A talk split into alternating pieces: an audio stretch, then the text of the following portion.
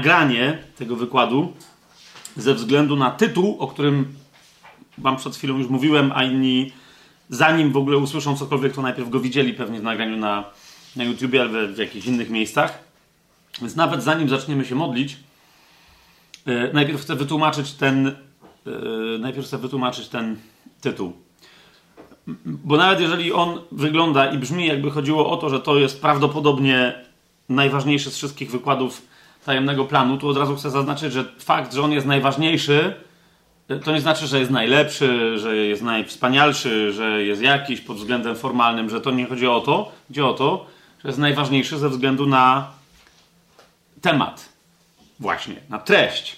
A tematem, treścią tego wykładu jest najważniejszy z wszystkich. Więc ten wykład rzeczywiście prawdopodobnie, gdy chodzi o swoją treść, o swój temat, o swój cel, może być, jeszcze raz, może się jeszcze zdarzyć, że będziemy o tym mówić z nieco innej strony i tak dalej, w innym ujęciu. Ale ze względu tu na złożenie dwóch tematów i dwóch treści w jeden, konsekwentnie e, połączony, no to mówię, to ten wykład może być całkiem możliwe najważniejszym z wszystkich do tej pory i od tej pory wykładów tajemnego planu. Teraz dlaczego? Ponieważ tyczy się najważniejszego z wszystkich. Co to znaczy? Po pierwsze, najważniejszego z wszystkich dla świata, dla ludzi, dla ludzkości. Kto to jest? To jest Chrystus. To jest jasne. Tak? Nawet jeżeli to nie jest jasne dla, yy, dla świata, to to jest jasne dla nas, że Chrystus jest najważniejszy dla świata. Teraz, idąc dalej, Chrystus, rzecz jasna, jest najważniejszy z wszystkich dla nas, wyjętych już i uratowanych z tego świata i przeniesionych do, do, do królestwa Chrystusa. Ale idzie nie o to, że w ogóle Chrystus dla nas jest, jest najważniejszy, ale że najważniejszy z wszystkich obrazów duchowych, e, mocy duchowych, postaci Chrystusa, najważniejszy z wszystkich dla nas jest Chrystus ukrzyżowany. Tak? A więc temat, o którym dzisiaj będziemy mówić, to jest temat, że Chrystus jest najważniejszy z wszystkich dla świata, z wszystkich ludzi i w ogóle z wszystkich możliwych istot, z wszystkich możliwych do pomyślenia, że dla nas, jako dla, chrześcijan, najważniejszy z wszystkich jest Chrystus ukrzyżowany. I teraz jeżeli ktoś by chciał pomyśleć, że tu idzie o to, co Chrystus dla nas zrobił i że my dzięki temu jesteśmy usprawiedliwieni, zbawieni, odkupieni i tak dalej, to nie, bo jest jeszcze trzecia rzecz, która powoduje, że to jest tak ważny dzisiaj wykład i tak ważne dzisiaj studium. A mianowicie, że znajomość z Chrystusem ukrzyżowanym oznacza bycie samemu ukrzyżowanym, co oznacza wejście otwarte, świadome w konflikt którym albo ktoś świadomie jest i wtedy żyje właściwym życiem chrześcijańskim, albo nie jest świadom tego konfliktu, albo jest świadom, ale nie jest w tym konflikcie i tak dalej, a wtedy, jeżeli w tym konflikcie nie jest, to nie żyje życiem chrześcijańskim w zasadzie w ogóle. Żyje życiem udawanym chrześcijańskim, albo życie, żyje życiem, w którym życzyłby sobie mieć owoce życia chrześcijańskiego, ale tak naprawdę zmaga się z tym, z czym się zmaga i tak każdy niezbawiony człowiek. Co to za konflikt? To jest konflikt krzyża z prawem. To jest konflikt krzyża z prawem, nie z niczym innym. Ok? I to jest to. Zrozumie, rozumiecie? Zrozumienie, dlaczego w Jezu uznałem, że to jest tak ważny temat. Bo My mamy masę nauczania na temat krzyża w chrześcijaństwie. To jest dobre nauczanie, ale fundamentalne e, niezrozumienie tego nauczania, czasem niewłaściwe e, e, ustawienie, niewłaściwy kąt samego tego nauczania na temat krzyża. Bo niektórzy w ogóle nie głoszą krzyża, bo nie, bo nie wiedzą o co chodzi. Inni głoszą, ale w ogóle myśląc, że głoszą krzyż, głoszą coś często wręcz krzyżowi przeciwnego, na przykład głoszą prawo pod pozorem, że głoszą krzyż, a nakładają na ludzi prawo.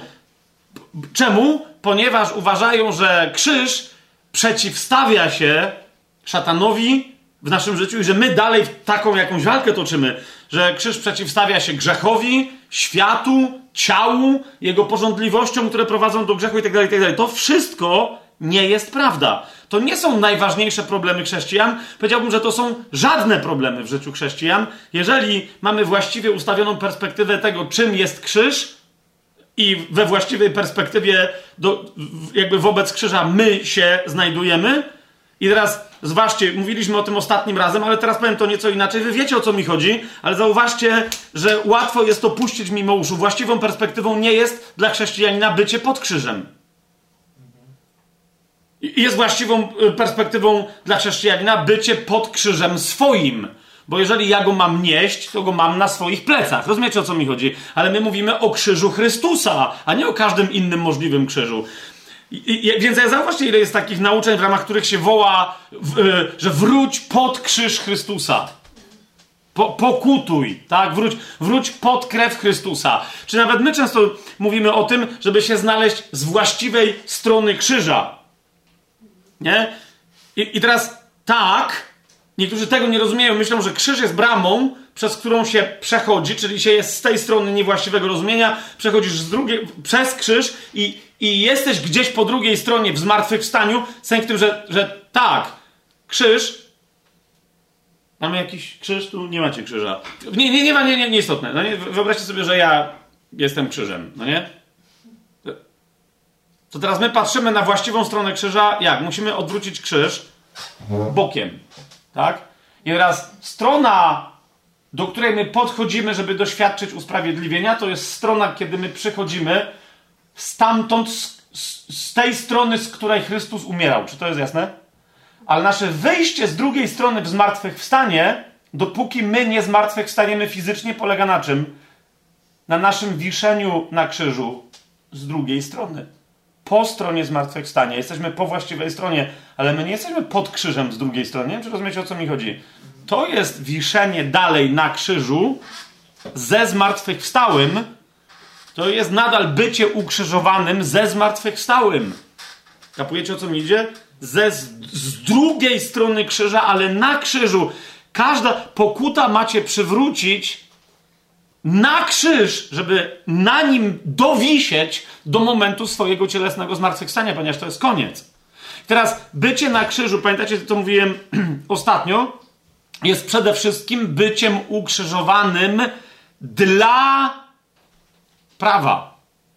Jeżeli się jest ukrzyżowanym dla prawa, to z automatu powoduje, bycie ukrzyżowanym dla świata, ciała, wynikającego stamtąd grzechu itd., itd., itd. Dlatego pierwsza wzmianka o ukrzyżowaniu, nawet przed ukrzyżowaniem Chrystusa, zwróćcie uwagę łaskawie, albo i niełaskawie, bo mi łaski nie robicie, razem ze mną yy, na list do Galacjan, pierwsze wspomnienie z tych czterech o ukrzyżowaniu nie jest wspomnieniem o ukrzyżowaniu Chrystusa. To jest drugie wspomnienie. Czym czym ukrzyżowanie było dla Chrystusa, tak? To drugie, to jest w trzecim rozdziale listu do Galacjan, trzynasty werset. Chrystus odkupił nas z przekleństwa prawa, stając się za nas przekleństwem, bo jest napisane przeklęty każdy, kto wisi na drzewie, tak? Ale pierwsze wspomnienie y, jest wspomnieniem czego? Byciem osobiście ukrzyżowanym. Zwróćcie uwagę to jest drugi rozdział listu do Galacjan, 20 werset. Z Chrystusem jestem ukrzyżowany. Tak? I teraz zwróćcie uwagę na w ogóle stron, co, kto jest ukrzyżowany gdzie. A więc pierwsze wspomnienie. Jestem ukrzyżowany z Chrystusem. Wobec czego? Dla kogo? W czyich oczach? Dla prawa. 19 werset o tym mówi. Bo ja przez prawo umarłem dla prawa, abym żył dla Boga. Z Chrystusem jestem ukrzyżowany. Więc umarłem dla prawa, skazany przez prawo, ale żyję dla Boga. Z tym, że już nie ja żyję, ale żyje we mnie Chrystus. I o co chodzi? O ten stan, którym jest życie teraz w ciele. Czy widzicie 20 werset? Nie o to, co będzie w przyszłości, tak, bo to będzie inne życie, jakby ta tajemnica tego działania krzyża w naszym życiu ona się, ta, ta funkcja krzyża, ona się skończy. Mamy jasność w tej kwestii. Teraz drugie ukrzyżowanie to jest to, które mówi o nam o tym pierwszym. Co to znaczy? Trwać w potępieniu przez prawo, aby mieć kompletne usprawiedliwienie od Boga, a nie od prawa. Na tym polega bycie ukrzyżowanym przez prawa, przez prawo dla prawa. Jest trzeci rozdział listu do Galacjan, trzynasty werset. Chrystus odkupił nas z czego? Z przekleństwa prawa. To prawo nas przekleło. Znaczy, prawo nas przekleło. On, wisząc na drzewie, był przeklęty, i my, wisząc razem z nim, jesteśmy przez to samo prawo wyklinani. I teraz, jeżeli ktoś nie widzi w tym dobrej nowiny i jej nie rozumie, a dzisiaj o tym będziemy mówić, to wtedy zawsze będzie uciekać gdzie? Z powrotem do prawa, bo nie ma żadnej innej, innej alternatywy. A to koniec końców, niezależnie od tego, jak bardzo ch będzie chciał wyjść na człowieka sprawiedliwego, jeżeli sprawiedliwość będzie chciał uzyskać przez prawo, nie wyląduje w sprawiedliwości, ale wyląduje w grzechu, bo właśnie, więcej sobie dzisiaj o tym powiemy, w lęku przed śmiercią, a więc na powrót w posłuszeństwie diabłu przez lęk przed śmiercią. Ok? Zwróćcie uwagę, trzecie z tych osobistych ukrzyżowań, bo to drugie wspomnienie o ukrzyżowaniu, ono mówi tylko i wyłącznie o ukrzyżowaniu Chrystusa. Tak? To drugie wspomnienie to jest list do Galacjan, piąty rozdział, 24 werset. Teraz zauważcie, co w pierwszym wspomnieniu jest powiedziane: Ja jestem ukrzyżowany z Chrystusem. Dla kogo? Dla prawa. W drugim wspomnieniu, zauważcie, co jest powiedziane. Nie jest powiedziane, i o tym dzisiaj będziemy więcej mówić, sobie dokładnie to rozłożymy. Nie jest powiedziane, że ja jestem ukrzyżowany dla ciała czy czegoś takiego. Zwróćcie uwagę. Jak niektórzy mówią, że bo, yy, yy, bo ja jestem ukrzyżowany na krzyżu dla ciała, jakby ciało. Nie, nonsens. Z tamtej strony z której wisi Jezus martwy, wisi moje ciało martwe.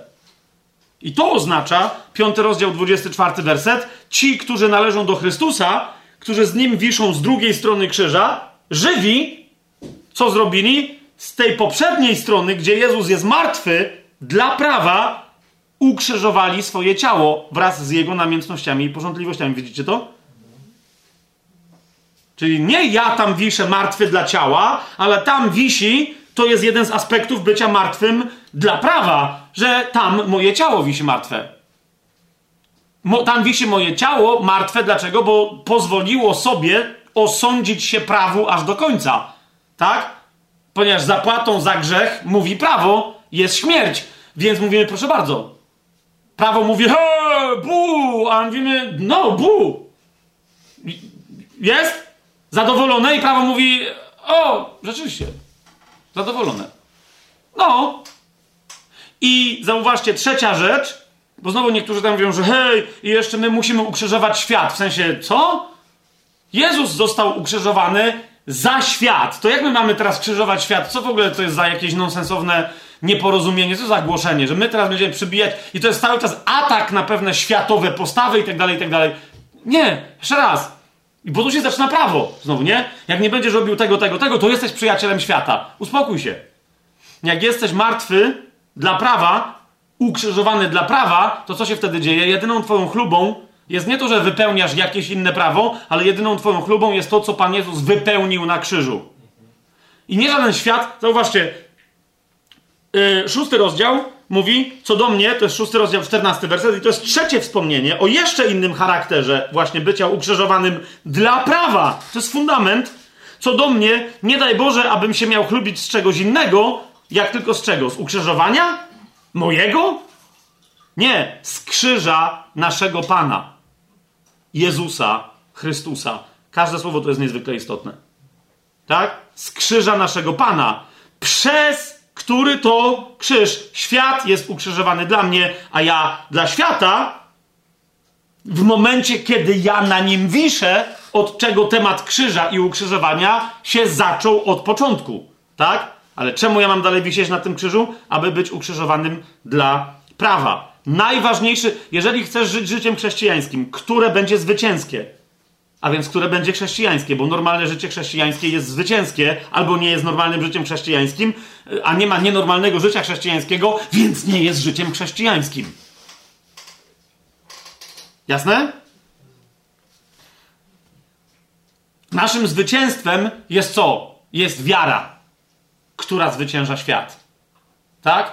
I jeżeli my więc nie żyjemy zwycięsko, to znaczy, że nie żyjemy wiarą, to znaczy, że żyjemy jak niewierzący. Dlatego właśnie mówię, normalne życie chrześcijańskie jest zwycięskie.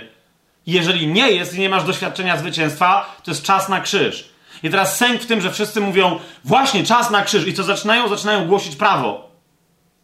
Nie, jeszcze, jeszcze nie wypełniasz pewnych rzeczy, zaczynają głosić cierpienie, zaczynają głosić walkę, zaczynają co robić? Koncentrować cię na tym, na czym powin, rozumiesz, powinno ci przestać zależeć i od czego należy odwrócić swoją uwagę. Czyli zaczynają cię koncentrować na czym? Na świecie, na twoim ciele i na grzechu. I mówią, to jest coś, z czym ty musisz walczyć. Serio, to co Pan Jezus zrobił na krzyżu? Nie? Nasza walka Cała, więc żeby nasze chrześcijańskie życie było życiem krzyża, dźwiganiem krzyża swojego, życiem prawdziwego uświęcenia, musi być życiem, w którym mamy jeden, jedyny konflikt. To jest konflikt naszego bycia ukrzyżowanym dla prawa, a więc stoimy po, stro, po zmartwychwstałej stronie pełnego krzyża przeciwko czemu? Przeciwko prawu. Teraz zauważcie, we wszystkim tym, co powiedziałem teraz, powinno się pojawiać w prawie każdym zdaniu jednak mnóstwo pytań. Bo niezależnie od tego, jak duch czuje i mówi, wow, to jest to, to jest to, to, to, to wy wiecie, że albo macie pytania, albo wiecie, znacie takich, których widzicie już przed oczami, którzy w tym momencie mają pytania. Co, co więcej, mają pytania nie dlatego, żeby szukali odpowiedzi, ale mają pytania, bo oni już znają odpowiedzi, na bazie których wiedzą, że to, co ja teraz powiedziałem, to nie jest prawda i, i tak dalej. I to jest dokładnie, to jest ta postawa. No nie? Więc, ale ja na te wszystkie postawy dzisiaj spróbuję, nie dzisiaj tylko, bo to jest pierwsza część dopiero, ale spróbujemy naprawdę rozłożyć to, co ja teraz powiedziałem na części pierwsze. Właśnie dlatego, że to jest kluczowe nie tylko, krzyż jest kluczowy nie tylko dla usprawiedliwienia, nie tylko dla zbawienia, ale jest kluczowy dla właściwego, przynoszącego owoce życia w uświęceniu, kiedy się już jest usprawiedliwionym. Albo, albo żyjesz mocą krzyża, która jest mocą przeciwko prawu. I teraz, co to znaczy? Albo będziesz mieć w swoim życiu cały czas problemy z różnymi rzeczami. Ja, wiecie, zaraz się pomodlimy, ale jeszcze jedną rzecz, to jest introdukcja, do całego tematu. Powiedziałbym tak, cokolwiek ktoś ma za problem, z którym się zwraca do Boga, który brzmi, przecież obiecałeś. Okay? Czy nie obiecałeś nam pełnego pokoju? Czy nie obiecałeś nam całkowitej wolności od grzechu, abyśmy Ci mogli służyć w wolności dzieci Bożych, wolności od grzechu? Czy nie obiecałeś? Czy nie obiecałeś nam doświadczeń duchowych? Czy nie obiecałeś Kościołowi jedności? Czy nie obiecałeś nam znaków i cudów? Czy nie obiecałeś mocy, w której będziemy chodzić? Rozumiecie? Nieważne, z której strony ktoś będzie pytać. Ze strony liberalnej, Eee, o ile tak to mogę nazwać, konserwatywnej w chrześcijaństwie, probiblijnej, małobiblijnej, mocno procharyzmatycznej i tak dalej. Nieważne z której strony ktoś będzie pytać, niby Boga, a niby nie Boga, rozumiecie, ale będzie tak, na, niby będzie udzielać odpowiedzi, ale tak naprawdę próbując y, poradzić sobie w zmaganiu z tego typu pytaniem. Nieważne z której strony będzie wynikać takie pytanie, które będzie wyrazem frustracji, że Bóg coś obiecał, a nam tego nie dał, mówię wam, że tak sądzę, wszystkie te pytania, wszystkie te frustracje, skądkolwiek by, czemu ludzie nie słuchają Słowa Bożego, czemu nie są mu wierni, czemu miłość do Słowa Bożego w ludziach nowonarodzonych nie trwa długo, a potem ulegają jakimś głupotom. Czemu nie ma mocy w Kościele? Czemu nie ma uzdrowień? Czemu, czemu nie... Znaczy, z którejkolwiek strony padają takie pytania, one wszystkie wynikają z braku właściwego zrozumienia krzyża w starciu z prawem. I jeszcze raz, żebyśmy nie mieli dzisiaj łatwych odpowiedzi, jak ktoś powie, ok, czyli Fabian jest legalistą, antylegalistą, kontrlegal, czymś tam, to w ogóle nie ma niczego wspólnego z tym, co niektórzy głoszą. Może nie, nie ma niczego wspólnego, ale fundamentalnie nie ma wiele wspólnego z tym, co niektórzy głoszą jako legalizm. że, jest, że to jest herezja, bo, bo to jest, tak? I niektórzy mówią legalizm. Jeszcze raz, musimy dojść do głębi tego, czym jest fundamentalnie konflikt krzyża Chrystusa z prawem. Jasne? Ojcze, dzisiaj, kiedy, no właśnie, sądzę, że dotykamy najważniejszego z wszystkich tematów dla nas jako dla Kościoła, najważniejszego z wszystkich tematów dla każdej, dla każdego z nas jako Twoich dzieci, jako Twoich dziedziców i dziedziczek w Chrystusie. Kiedy dotykamy tem tematu krzyża Twojego Syna, naszego Pana, Jezusa, który jest Mesjaszem. Kiedy dotykamy tematu Jego samego ukrzyżowanego na tym krzyżu. I, I dzieła krzyża dla świata, dla usprawiedliwienia całej ludzkości i, i każdego w niej pojedynczego człowieka, Dzie, dzieła odkupienia, dzieła zbawienia, pełnego zbawienia. Ojcze, dzisiaj prosi, proszę Cię tylko o jedno, aby cały czas zresztą, ale dziś zwłaszcza proszę Cię, Panie, żeby działało tylko i wyłącznie Twoje słowo w nas tylko i wyłącznie Twój duch. Żeby co, cokolwiek będzie wypowiedziane. Proszę Cię, Panie, bo to jest tak rozległy temat, że nawet w ramach przygotowania. Panie wiesz, że ja, jak wiele cytatów musiałem odrzucić, bo, bo inaczej to trwało wiele, wiele, wiele godzin, a ten, tym tematem trzeba się zająć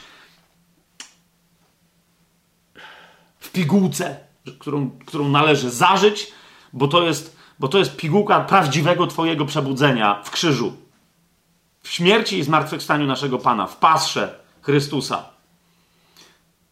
Więc, Panie, ale, ale Ty posyłasz swojego ducha, żeby, kiedy my przywołujemy jeden fragment Twojego słowa, żeby przypomnieć nam, każdej i każdemu z nas, tym tu obecnych i tym wszystkim, którzy będą tego słuchać jeszcze kiedykolwiek nagrań tego nauczania, żeby, żeby przywołać, przypomnieć im wiele innych cytatów.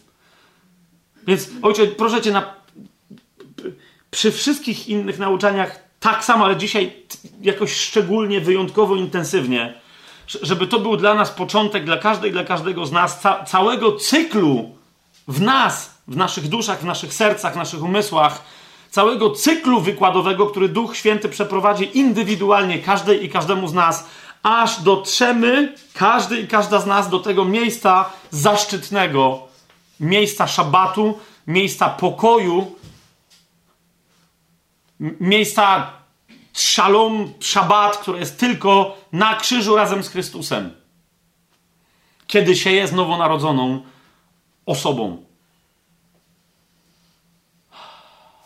Proszę cię o to, proszę cię o to, żeby dzisiaj prawdziwie to, cokolwiek tu dzisiaj będzie wypowiedziane, było tylko inspiracją do tego. Dla niektórych z nas dalej to jest krótka ścieżka, dla innych to może być długa ścieżka. Ale wiedząc o tym, o, ojcze, jak, jak ta kwestia jest fundamentalna dla, dla owocności, radości, pełni naszego nowego życia w Tobie, w tym ciele jeszcze, w tym wieku,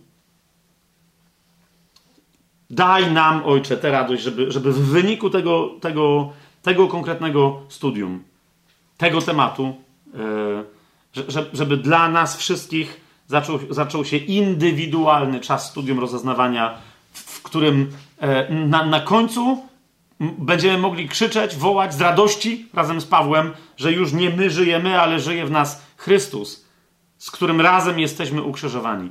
I że jeżeli mielibyśmy się kiedykolwiek z czegokolwiek chlubić, to tylko i wyłącznie z krzyża naszego Pana, Twojego Syna, Jezusa, Mesjasza. Amen.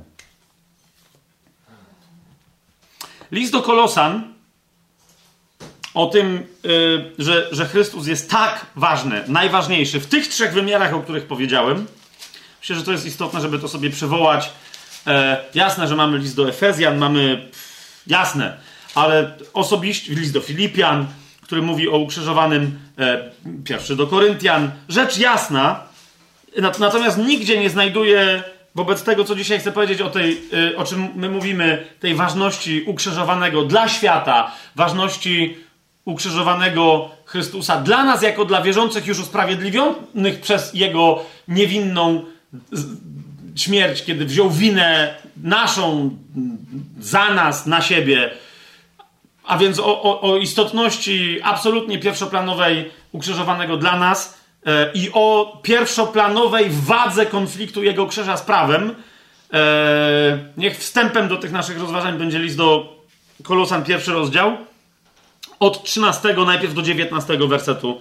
Zobaczcie, co tu się dzieje, co jest napisane na, na, na ten temat, tych, tych trzech wątków. Tam jest mowa o podziękowaniu e, Ojcu, który nas e, uzdolnił do uczestnictwa w dziedzictwie świa świętych światłości. I, I tu, 13 werset, który nas wyrwał z mocy ciemności i przeniósł do królestwa swojego umiłowanego syna. I teraz jest mowa o synu, w którym to no, synu, tak, mamy odkupienie przez jego krew, przebaczenie grzechów. I tu się zaczyna najważniejszy z wszystkich. Jeden z wielu cytatów, który mówi o najważniejszym z wszystkich w tych wymiarach, które wam podałem. On jest obrazem Boga niewidzialnego i pierworodnym wszelkiego stworzenia. Bóg wcielony. Przez niego bowiem wszystko zostało stworzone, to co w niebie i to co na ziemi, to co widzialne i co niewidzialne, czy trony, czy panowania, czy zwierzchności, czy władze, wszystko przez niego i dla niego zostało stworzone. On jest przed wszystkim i wszystko istnieje dzięki niemu. Najważniejszy z wszystkich. Hmm? On też jest głową ciała, kościoła. On jest początkiem, początkiem i pierworodnym z umarłych, aby we wszystkim był pierwszy. Ponieważ upodobał sobie ojciec, aby w nim zamieszkała cała pełnia. Tu przeskoczymy, zanim, bo będziemy czytać dalej, ale przeskoczymy w liście do Kolosan do drugiego rozdziału, do dziewiątego wersetu, żeby uzupełnić, co znaczy, że w nim zamieszkała cała pełnia. To jest mowa yy, o to, no, no, właśnie, jest mowa o czym? To jest, to jest drugi rozdział, dziewiąty werset, gdzie tam Paweł do tego tematu wraca, bo uzupełnia z innej strony i mówi, w nim mieszka cieleśnie cała pełnia bóstwa. Dlatego, jak niektórzy mają problem, że nie, nie, bo tu Jezus jest przedstawiony jako stworzenie, jako co. Uspokój się. To jest Bóg wcielony. Tak, objawił się cieleśnie i dlatego jest cielesnym, widzialnym obrazem Boga, który jest niewidzialny, ale pozostaje prawdziwym Bogiem, ponieważ w nim cieleśnie mieszka cała pełnia bóstwa. Zauważcie, nie cały Bóg, którego wypełnia, ale on jest nadal. Chrystus nie jest człowiekiem, który jest opętany Bogiem. Rozumiecie o co mi idzie? On jest Bogiem.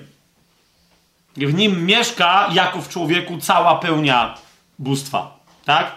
To znaczy, że nie ma takiej części bóstwa, która by w nim, której by w nim nie było. Czy to jest jasne? Na tym polega wcielenie. I teraz wracamy do tego pierwszego rozdziału. Po dziewiętnastym wersecie, w którym jest powiedziane, że upodobał sobie ojciec, aby w nim zamieszkała cała pełnia, wracamy i teraz mamy jeszcze ten jeden wymiar, to jest dwudziesty werset aż do 22, a więc upodobał sobie ojciec, aby w nim zamieszkała cała pełnia i żeby przez niego pojednał wszystko ze sobą ojciec, czyniąc pokój przez krew jego krzyża. Jest jedno, z, y, nie będę dzisiaj y, teraz się rozwodził, bo bym odpłynął, ale dla mnie to jest jedno z najbardziej fascynujących sformułowań w całej Biblii w ogóle. Krew jego krzyża.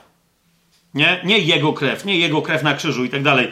Ale to dlaczego tak jest, to jest naprawdę jedno, mimo że ono jest wielce objawiające, ale wciąż myślę, że, że jest niezwykle drogocenne. Samo w sobie to sformułowanie nadal częściowo tajemnicze, także my je będziemy studiować przez całą wieczność. Krew jego krzyża.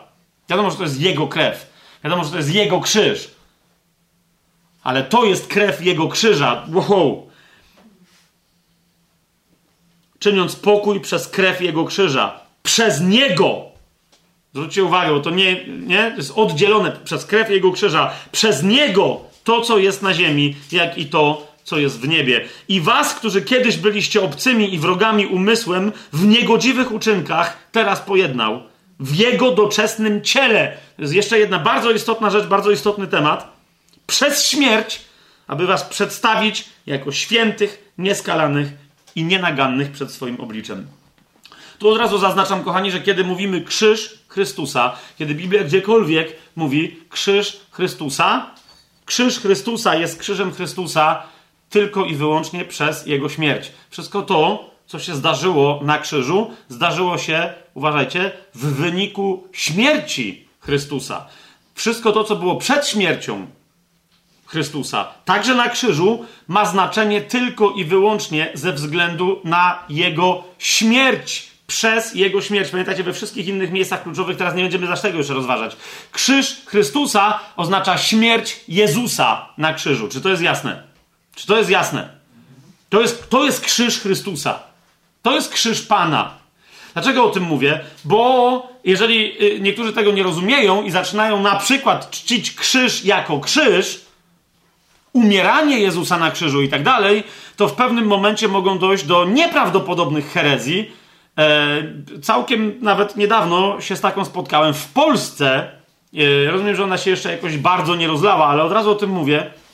Nawet ktoś tam się próbował ze mną skontaktować i potem się wycofał. E, no i tyle. Nie, nie, nie, nie dokończyliśmy tam pewnej debaty, bo najpierw to było przy okazji, jak rozważaliśmy, pamiętacie, przy pierwszym liście do do Koryntian temat wieczerzy. No i tam ktoś tam przeatakował, i, ale tak w sensie, że osobiście tam jakieś czasopismo całe takie, taki artykuł jakiś dostałem 20 tam chyba stronicowy w maszynopisie, że nie rozumiem co to jest wieczerza, bo, bo, bo coś tam. Ale widzicie, kluczem tego wszystkiego, całej tej wypowiedzi było, że wszystko to, co zrobił Jezus, dokonało się przed Jego śmiercią na krzyżu. I że właściwe zrozumienie wieczerzy, właściwe zrozumienie wszystkiego to jest zrozumienie tego, co, że Jezus umierał już na krzyżu w pokoju pełnym, tak? Bo wszystko się wykonało, uważajcie, kiedy? Według tamtego teologa, który do mnie e, pisał i na bazie tego zaczął tam kombinować i tworzyć całe rytuały wieczerzy dla kościołów domowych i tak dalej, i tak dalej. Rozumiem, że wiele osób za tym nie poszło, ale niektórzy poszli. Tam nie, z tego co słyszałem, jest przynajmniej paręnaście czy parędziesiąt osób, które tam w to niestety ugrzęzły. Dlaczego?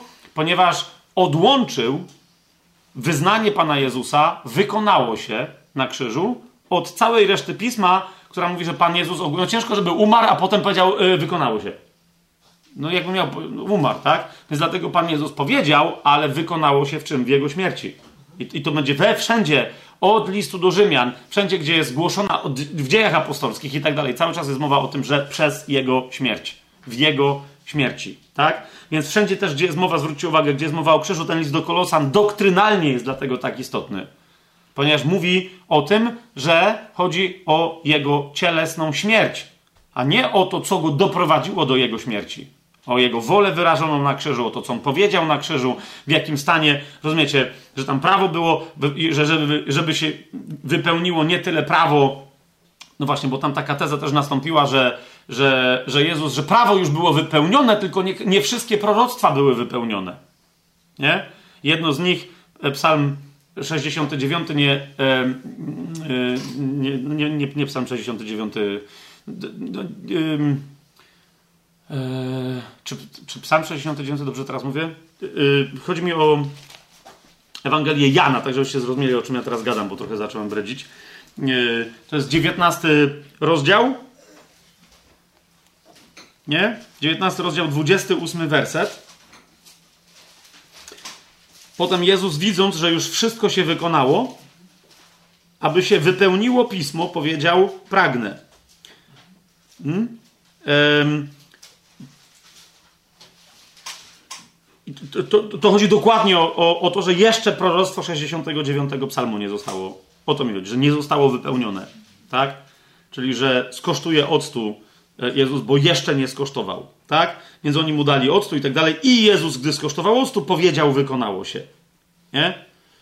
I teraz tu teza była taka, że jakby prawo, to czego domagało się prawo, już zostało wypełnione, a Jezus jeszcze tylko zrobił jedną rzecz, żeby się wypełniły proroctwa pisma i jak zażył tego octu, to wtedy już było i prawo usatysfakcjonowane, i proroctwa pisma, wszystkie co do jednego, co do joty wypełnione. Rozumiecie o co mi chodzi?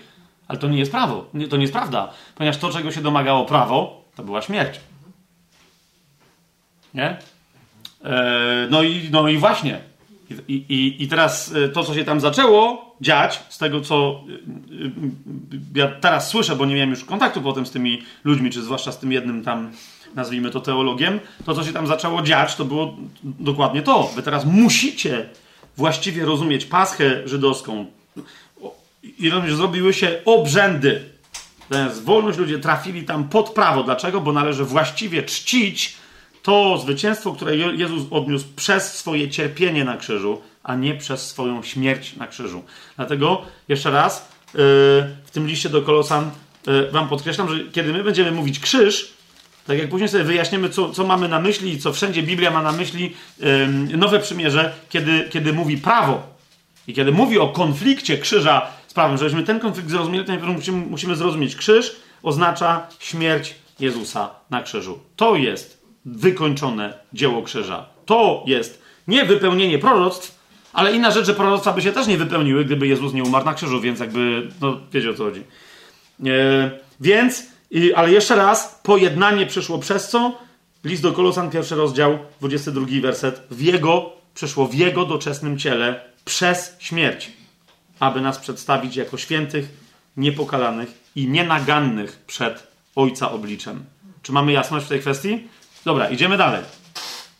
Otóż, kochani, e, e, bo ja już powiedziałem to i teraz sobie musimy wyjaśnić, bo niektórzy mogą powiedzieć, zaraz, ale jak to, Fabian, co ty, co ty gadasz? Jak to, jak to mamy konflikt z prawem, e, a nie mamy konfliktu z szatanem, ani z grzechem? Co, co nie znasz chrześcijan, którzy by grzeszyli, którzy by nie, nie umiłowali świata i nie odeszli, którzy by nie mieli problemu z cielesną porządliwością, którzy by nie mieli, jak to przecież Biblia nam wyraźnie mówi, że my mamy z tym wszystkim problemy. Nie? Więc y, czemu miałby być naszym w zasadzie jedynym, bo to jest to, co ja chciałem powiedzieć, jak to nie było jasne, to teraz jeszcze raz mówię, jedynym naszym wrogiem jest prawo. A nie szatan, świat, ktoś tam. My nie walczymy z żadnym światem, y, z żadnym grzechem. Je, jeżeli mamy, y, żyjemy w zwycięstwie nad prawem, to cała ta reszta w ogóle nie stanowi tematu. To jest moja teza. Kapujecie? Ale oczywiście, że ktoś może o, oczywiście otworzyć list do Efezjan i zacytować mi, a ponieważ ktoś tak może zrobić, to ja sobie sam otworzę i sobie sam zacytuję. List do Efezjan, że jak to?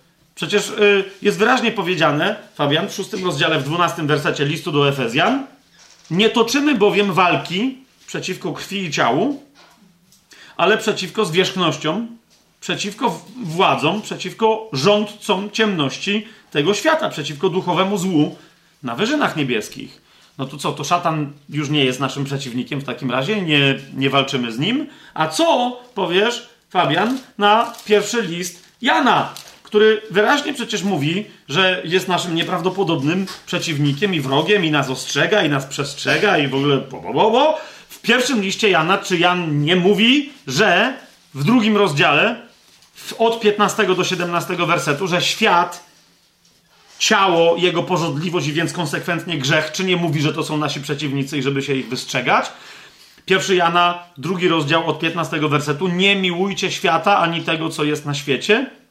Jeżeli ktoś miłuje świat, nie ma w nim miłości Ojca. Wszystko bowiem, co jest na świecie, porządliwość ciała, porządliwość oczu i pycha żywota, nie pochodzi od Ojca, ale od świata, a świat przemija, wraz ze swoją porządliwością, lecz kto wypełnia wolę Boga, ten tylko trwa na wieki.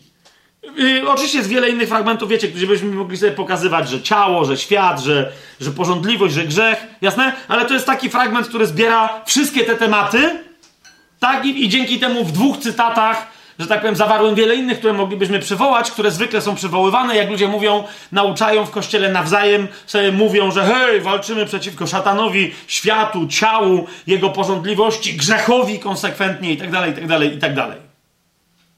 Więc co? To wszystko, to wszystko się co, nie zdarzyło? Kochani, ja nie mówię, że no właśnie. Zobaczcie, że sam fakt, że my w ogóle w chrześcijaństwie musimy taki temat poruszać, jest dość druzgocący. Nie? Nie, my nie toczymy żadnej walki z tymi. Nawet jeżeli przed chwilą dopiero co zacytowałem, że nie toczymy walki przeciw krwi i ciało, ale toczymy walkę i tak dalej. Nawet tamtego fragmentu, ze względu na to, że nie rozumiemy podstaw i niektórzy mówią, dobra, nie ma się co czepiać, wiesz Fabian, o co mi chodzi. Nie, w tej kwestii nie ma żadnych generalizacji, nie ma żadnych potocznych opowieści. Musimy być bardzo precyzyjni w wyznawaniu prawdy tego, czym jest pełne zwycięstwo Chrystusa wyrażone w Jego śmierci i zmartwychwstaniu. A prawda jest jaka? że Jezus te wszystkie rzeczywistości, które teraz wymieniłem, zwyciężył. Uważajcie na to, co teraz powiem, bo teraz będziemy, e, czyli szatana, i on nie może nam nic zrobić, czyli ciało, i ono nie może nam nic zrobić, czyli uważajcie, świat, i on nie może nam nic zrobić, i e, grzech, i on nie może nam nic zrobić. Jedyne, czego Pan Jezus nie zwyciężył, to jest prawo. Jeszcze, jeszcze raz, e, rozumiecie, my musimy to wszystko powoli teraz powyjaśniać, ale musimy mieć to wreszcie w chrześcijaństwie, w swoich głowach, w swoich sercach poustawiane. Dlaczego? Ponieważ prawo nie, nie jest wrogiem. zaraz! A czy nie zaczęliśmy, że jest konflikt między krzyżem a prawem i to jest najważniejsze starcie? Jest! Ale nie dlatego, że prawo miałoby być takiego, takiego rodzaju wrogiem o takiej naturze jak szatan, świat, ciało czy grzech. Czy, czy rozumiecie o co mi chodzi? Stanowi przeciwnika, a więc tak, ale w, w pewnym złożeniu, w którym my dzisiaj żyjemy. Tak? Ale Jezus nie miał potrzeby wygrywać z prawem. Jezus ze względu na nas, właśnie na tym cała rzecz polega, miał konieczną potrzebę przegrać z prawem żeby wygrać.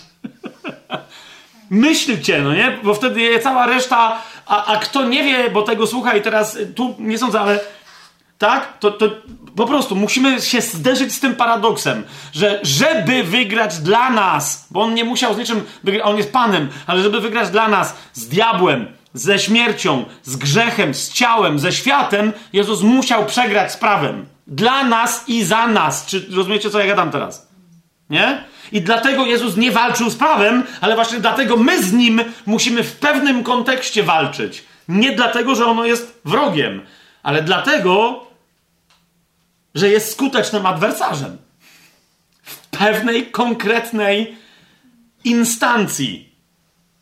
Ale prześledźmy to, jak Pan Jezus zwyciężył. Po pierwsze, Ewangelia Jana, 16 rozdział, nie? U, u, porządkujemy sobie to wszystko w głowach. Duchu Święty, dzięki, że, że Ty nas cały czas prowadzisz. Pierwszy, nie, nie pierwszy, tylko Ewangelia Jana, 16 rozdział.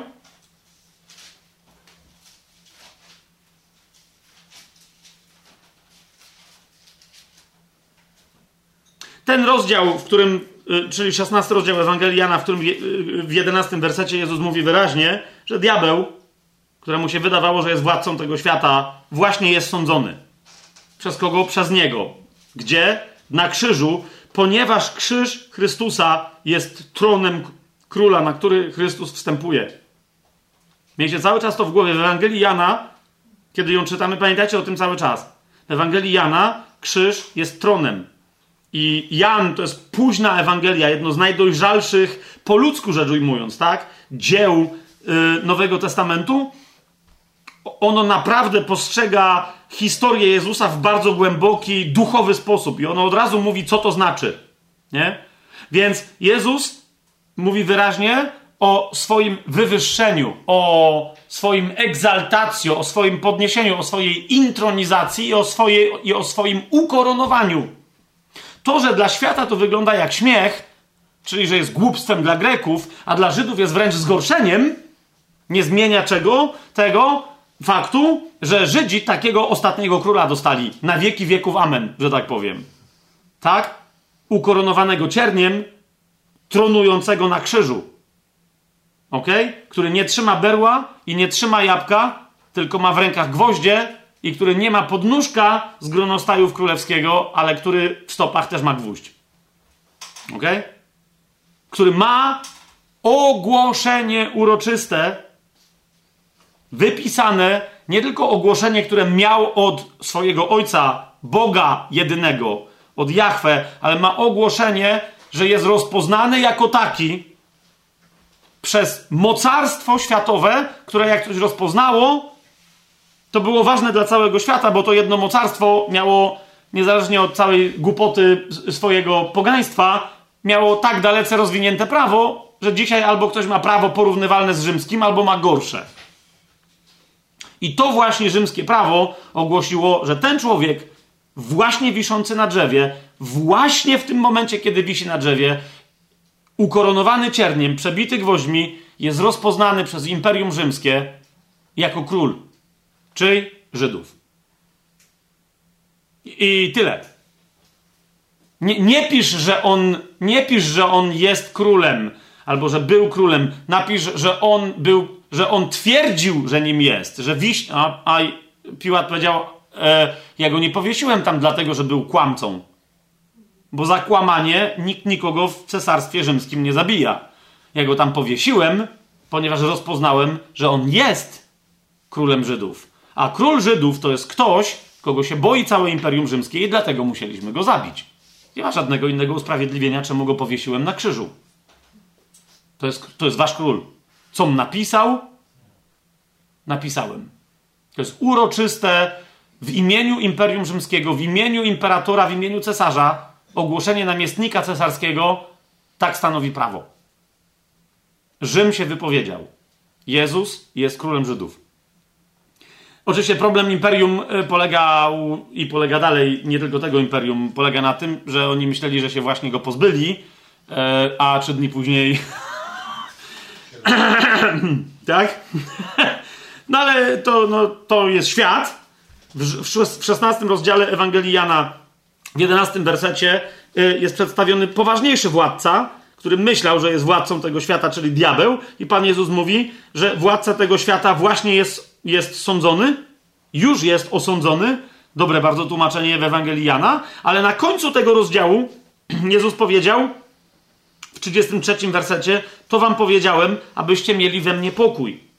Na świecie będziecie mieć ucisk, ale ufajcie, jam zwyciężył świat. Ja zwyciężyłem świat. W tym jednym macie mowę o zwycięstwie nad diabłem i zwycięstwie nad światem, jeszcze kiedy Pan Jezus dopiero idzie. Zobaczcie, to jest jeszcze przed ogrójcem. Jezus wie, że to się stało. Rozumiecie, o co mi chodzi?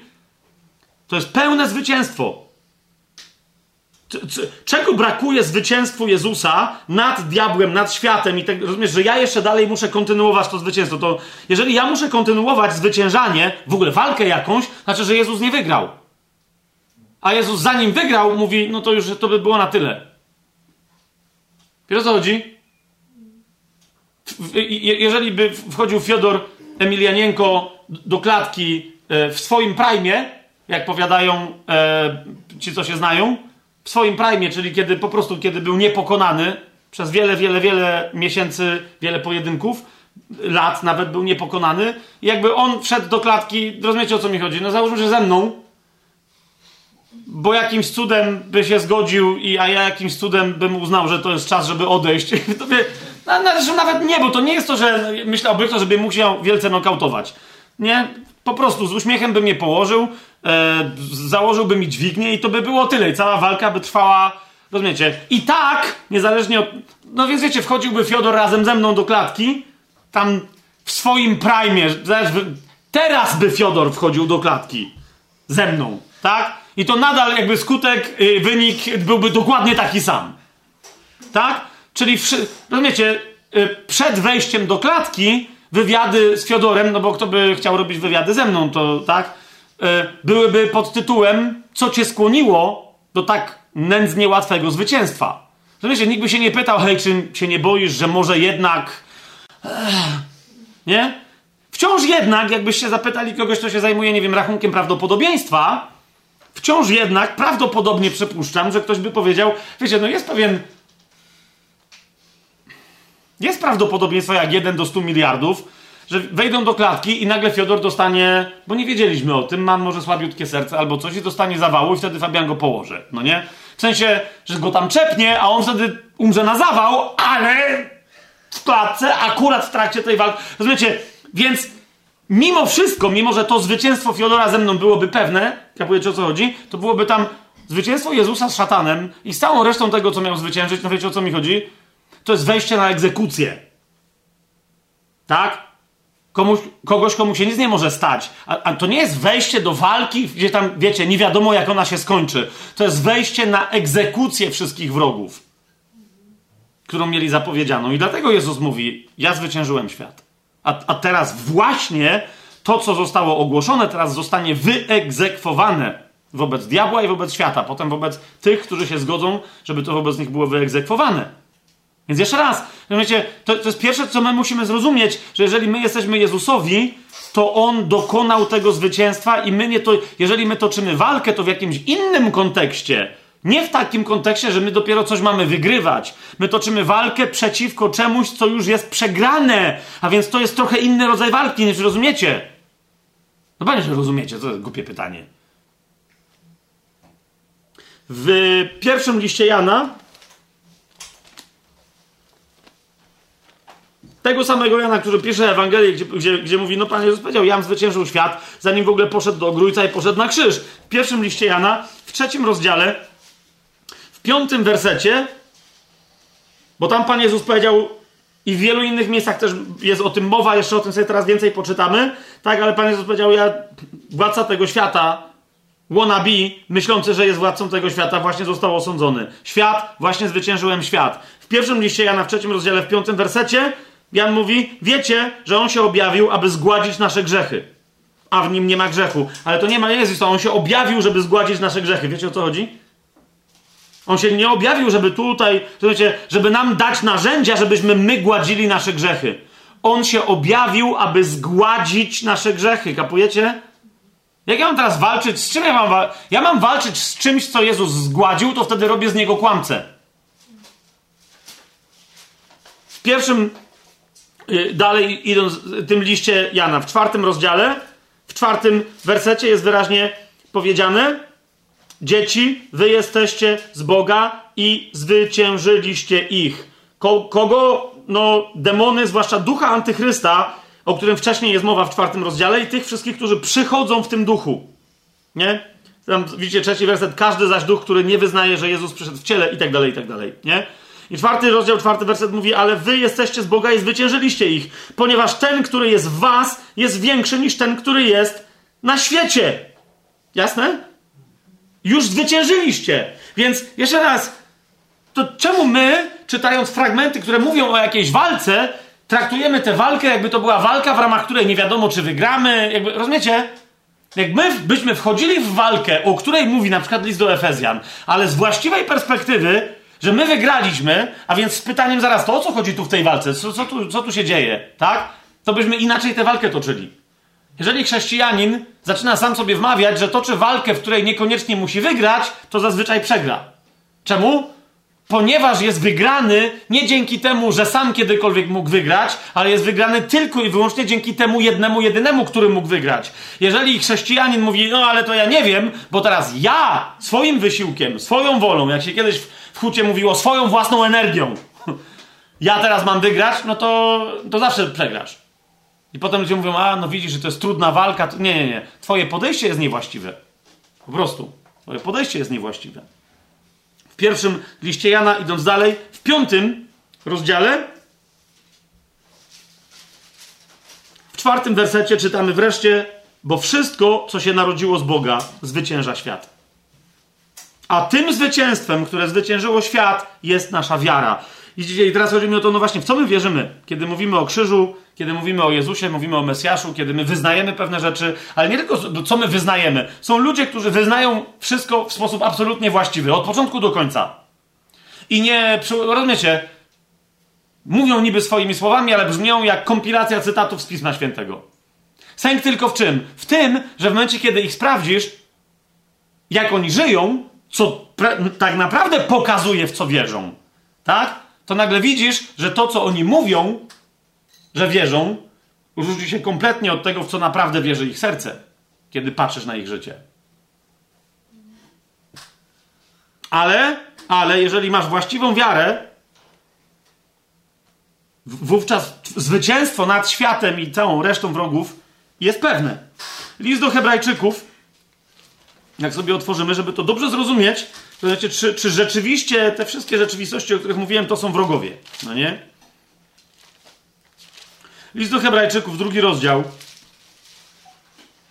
Wersety 14 i 15.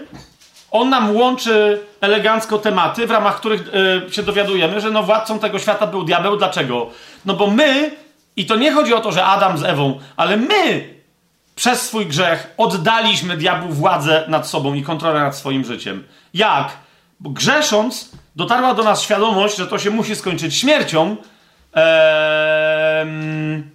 wieczną, czyli potępieniem, więc ludzie boją się umrzeć fizycznie, bo wiedzą, że duch ich wie, um, um, umarły i umierający, dusza ich wie, ich serce wie, stare kamienne, że po drugiej stronie takiej śmierci będzie potępienie, więc boją się umrzeć.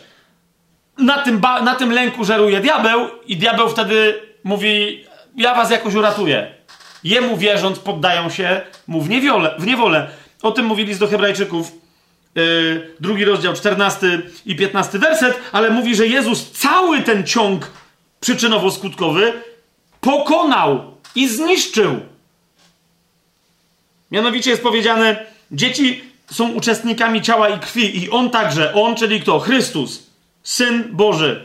On także stał się ich uczestnikiem, czyli uczestnikiem ciała i krwi, aby przez śmierć, swoją śmierć, jeszcze raz zwróćcie uwagę, przez śmierć, zniszczyć tego, który miał władzę nad śmiercią, to jest diabła. Zwróćcie uwagę, interesujące, rzeczywiście diabeł miał władzę, ale nie nad, nie nad światem i nie nad tobą czy nade mną jako nad grzesznikami, nie nad ludźmi. Nawet nie nad grzechem, zauważcie co jest grane, ale nad śmiercią. Niemniej sprawując władzę nad śmiercią, tym podstępem. Hmm? Bo to się, to jest, zauważcie, co się stało w raju. Ostatnio miałem taką rozmowę i, tam może Fabian, ale tam ludzie nie oddali przecież władzy diabłu, a, a czy drugi, czy trzeci zdawałeś się tak powiedzieć. No nie, ale pamiętaj, kontekstem jest list do Hebrajczyków, drugi rozdział, ten fragment, który teraz, jeszcze wiele innych, e, ale ten jest najbardziej taki oczywisty. Zrozum, oni nie oddali władzy nad sobą czy nad światem diabłu. Oni zrobili coś, przez co umarli. Rozumiesz? Bo zjedzenie z tego drzewa poznania dobra i zła oznaczało co? Że na pewno umrą. Tak? To natomiast cały lęk wynikający nagle z tej pewności, że nie będą żyć wiecznie, tylko umrą, cokolwiek by to nie znaczyło, no bo wiecie jak, oni byli pierwsi, jeszcze nikt na ich oczach nie umierał, nie byli na żadnym pogrzebie nigdy i tak dalej, to nie? Ale oni wiedzieli, że mm, yy, to nie jest dobre. To nie będzie dobre. To nie jest, to nie był oryginalny plan, tak? Więc w wyniku lęku przed śmiercią w następnej kolejności konsekwentnie stali się niewolnikami diabła. Tak? I o tej logice mówi dokładnie, zobaczcie, ten drugi rozdział, 14, 15 werset. Czyli, aby przez śmierć swoją, Chrystus, zniszczyć tego, który miał władzę nad śmiercią, to jest diabła, i aby, czyli pierwsza rzecz, zniszczyć diabła. Dwa, wyzwolić tych, którzy z powodu lęku przed śmiercią przez całe życie podlegali niewoli. Tak? I teraz z niewoli diabelskiej, z niewoli świata, z niewoli grzechu, z niewoli ciała. Tak? Bo w tych innych miejscach o tym również jest mowa. Jasne? Jezus to zrobił. On nie zamierza tego robić. On nie zaczął, a my mamy skończyć. To jest dokończone w Jego śmierci na krzyżu. To dzieło jest wykonane. Amen? W liście do Kolosan, że do niego wrócimy, ale dzisiaj do niego będziemy trochę wracać, wręcz do tego fragmentu, w kolejnych odsłonach będziemy wracać. W liście do Kolosan czytamy e, w drugim rozdziale, w czternastym, piętnastym wersecie, nie dość, że mamy napisane, że nam przebaczył wszystkie grzechy w 13 wersecie, to mamy napisane, że wymazał obciążający nas wykaz zawarty w przepisach, który był przeciwko nam i usunął go z drogi, przybiwszy do krzyża i rozbroiwszy zwierzchności i władzę, jawnie wystawił je na pokaz, gdy przez niego odniósł triumf nad nimi. Także ojciec przez Jezusa, tak? Zrozumiecie, zwierzchności i władzę włącznie z, naj, z szefem tych zwierzchności, czyli z diabłem samym sobie, jakkolwiek by go tam zwać, Lucyferem, Belzebubem, whatever, tak? Wszystkie te zwierzchności nie tylko zostały pokonane, ale zostały ośmieszone, poprowadzone w triumfie, pochodzie zwycięskim, żeby zademonstrować tym E, dla których Chrystus jest królem, kim dla nich są ci wszyscy generałowie wroga. Są pokonanymi o rozebranymi do naga, ośmieszonymi generałami przeciwnika, a nie kimś, z kim my mamy walkę. Teraz jest pytanie, jeżeli więc my toczymy walkę ze zwierzchnościami i tak dalej, z tymi wszystkimi, to rozumiecie, to, jest, to, to, to pierwsze, co ci się musi przypomnieć, jak czytasz list do Efezjan, zbroję Bożą, nie? To ci się musi przypomnieć, że my nie toczymy walki przeciwko ciału i krwi, czyli nie toczymy walki przeciwko ludziom, tam jest powiedziane. Ale przeciwko komu? Przeciwko tym szmaciarzom, którzy są utaplani we, we, własnym, we własnych odchodach, którzy są pokonani, którzy są nadzy, ośmieszeni przez Chrystusa, raz na zawsze skończeni, którym władza, siła, moc zostały odebrane. Więc co to wtedy znaczy, że my stajemy do walki z kimś takim? Czajcie? Znęcamy się nad jeńcami wojennymi? To jest dobre pytanie. Ale to rozumiesz, to, to, to powinno, jeżeli ktoś mówi, he, bo to jest, wiesz, złożony, to jest złożony, bardzo skomplikowany, taki głęboki fragment. No jest głęboki, tylko no, musisz, to jest głęboki, zważ na jego głębie we właściwym kontekście. Co to znaczy, że my z tymi gośćmi nadal walczymy? Nie? Ale na pewno to nie znaczy, że my walczymy o to, bo oni jeszcze mogą wygrać. Z nami czy z kimkolwiek innym. Hmm? To, to, to, to, co to w takim razie za walka? No ale właśnie, yy, skoro już o tym mówię, że oni są tak ośmieszeni, no to właśnie przejdźmy do tego listu do Efezjan. Tak? Szósty rozdział, dwunasty werset. Nie toczymy bowiem walki przeciwko krwi i ciału, ale przeciwko zwierzchnościom i tak dalej, i tak dalej. No i, zazwyczaj tak zwany opis zbroi Bożej yy, się tu zaczyna. Gdy tymczasem on się zaczyna i to jest właściwy cytat w dziesiątym wersecie. Czyli ta wypowiedź, że nie toczymy walki tu, ale toczymy walkę tam, ona musi być rozważana w jakim kontekście? W kontekście w końcu dziesiątego wersetu, w końcu, moi bracia, umacniajcie się w Panu i w potędze Jego mocy. To, rozumiesz, to jest, to jest podstawa. Jedenasty werset. Przywdziejcie pełną zbroję Bożą. Od razu mówię. I znowu, tu wam to tylko przypominam, bo wy wiecie, ale to nadal zawsze warto sobie przypominać. Bo niektórzy myśl, myślą, że czytając zbroję Bożą, oni mają na siebie założyć zbroję, którą mają od Boga, ale to jest ich zbroja. Gdy tymczasem słowo mówi, że my mamy sobie założyć jego zbroję, a nie swoją. To ma być zbroja Boga, a nie zbroja Boża. To jest zbroja Boga. My mamy sobie założyć Jego zbroję na siebie. Zauważcie, patrzcie, kontekst jest taki. W końcu, bracia, umacniajcie się w Panu, a nie w sobie. Pamiętacie drugi list do Koryntian? Że, że to, zapewne, ale, ale sobie go otwórzmy i przeczytajmy, tak? Bo i Paweł, który napisał Drugi list do Koryntian, rzecz jasna. Nie omieszkał również on sobie i innym w tym liście przypomnieć, że on nie ma w sobie na mocy łaski Bożej produkować swojej siły, ale że trwanie w łasce oznacza cały czas trwanie w jego mocy. To jest dwunasty rozdział drugiego listu do Koryntian.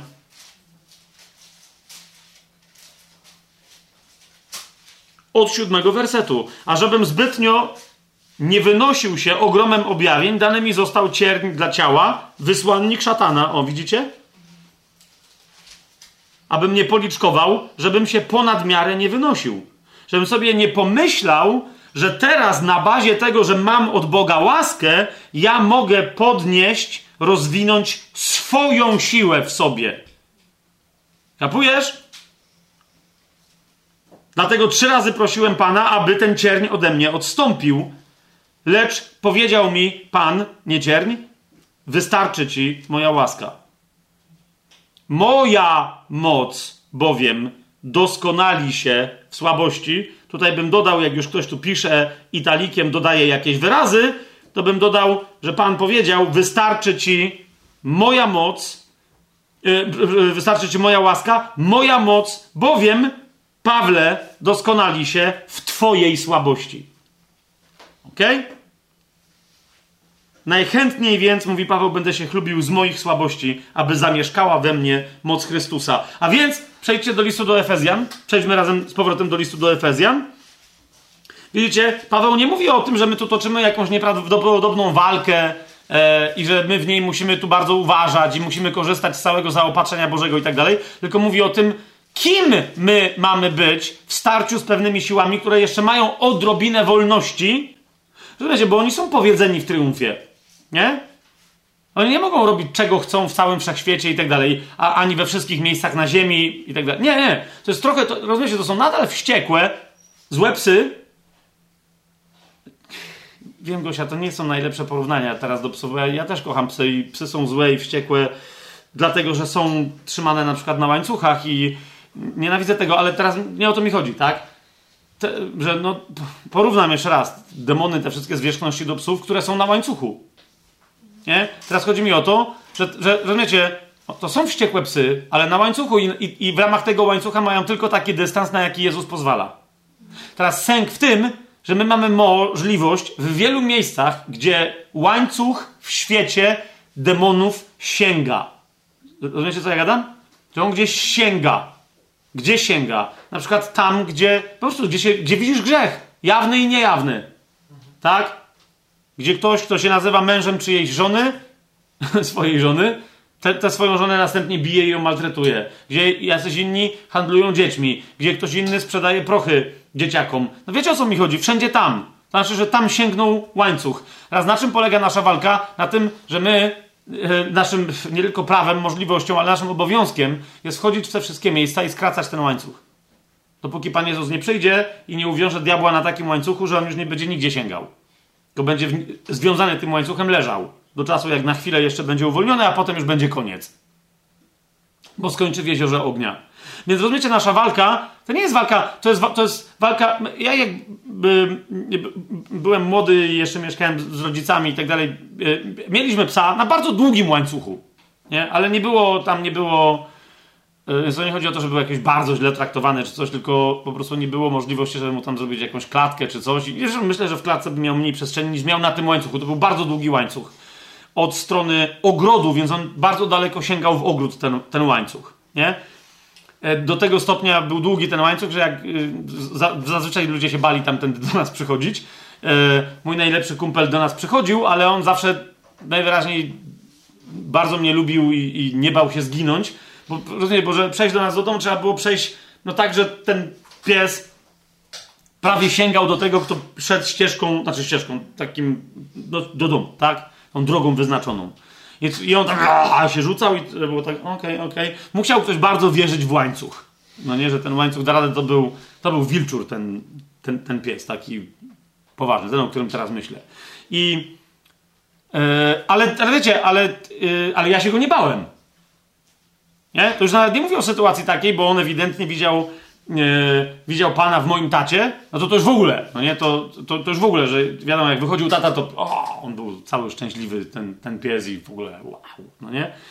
Jak ja wychodziłem, to nie był szczęśliwy, ale no jak to pies, był w miarę zadowolony, zwłaszcza jak liczył, że coś mu wynoszę do jedzenia, no nie, to wtedy jasne, że wąchał i tam obczajał. Ale wiecie o co mi chodzi? Ale do tego stopnia, no nie był jakby zły, dla mnie, także tam mogłem swobodnie wejść, wiecie, zrobić tam coś, wyczyścić mu budę i tak dalej. On nie miał do mnie żadnych agresji. Wiecie, ja nie miałem prawa takiego, jak, nie, nie miałem takiego posłuchu u niego, wiecie, żeby, żeby mu coś rozkazać i on y, tam miałem trochę, ale nie taki jak mój ojciec, jasne to jest. Ale, ale mogłem tam wejść, zrobić z nim co, co, co przestawić go i tak dalej, wiecie, umyć, tam cokolwiek z nim chciałem, mogłem zrobić, bo on po prostu, bo on wiedział, że ja dla mojego ojca, czyli dla jego pana, jestem ważniejszy niż on. Nie? I tyle. I on po prostu on był, on był poddany, wszystko gra. I rzeczywiście, jak na przykład ja tam coś robiłem e, na polu z tamtej strony domu, a szedł mój, e, mój kumpel, ten co się nie bał, on zawsze wtedy doznawał ulgi, jak widział, że ja też jestem na polu. Dlaczego? No bo wtedy e, ten pies Dingo się nazywał z jakiegoś powodu, bo był wilczurem, no ale co, co mu poradzić? Nie był, nieważne. E, nie? On, on tam wtedy od razu wiedział, że coś idzie, od razu, ja mówię, e, Dingo, spokój, nie? Zamknij japę. I on tam, tam coś mówił tam do siebie, ale był rozkaz, to, to go słuchał, nie? No i tyle. No i Mariusz tam przychodził, wchodził do domu i tak dalej, nie? Więc to, to, zauważcie, mówi o tym ten fragment, o zbroi Boga i o naszym starciu z siłami, mówi o tym, żebyśmy my przyjęli właściwą perspektywę, a nie żebyśmy się skoncentrowali na tym, że jakąś walkę toczymy. I że przy przyjęciu tej właściwej perspektywy, co się stanie, nie to, że będziemy w tej walce jacyś tam zwycięzcy, bo ten, bo ten, bo ten przeciwnik, on wcale nie, nie ma ochoty walczyć w sposób otwarty. Zwróćcie uwagę. On tylko zastawia zasadzki, ucieka i ostrzeliwuje się z daleka. Taka jest logika tego fragmentu. Nie? Jedenasty werset. Przywdziejcie pełną zbroję Boga, czyli umacniajcie się w Panu. Umacniajcie się w potędze Jego mocy. Miejcie świadomość, jaką potęgę wobec tego yy, psa na łańcuchu reprezentujecie. Przywdziejcie pełną zbroję Boga, ale po co? Żebyście się mogli ostać wobec zasadzek diabła, a nie w jakimś otwartym starciu z diabłem. Plus, dalej mamy napisane jeszcze, żebyśmy mieli. Yy, że chodzi o to, nie, że my tam będziemy mieli problem z diabłem, tylko że my mamy wykonać wszystko to, co mamy wykonać, a on nam będzie w tym przeszkadzał. Nie, zobaczcie, 13 y, werset jeszcze dodaje. Weźcie pełną zbroję Bożą, żebyście mogli przeciwstawić się w dzień zły, a wykonawszy wszystko, ostać się. Nie? A nie to tam, że tam, wiecie, i to nie chodzi o to, że diabeł nam coś zrobi. Jeżeli tylko mamy właściwą perspektywę, to ta walka będzie wyglądać inaczej niż u niektórych wygląda dzisiaj. Nie? Jedyne, co tam jeszcze potrzebujemy, to jest tarcza wiary, 16 werset, która będzie gasić ogniste pociski złego, który będzie strzelać z daleka, jak nie wpadniemy w jego pułapkę, bo będziemy trzeźwi. Bo zbroja Boża wszystko nam oświetla, więc widzimy, co jest pod nogami i nie, nie wejdziemy w jakiś potrzask. Mamy tarczę i on tam strzela, ok, ale cała nasza broń, zauważcie, ofensywna, to jest krótki miecz rzymskiego legionisty, który tu jest symbolem czego? Naszego dystansu. Mamy dopaść diabła, przebić go, zabić go i iść dalej. To, to jest dokładnie to. A tam nie ma żadnych jakichś, wiecie, wież oblężniczych i tak dalej, i tak dalej. Nie, bo to już wszystko, całe piekło już dawno, oblężenie się dawno skończyło, zresztą ono nie trwało w ogóle za, za bardzo długo. Nie? Tyle tylko, że Pan Jezus na krzyżu przed wejściem do piekła rozbił obił obóz na parę godzin i to jest wszystko. A tam to już wszedł bez żadnego yy, oporu. Czy to jest jasne? Więc zbroja tu nie mówi o tym, że ona mówi o, o, znalezieniu właściwej perspektywy, a nie o tym, że my tu jeszcze jakieś walki toczymy. List do Galacjan, wreszcie więc sobie otwórzmy. Piąty rozdział, dwudziesty czwarty werset. Ci, którzy należą do Chrystusa, ukrzyżowali swoje ciało wraz z namiętnościami i porządliwościami. To jest to. Diabeł już jest pokonany. My tylko musimy znaleźć właściwą perspektywę. Tam swoją drogą zauważcie, że ta zbroja Boża oznacza też perspektywę taką, że diabeł, nawet jeżeli by był władcą powietrza dalej, w pewnym kontekście jest dalej władcą powietrza, a nie świata, ale jest władcą powietrza, to, to nadal niebo Boże jest ponad niebem ziemskim. Nie? Więc, więc w liście do Efezjan, Efezjan zobaczcie, że my toczymy walkę z perspektywy wyżyn niebieskich. To nie chodzi o to, że zło jest na tych wyżynach niebieskich, ale my mamy toczyć walkę na tych wyżynach niebieskich, mając więc diabła zawsze pod sobą, a nie nad sobą czy na równi ze sobą. Więc tam cały czas to jest kwestia perspektywy właściwego postrzegania swojej mocy dzięki Chrystusowi i tak dalej. Nie? Jaki problem stanowi ciało lub grzech wynikający z ciała? Bo jeżeli ciało nie działa, to nie ma grzechu. Jasne to jest? Żaden problem. Bo znów, jeżeli my, należąc do Chrystusa, ukrzyżowaliśmy ciało, no a od tego się zaczyna nasze należenie do Chrystusa w zasadzie, to to ciało jest ukrzyżowane z wszystkimi namiętnościami i porządliwościami. One nie działają. Więc jeszcze raz, jakimi to ma, jakim, rozumiesz, jeżeli ja mam moc ukrzyżować ciało, a krzyżując ciało krzyżuję rządzący w nim grzech i namiętności i tak dalej, to jakim jest przeciwnikiem dla mnie ciało albo grzech albo coś? Kapujesz?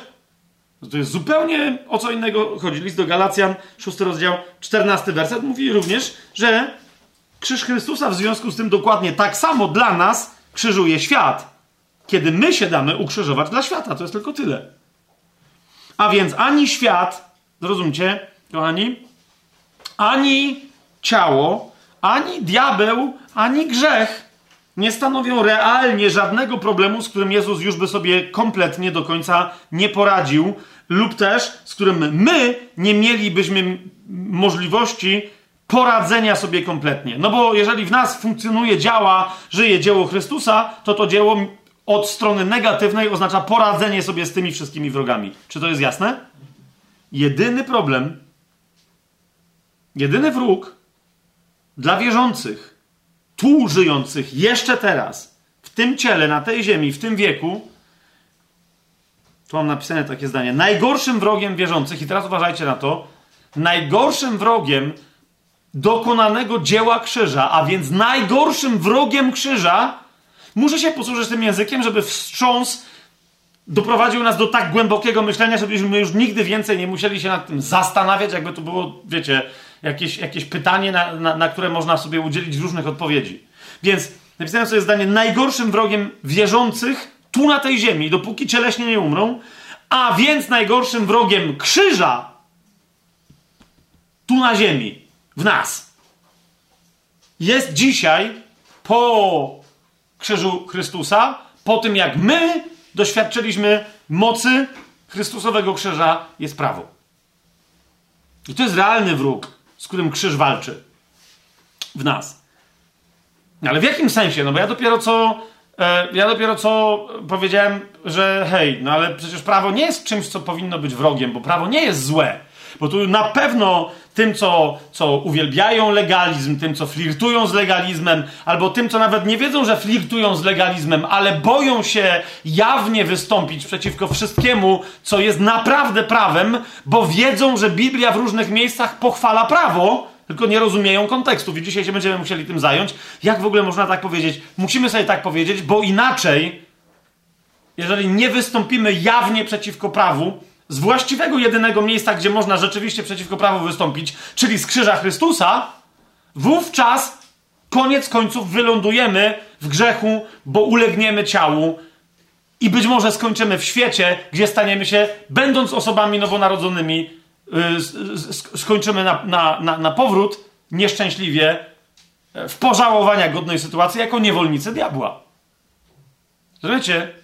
I niektórzy się gorszą, bo, bo, bo znają takie historie, takich chrześcijan, którzy tak skończyli. No właśnie.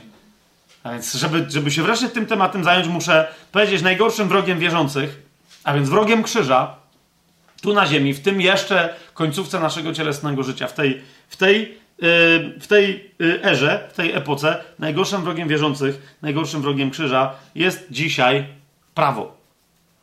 Ponieważ i zaraz sobie to bardziej rozbudujemy, ale musimy to zrozumieć, ponieważ tylko prawo. Wiecie, chodzi o to, że prawa nie da się usunąć. Prawa nie da się pokonać. I zaraz będziemy bardziej rozważać jego naturę. Tak jak diabeł, świat, grzech, ciało zostały pokonane. Tu wszystko gra. Ale prawa się nie da, tak nie wolno tak zrobić. Hmm? A tylko prawo, teraz właśnie na to, co ja powiem.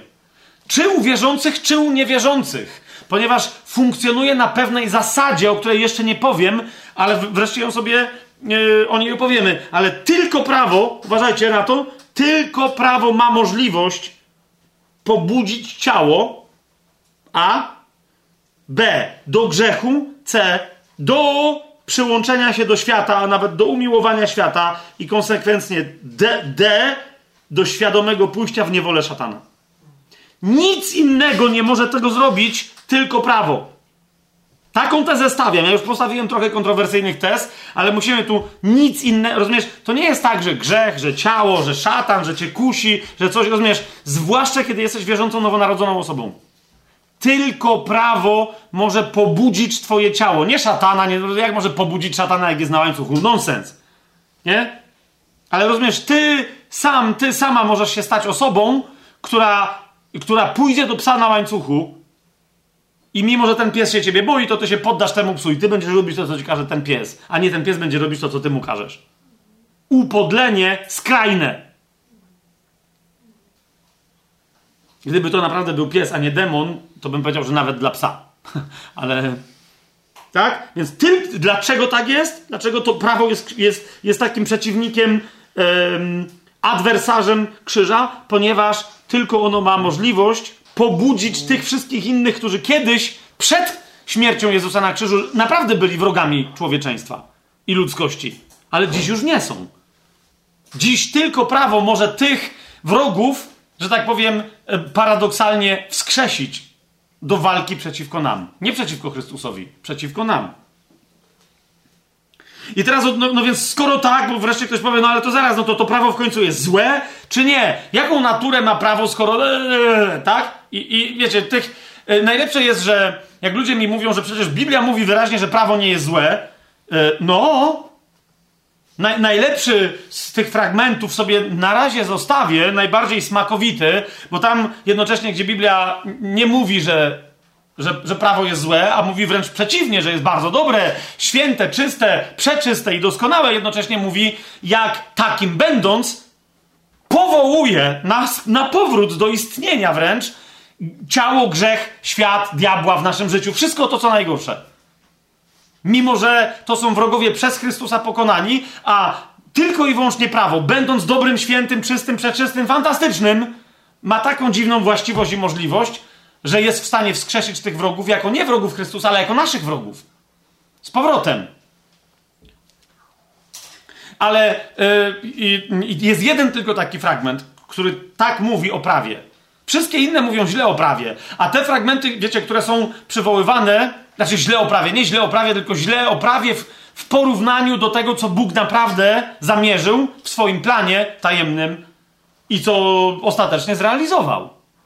A te wszystkie fragmenty, gdzie ludzie się powołują, mówią, nie, nie, ale pamiętam ten, ten, tak, mhm, rzeczywiście tutaj, ale oni wiedzą, że tam to prawo, no właśnie, tam cała ambiwalencja tego tematu jest pokazana, przywołują inne fragmenty, mówią, no zobacz, ale tu, ale tam, naprawdę?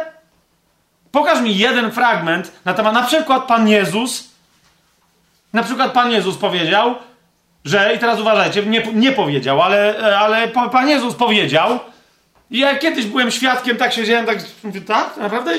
I rozumiecie, i wszyscy dyskutują, ale Paweł, ale coś, ale, ale, ale padł cytat, który brzmiał, niebo i ziemia przeminą, ale żadne spraw nie przeminie. Tam ktoś potem, bo tam niektórzy poprawiali, że nie, no nie chodzi o to, że żadne spraw, Chrystusowe prawo nie, no tak, ale chodzi o to, że prawo nie przeminie. Chrystusowe prawo nie przeminie. Myślę, może był Szekspir. Może był Szekspir. A ty jak pamiętasz ten fragment? Ewangelię Mateusza sobie otworzył. Na przykład, ja nie chcę teraz, wiecie, bo to ja nie będę teraz tego rozważał, tylko chcę wam pokazać, że wszędzie tam, gdzie Jezus mówi tego typu rzeczy dziwne, ale nie są dziwne. On tylko mówi do Żydów, którzy jeszcze nie, nie widzieli krzyża, jeszcze nie mieli okazji się zgorszyć, jeszcze nie rozumieją, że On jest Mesjaszem, jeszcze nic nie wiedzą, bo plan jest tajemny. Boży. Oni jeszcze nic nie wiedzą. Ale na czym polega sprawa? Ale Jezus wie. I teraz zobaczcie, na przykład y, Ewangelia Mateusza, 5 rozdział, 17 werset. Nie, bo to jest często to, y, nie? Miłośnicy prawa, utajeni zwłaszcza. Mówią, wiesz, wiesz, to nie, nie, jakby ja to wszystko rozumiem, łaska, nie z uczynków, no, ale jednak jakby nie ma co, wiesz, trzeba, musimy być bardzo roztropni w języku, gdyż Pan Jezus powiedział, nie sądźcie, że przyszedłem znieść prawo albo proroków. No. I ludzie mówią, no. A ja też mówię, no. To ja nie sądzę, ale po co on przyszedł? Bo to co? Bo wiecie, bo niektórzy już tyle. No i to jest dokładnie, jak ktoś ma okulary, to jest tak. Bo pismo mówi, nie sądźcie, że przyszedłem znieść prawo albo proroków. To jest cały cytat, nie? Ja na szczęście też mam okulary teraz i mam. Nie przyszedłem znieść, ale wypełnić. Jeżeli jesteś chrześcijanką czy chrześcijaninem, to ty wiesz, kiedy się wykonało, kiedy wszystko się wypełniło. I to nie do końca, ani nawet nie od początku, że już nie mówię, że nie do końca, ale nawet od początku nie było założenia, że tak kiedykolwiek można zrobić cokolwiek z prawem. Dlaczego? Bo jeżeli czegoś prawo nienawidziło, to tego, który wisi na drzewie.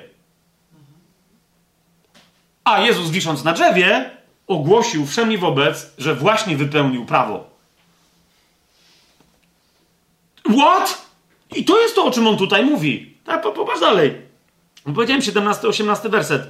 Zaprawdę, bowiem, powiadam wam, dopóki niebo i ziemia nie przeminą, swoją drogą, debede bam bam, prawo jest wieczne. Naprawdę?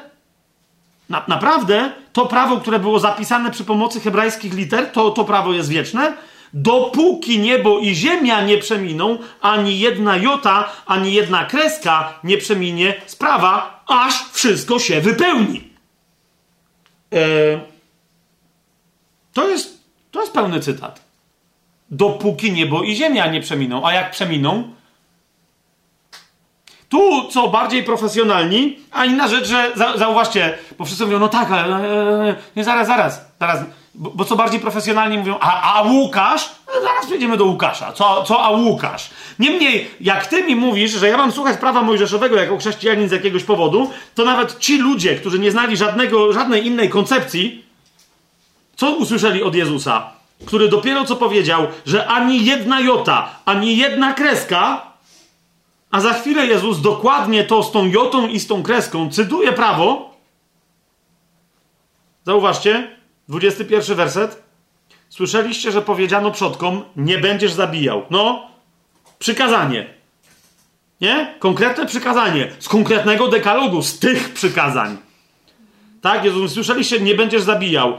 I 20 werset, Jezus mówi, ale ja wam mówię, ale ani jota, ani kreska, Jezus dopiero nie będzie zmieniona, a tu, ale ja wam mówię,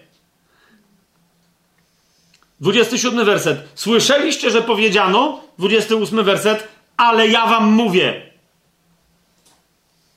31 werset. Powiedziano też, 32 werset, ale ja wam mówię. Jeszcze raz, czy aby na pewno Twoje rozumienie prawa jest takie, jak rozumienie prawa przez Jezusa, którego Ty cytujesz, że on tu coś mówił na temat prawa, a nie widzisz, co on dalej robił z tym prawem? Co się tu dzieje? Niektórzy wciąż powiadają, ale Łukasz 16, Szwabian. Ale Łukasz 16, tam jest powiedziane, że prawo może przetrwać przez koniec tego świata. Wow, ale się przeraziłem. Łukasz 16. Łukasz 16, 16. Przede wszystkim, yy, bo, bo zazwyczaj to, o czym ludzie mi mówią, to jest 16, 17. Łatwiej jest niebu i ziemi przeminąć, niż przepaść jednej kresce prawa. No ja nie wiem, czy jakby kto tu wywnioskował, że na tej podstawie, że prawo przetrwa koniec nieba i ziemi. Jakby wiecie o co chodzi. To jest pierwsze. To jest tylko powiedziane, że te, to prawo, tak jak ono jest zapisane, z jego mocą, kreskami, jotami hebrajskimi i tak dalej, że to prawo jest bardziej trwałe niż niebo i ziemia, te, które my znamy. Ale u Mateusza Pan Jezus powiedział, że jak przeminą, to się skończy, no bo się skończy jego rola też pewna, o której za chwilę. Tak?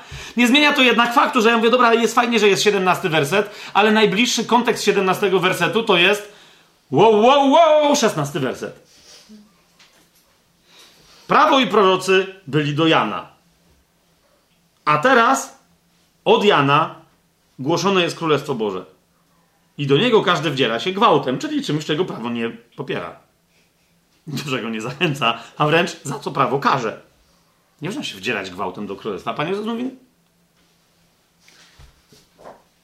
Więc prawo nie przeminie jest bardziej trwałe niż niebo i ziemia. Nie przeminie do nieba i ziemi. Dlaczego? No jeszcze sobie o tym powiemy. Ale Pan Jezus mówi, ale już nawet teraz jakby trochę się skończyło, bo ja je przyszedłem wypełnić. Po Janie jestem już tylko ja. A ja robię coś kompletnie innego. Więc, jeszcze raz, prawo i prorocy do Jana. Nie, że niektórzy tu tłumaczą, że prawo i prorocy byli głoszeni do Jana i niektórzy później mówią, że a po Janie nie byli głoszeni, ale... Da... Nie. UBG bardzo ładnie to robi i dodaje tutaj byli. Chodzi o egzystencję realną, realne oddziaływanie na egzystencję. Prawo i prorocy byli do Jana. A język grecki jest w ogóle po prostu, ma dokładnie, mówi prawo, prawo i prorocy, Pan Jezus mówi, znak zapytania do Jana. To jest, to jest, tak brzmi, rozumiecie, tak brzmi ta pierwsza część tego wersetu. Prawo i prorocy? Do Jana. Odtąd jest zgłoszone Królestwo Boże. I Królestwo Boże jest pierwszoplanowe. Jasne?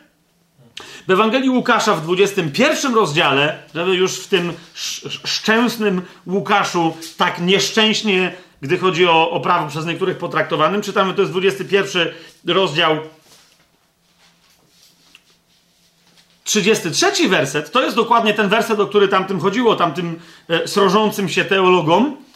E, bo, bo wreszcie ja mówię, ej, ale może byście sprawdzili, jakby co Pan Jezus naprawdę powiedział, co nie przeminie, nawet jeżeli niebo i ziemia przeminie. No to wtedy wszyscy w 33 wersecie odkryli, że Pan Jezus powiedział, niebo i ziemia przeminą, ale moje słowa nie przeminą. No właśnie. Dlatego słyszeliście, że powiedziano, ale ja wam mówię.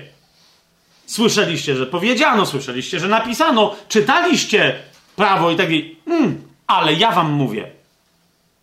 Pamiętacie Jezusa, który pisze palcem po ziemi? Pamiętacie? To jest to. On wie, co tam jest napisane. I on mówi. I to, co z tego prawa stanowi o sprawiedliwości Bożej, to przetrwa na wieki, ponieważ sprawiedliwość Boża jest cechą Bożą, tak nieodłączną od tego, kim on jest, czyli od miłości, że ona po prostu jest wieczna.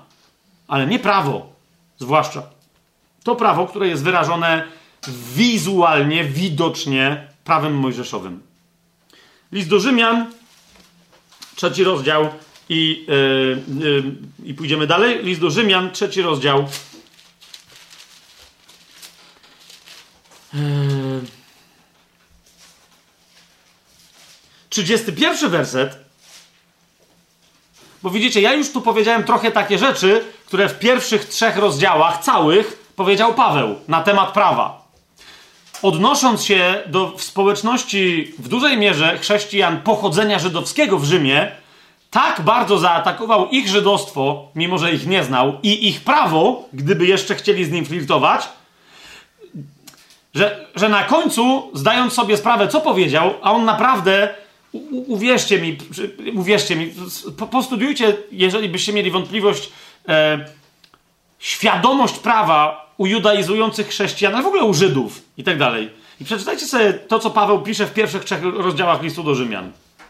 To powiedzieć coś takiego do byłego Żyda, który wciąż uważa, że jakby wszystko to w jego żydostwie, co było jego żydostwem, judaizmem było ok, a teraz jest tylko jeszcze lepszym Żydem jako chrześcijanin, powiedzieć mu coś takiego, co Paweł mówi przez pierwsze trzy rozdziały listu do Rzymian, to jest coś znacznie gorszego niż to, co ja teraz powiedziałem, że największym wrogiem krzyża jest prawo.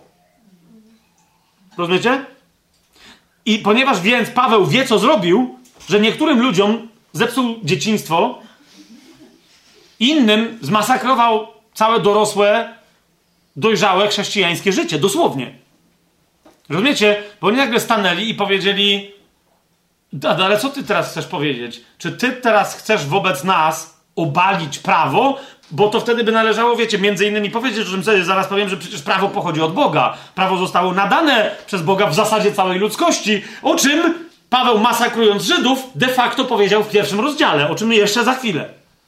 I oni mówią, no, no i, te, e, i teraz ty mówisz, że teraz gadasz o sprawiedliwości, ale tak gadasz, jakby ona miała tak bardzo, nie miała związku z prawem, że prawo w zasadzie jest czymś diabelskim.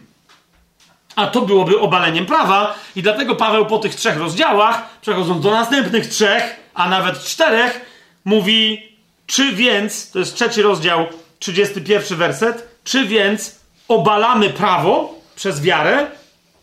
Bo Paweł od początku tak mocno głosi wiarę, rozumiecie, wiarę, która się wyraża w krzyżu Chrystusa, to jest istotne, tak? W kontrze do wszystkiego, co sobą reprezentuje prawo, że Paweł mówi: Ja wiem, że to tak wygląda. Więc czy obalamy prawo? I jego odpowiedź brzmi: Nie daj Boże. Przeciwnie, utwierdzamy prawo. Więc ja teraz powiem, czy to, co ja teraz powiedziałem, jest jakimś obaleniem wszelkiego rodzaju dobroci, i świętości, i czystości i boskiego pochodzenia prawa, skoro mówię, że prawo jest największym wrogiem krzyża? Wręcz przeciwnie. Ono właśnie z tych powodów jest wrogiem krzyża. I Paweł za chwilę dokładnie to samo robi, co ja teraz troszeczkę inaczej, na użytek XXI wieku, mając takiego mistrza, czyli Ducha Świętego, który się tu wypowiada przez Pawła, ja to dokładnie to samo zrobię. Nie, nie, nie. My jak najbardziej umocnimy naturę prawa. Jego, rozumiecie, ze względu na to, od kogo ono pochodzi i po co przyszło. Ale zauważycie, że właśnie ze względu na naturę prawa, na jego istotę, ono musi być wrogiem krzyża, po prostu. Cęk tylko w tym, że to, czego my oczekujemy po prawie, widząc naturę prawa, nie możemy tego dostać od prawa, dostaniemy coś wręcz przeciwnego. Po to coś, czego my oczeku- oczekiwalibyśmy od prawa, musimy iść do krzyża. Do Chrystusa ukrzyżowanego. A to sprzeciwia się prawu. Wyjaśnijmy więc sobie od początku, od samego początku, paradoksalny problem prawa. Nie krzyża, ale prawa. Ok? Po pierwsze, ja mam tutaj trzy duże punkty, które powiem na temat, na temat prawa. Mam nadzieję, że po, po, pojedziemy z tym bardzo szybko, czyli że w, w, w 4 godziny się wyrobimy dzisiaj. A to jest dopiero pierwsza część, ale naprawdę musimy to, ja powiecie, musimy to sobie wszystko wypełnić. Otóż, mam punkt pierwszy, w ramach którego musimy się najpierw rozprawić z jedną ideą. Mianowicie, że prawo zostało dane, że prawo zostało dane, albo że prawo zostało nadane. Niektórzy mówią, że całej ludzkości wręcz tak naprawdę, ale w sposób widzialny, no bo odmiana tego prawa w sposób niewidzialny, że została nadana całej ludzkości jako prawo. Yy, a inni mówią, że no okej, okay, nie, a inni mówią, że tak, ale nieważne, bo w tak czy siak w sposób widzialny, że prawo zostało dane albo wręcz nadane Izraelowi jako coś absolutnie pierwszorzędnego. I że my teraz, Jezus i tak dalej, że my wszyscy musimy się jakoś odnosić do prawa, bo w pewnym momencie ono było najważniejsze z wszystkiego. Kochani, yy, ja to mam tak napisane. Prawo, punkt pierwszy nie jest wobec planu Bożego, a więc głównych bohaterów historii Bożej, ekonomii Bożej, głównych egzekutorów planu Bożego i głównych wydarzeń planu Bożego, uważajcie na to, co teraz powiem, prawo nigdy nie było, nie jest oczywiście i nigdy nie będzie ani pierwszorzędnym graczem czy aktorem, ani nawet równorzędnym do pierwszoplanowych postaci i ról. Ale od momentu, kiedy się pojawiło, od samego początku do końca swojego istnienia, prawo realnego oddziaływania, czyli do Chrystusa, było tylko i wyłącznie jakimś tam faktorem, ale nie globalnym, lecz lokalnym, bo się odnosiło do jednego narodu i po drugie bardzo istotne, wobec całego planu Bożego, nawet wobec tego narodu, prawo mojżeszowe, jako absolutnie doskonały wyraz prawa etycznego, czy próba wyrazu takiego prawa, prawo było tylko i wyłącznie drugorzędne i drugoplanowe. I kto nam o tym mówi najmocniej, najbardziej wobec Żydów obrazoburczo? Paweł w liście do Galacjan.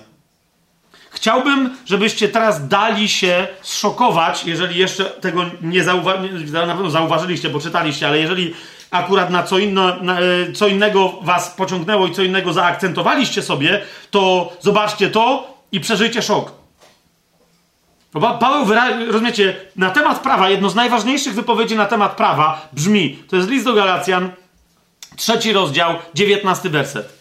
I jak ktoś e, z was mi nie wierzy, to tu zobaczycie, że w punkcie we wszystkich innych ja mam tu masę cytatów podanych, potem te wywołują u mnie coś tam z pamięci. Tu mam wyraźnie napisane jest tylko jeden cytat na ten temat, że prawo nie jest wobec planu Bożego, a więc jego głównych egzekutorów ani pierwszorzędne, ani z nimi nigdy równorzędne, a tylko przez jakiś czas całkowicie drugorzędne i drugoplanowe. Najważniejszy na ten temat cytat, jest jeden werset, wiele innych potwierdza, włącznie ze Starym Przymierzem, ale ten to wyjmuje tak i tak wali, po, bo, bo Paweł dokładnie to robi, wyjmuje i wali po oczach głupich Galacjan. To jest trzeci rozdział, dziewiętnasty werset. Po co więc prawo? To jakby nieważne na razie po co prawo, ale Paweł mówi, zostało, uważajcie na to, dodane. Prawo nie zostało, i po polsku to jeszcze przepięknie brzmi, nie wiem czy słyszycie. Prawo nie zostało dane. Prawo nie zostało nadane komuś. I tak, prawo nie rozumiecie jakby, i to, bo wtedy to jest takie, a pojawiło się prawo i od tej pory. Nie, prawo zostało dodane a skoro zostało dodane, to znaczy, że zostaną, zostało dodane do czegoś. Czy rozumiecie o co mi idzie? Do czego? No to za chwileczkę, tylko jeszcze jest druga część i trzecia część tego oświadczenia, które są dość szokujące, przyznacie. Bo twierdzenie brzmi, prawo zostało dane ludzkości, albo przynajmniej Izraelowi, jako prekursorowi dla całej ludzkości, prawo zostało dane przez Boga. Po coś tam. Tak? A tymczasem czytamy, bo to jest, wiecie, pytanie jest fundamentalne. Po co więc prawo? Więc, więc Paweł, jako faryzeusz, specjalista od prawa i uczony w piśmie, odpowiada absolutnie fundamentalnie, mówiąc: prawo zostało dodane, dwa, z powodu przestępstw. Jo, nie z powodu życia. Nie wiem, czy widzicie, co, co jest grane. Nie po to, żeby coś dać, po to, żeby prze, przeciwko czemuś przeciwdziałać. Zostało dodane do czegoś, do czego za chwilę. Dwa, z powodu przestępstw. Trzy, czasowo. A więc ono się pojawiło jako drugorzędne, ale i, i się pojawiło e, nie jako wieczne. Do przyjścia potomka. To nawet nie chodzi o to, że do końca świata, tak? No, jeszcze raz, między nami mówiąc, dla pewnych ludzi do końca świata, ale o tym za chwilę. Tak? I dalej, które, któremu złożo, do, do przyjścia potomka, któremu złożone, złożono obietnicę. I teraz uwaga, ustanowione przez aniołów ręką pośrednika. No tu to już jest cios.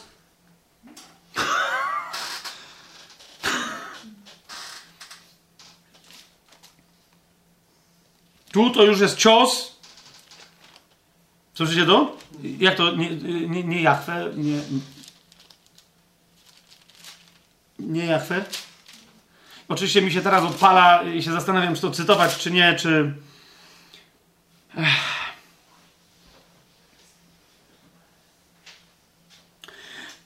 Ale, ale jednak nie mam, mam tylko jeden cytat tu zapisany, żeby nie było, nie? Ale, ale tak sobie myślę, bo rozumiecie, on, Paweł nie był pierwszym, który tak głosił i widzicie sęk w tym, że jak się tak głosiło, to najwyraźniej nie to szokowało Żydów.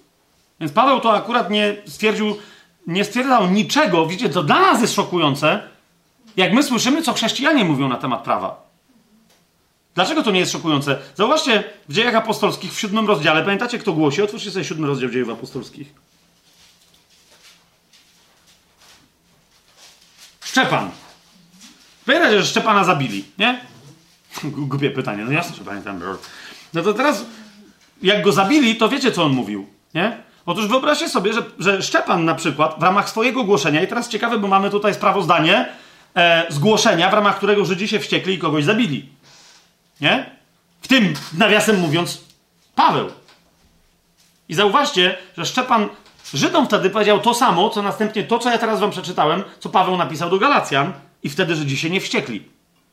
A on powiedział jeszcze to, jeszcze bardziej drastycznie. To jest siódmy rozdział dziejów apostolskich. Zobaczcie. 37-38 werset. Szczepan więc powiedział, to jest ten Mojżesz, który powiedział synom Izraela, proroka jak ja wzbudzi wam Pan, wasz Bóg, spośród waszych braci. Jego będziecie słuchać. I 38 werset. On to był w zgromadzeniu na pustyni z aniołem, który mówił do niego na górze Synaj i z naszymi ojcami. On to przyjął żywe słowa Boże, aby nam je przekazać. Jeszcze raz. Anioł, pośrednik, Mojżesz, wszystko gra. I zauważcie, że Żydzi na taką interpretację tamtego zdarzenia nie mieli większego problemu. Z różnych powodów. No bo Żydzi cały czas jako fundamentalną rzecz mają, że Boga nikt nigdy nie widział.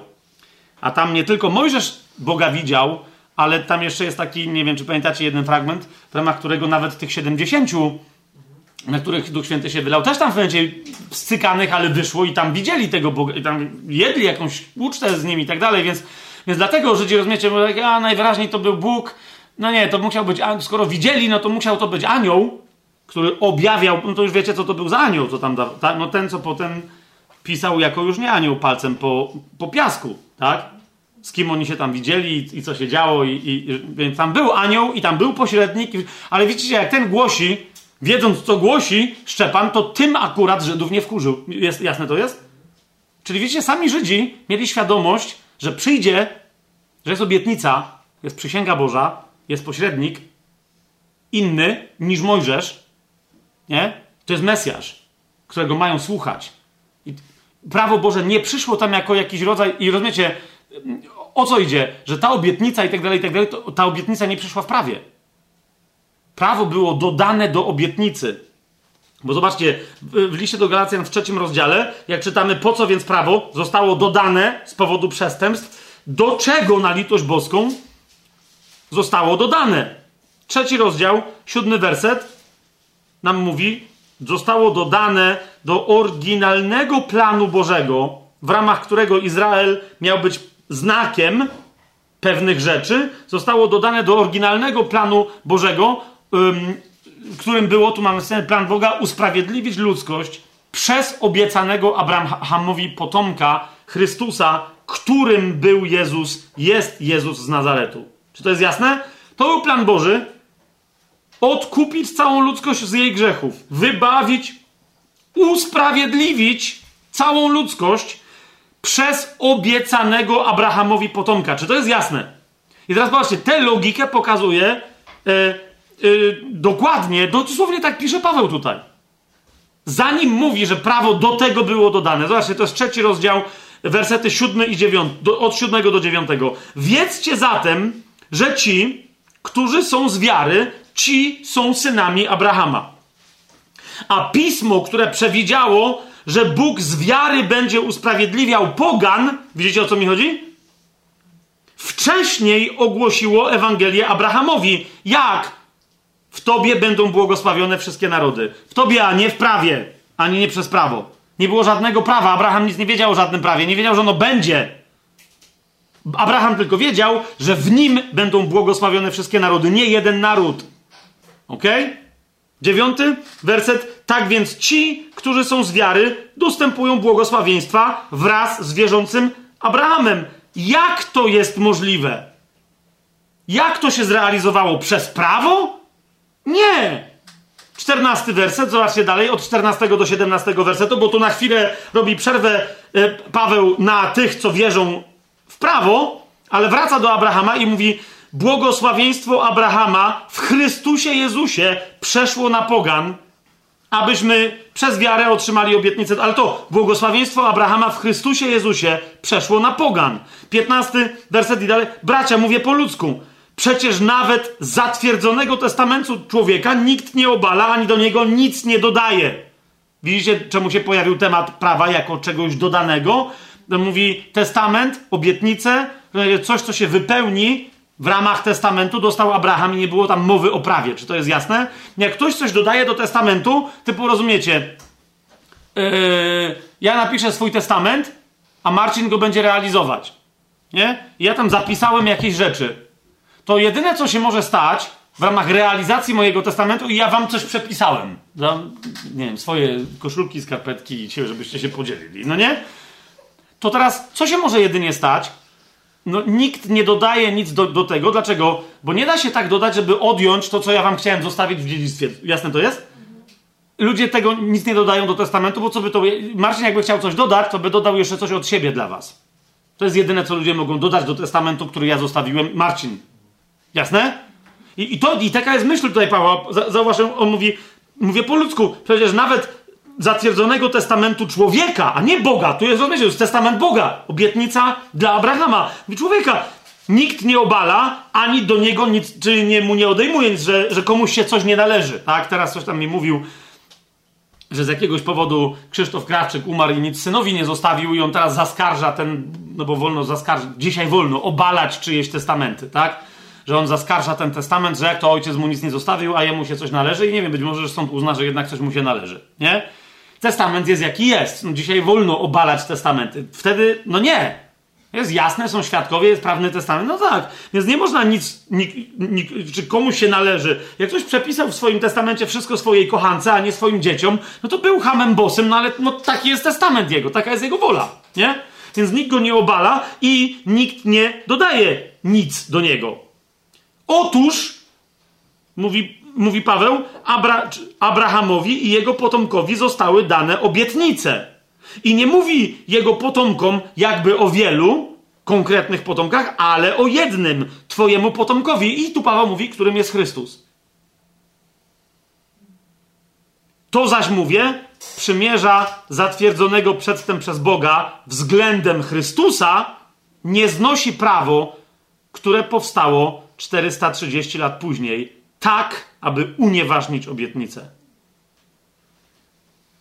Więc on mówi: Prawo zostało dodane do czego? Do historii złożenia obietnicy, przysięgi i wypełnienia tej obietnicy w Chrystusie. To jest, rozumiecie? To jest, to jest blok. Tu, tu jest, rozumiesz, tu jest mięcho, tu jest, rozumiesz, stek. No, nie wiem co, dobiera do pokrojenia. Wszyscy sobie pojedli. A prawo w pewnym momencie na tym steku, jak ktoś lubi, to sobie może odkroić kawałek, który jest polany sosem rybnym chińskim, śmierdzącym. Są też nieśmierdzące, ale ja mówię o tym śmierdzącym. Moja żona mnie poprawia, że dobry jest. Dobry jest ten nieśmierdzący, a ten śmierdzący wie o co chodzi. Zgniłe jajca. Jak ktoś chce polać takim, to to jest, rozumiesz, to jest dodane. Ktoś lubi taki smak, ale to nie ma, rozumiecie, mięso tym sosem nie polane, wręcz Paweł mówi, ma lepszy smak, ale tak czy siak chodzi o to, że ty sobie pojesz mięsem, a nie zapachem śmierdzących ryb z jakiegoś sosu. Nawet nie wiem, czy to jest chiński, jakiś azjatycki. Jasne to jest? Prawo zostało dodane. Dlaczego? Ze względu na przestępstwa, żeby Izrael kompletnie, zanim przyjdzie Mesjasz, się nie rozpadł. Żeby nie strzezł, żeby nie zniweczył w ogóle, rozumiecie, tego dziedzictwa przez to przez zaprzestanie swojego istnienia. Bo Mesjasz miał przyjść w Izraelu i przez Izrael, nie tylko dla Izraela. Tak? Ale ponieważ prawo miało w sobie pewne założenia, na przykład życia, ale przede wszystkim śmierci i przekleństwa, no to e, jeżeli Izrael grzeszył, a grzeszył notorycznie, wszyscy łamali prawo, tak?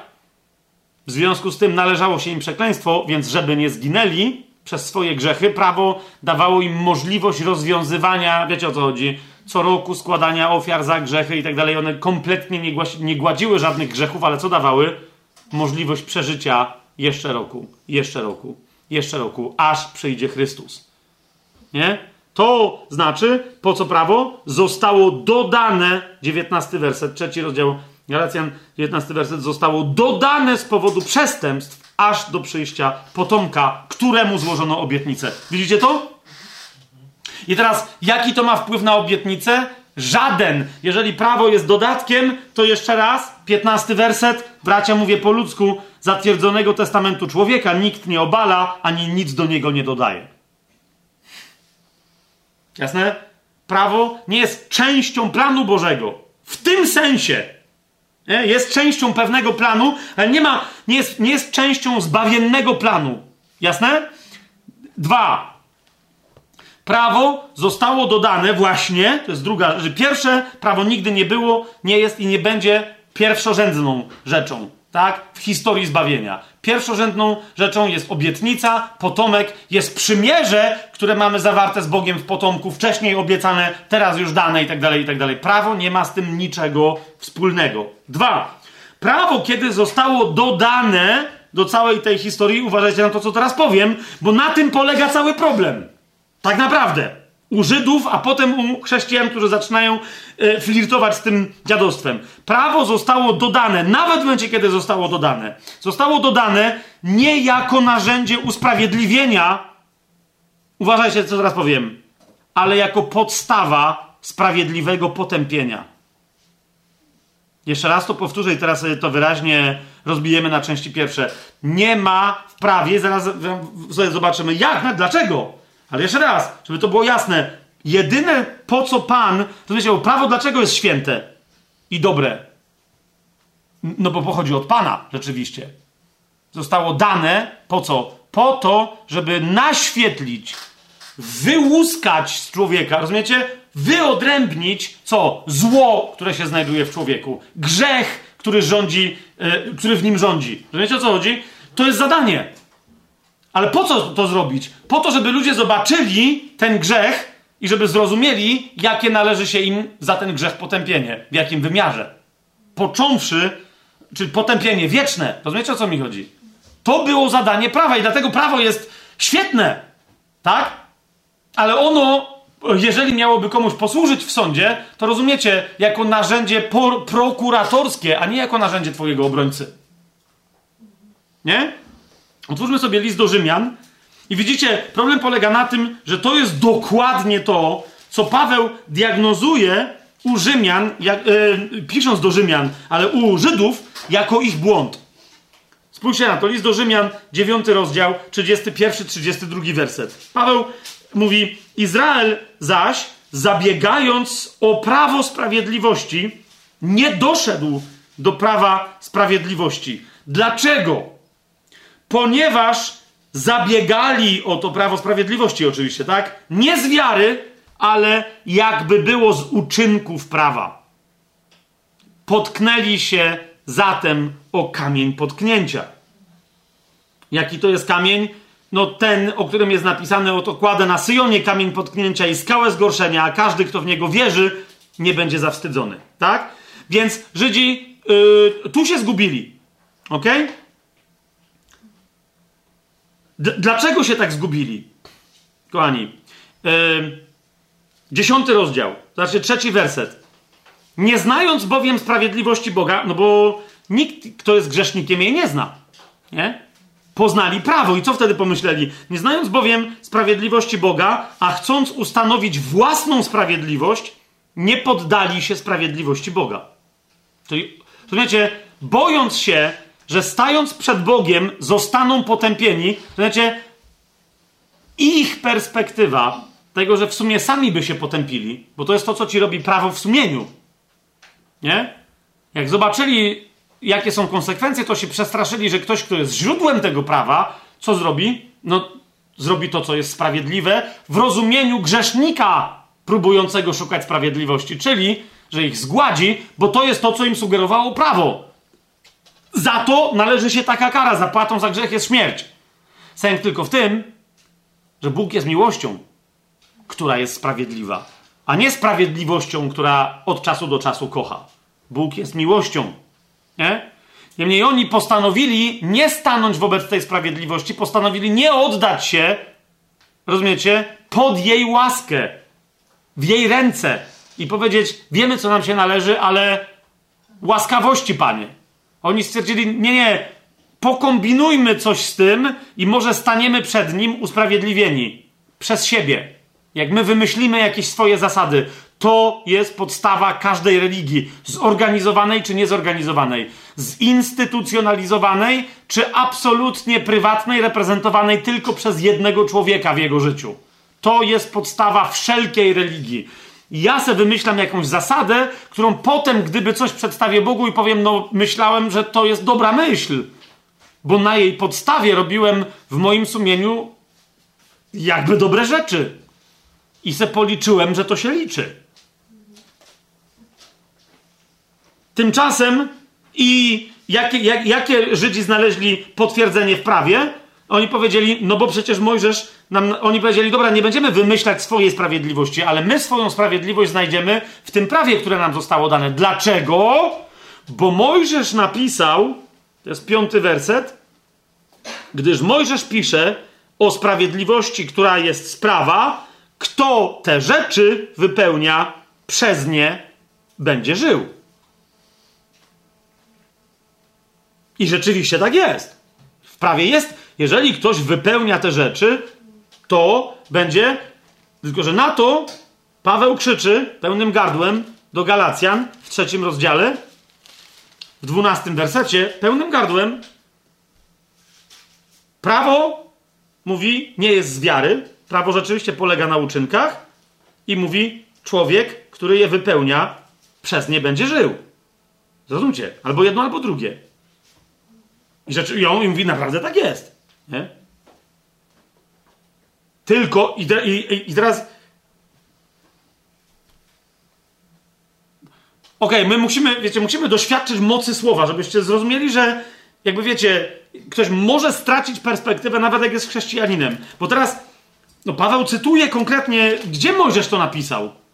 Bo niektórzy potem mówią, tak, ale Mojżesz tego nie napisał. Nie, nie, nie, Mojżesz tak napisał, to właśnie na tym cała rzecz polega. To jak ty nie możesz znaleźć, to, to ja cię rozumiem, że nie możesz znaleźć, ale Mojżesz tak napisał, to najpierw to znajdźmy. To jest kapłańska, czyli trzecia Mojżeszowa, no to, to, jest, to, to, to autor jest jasny.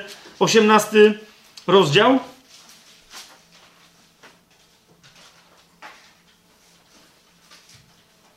Jest wprost powiedziane. I rozumiesz, to jest obietnica Pana. I teraz nieważne, kto dał prawo, no ale Pan w tym prawie, które przez, nieważne, kto, przez kogo ono przeszło, Ale Pan obiecuje, Trzecia Mojżeszowa, Księga Kapłańska, 18 rozdział, 5 werset. Przestrzegajcie więc moich ustaw i moich praw, bo jeśli człowiek je wypełnia, będzie przez nie żył. Ja jestem Jahwe. Dziękuję. To jest podpis.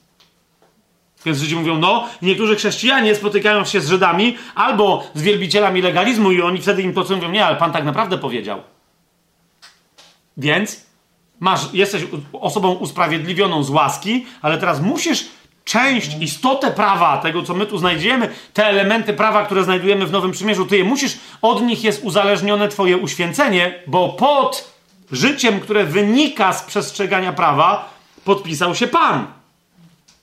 Ezechiela, jak sobie otworzymy, bo potem inni walczą i mówią tak, ale Ezechiel tam się sprzeciwiał. Inni prorocy, yy, to jest tylko jeden z przykładów, bo my musimy zrozumieć, czemu się kto sprzeciwiał, a z czym się kto zgadzał, tak?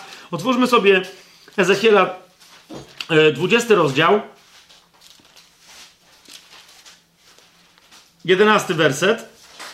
Bo tam potem się znowu inne teologie pojawiają, że prorocy się sprzeciwiali. No, no tak, tak, bo Pan mówił przez nich, po co mi są ofiary wasze, po co coś tam, kto wam tak naprawdę te prawa dał. Są takie momenty, ale tak czy siak, wiecie, to, to, to jest mowa emfatyczna, prorocza i tam zwraca na pewne wątki uwagę, ale wciąż 20 rozdział 11 werset przez proroka Ezechiela Pan mówi, dałem im moje ustawy i objawiłem im moje prawa, które jeśli człowiek wypełnia, będzie przez nie żył.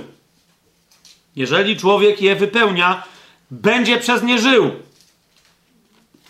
Wróćmy do Mojżesza. Widzicie, ale chodzi mi o to a propos proroków, tak? Wróćmy do Mojżesza, piąta Mojżeszowa, bardzo istotna, gdyż jest księgą powtórzonego prawa, a więc podsumowań, kompilacji najistotniejszych rzeczy, powtórki tego, co musi być przez Żydów zapamiętane. Czwarty rozdział. Księga powtórzonego prawa, piąta Mojżeszowa, czwarty rozdział, wersety od siódmego do dziewiątego, tak?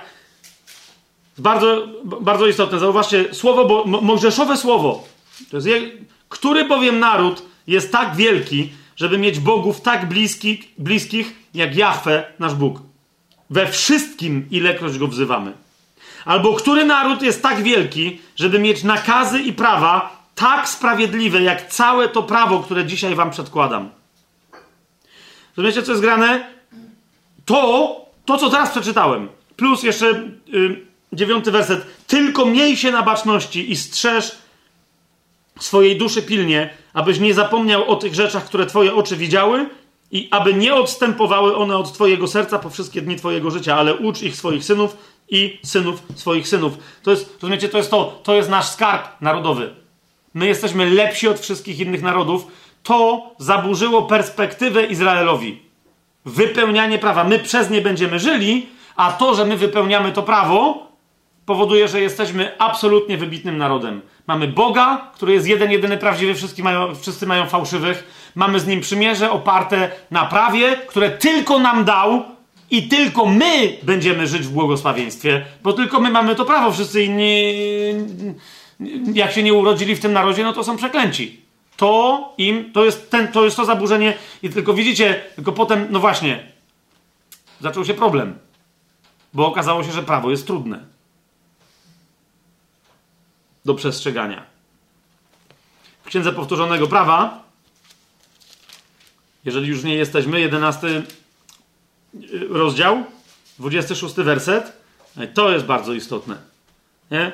Bo oni cały czas się uczepili czego? Kto wypełnia, będzie żył. Kto wypełnia to prawo, będzie żył. Tak? Masz życie. Masz zapewnione błogosławieństwo. Masz, no tylko tylko, że jak wchodzisz w ten układ, to zaczynasz grać, ryzykując przekleństwo.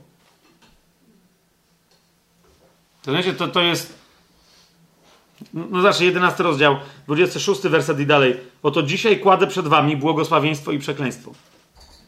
Błogosławieństwo jeśli będziecie posłuszni przykazaniom Jahwe, swojego Boga, które dzisiaj wam nakazuje. I widzicie, oni tego się uczepili. My je będziemy idealnie wypełniać. No, ale przekleństwo, mówi Pan w 28 wersecie, jeżeli nie będziecie posłuszni przykazaniom Jahwe, swojego Boga i zboczycie z drogi, którą wam dzisiaj nakazuję, aby pójść za innymi bogami, których nie poznaliście. Rozumiecie o co chodzi? Oni się tego uczą. My, my jesteśmy wspaniałym narodem. Mamy jedynego prawdziwego, żyjącego Boga, cudotwórczego, wszechmocnego, wszechwiedzącego i tak dalej. My będziemy żyć jako wyjątkowy naród pośród wszystkich narodów, bo będziemy przestrzegać prawa. Swoją drogą, pamiętacie, była cała góra później przy Samarii, błogosławieństwa i przekleństwa. I oni tam na wszystkie rzeczy krzyczeli. Błogos jeżeli błogosławieństwo, to amen, amen, amen. Tak? Przekleństwo, amen, amen. Okej. Okay. No to zauważcie, co na siebie ściągnęli. Nie? Uznali, będziemy walczyć o błogosławieństwo swoimi wysiłkami. Stwórzmy sobie jeszcze Księgę Powtórzonego Prawa, 27 rozdział. To, to jest dosyć interesujące. Bo tu się odezwała pycha. Widzicie, to jest to, co robi prawo, jak się pojawia. Od razu wyłuskuje z ludzi, i to nawet takie rzeczy, które ludzie nie wiedzą, że są grzechami. 27 rozdział, 26 werset, bo niektórzy mówią, że no tak, no ale przecież Żydzi przestrzegali prawa. Widzicie, problem, dla... skąd się wzięli faryzeusze w pewnym momencie? Bo Żydzi mówili, no przecież przestrzegamy prawa i co z tego jest? Co, co, co, co my z tego mamy? Gdzie jest to nasze błogosławieństwo? Jesteśmy pod jakimiś Żydami, a to wiecie, to nie była pierwsza okupacja, weźcie wcześniej e, Greków i te, no wiecie, te wszystkie historie. Ja mówię, gdzie jest to błogosławieństwo? Gdzie jest ten Mesjasz? Ale już mniejsza o Mesjasza. Gdzie jest nasze błogosławieństwo? Przecież wypełniamy prawo. I wtedy podnieśli się faryzeusze grubo przed Panem Jezusem i powiedzieli, yo, yo, e, no nie wypełniamy prawa tak, jak prawo chce być wypełniane. To, że wypełniamy większość prawa, jeszcze sprawy nie załatwiamy, musimy wypełniać całe prawo. I dosłownie tak, że wtedy się, powiecie, bo niektórzy mówią, że Paweł, Jakub cosik cytują, ale nie wiadomo, co to jest to cosik. Oni to wymyślili. Przecież nie ma nigdzie napisanego, że musimy przestrzegać całego prawa bez wyjątku. Wszystkich więc praw. Nie? Ale rozumiecie, faryzeusze, zanim się pojawili chrześcijanie, dokładnie dlatego się pojawili, bo powiedzieli, musimy wypełniać całe prawo i być nieskazitelnymi wobec prawa. Bezbłędnymi. Wypełniać wszystkie zasady. Gdzie to jest napisane? Księga Powtórzonego Prawa, 27 rozdział, 26 werset. Mówi, przeklęty, to są swoją drogą te przekleństwa i błogosławieństwa, które tam miały być wykrzykiwane. Przeklęty, kto nie trwa w wypełnianiu słów tego prawa. A cały lud na to powie amen, jak przyjdzie co do czego.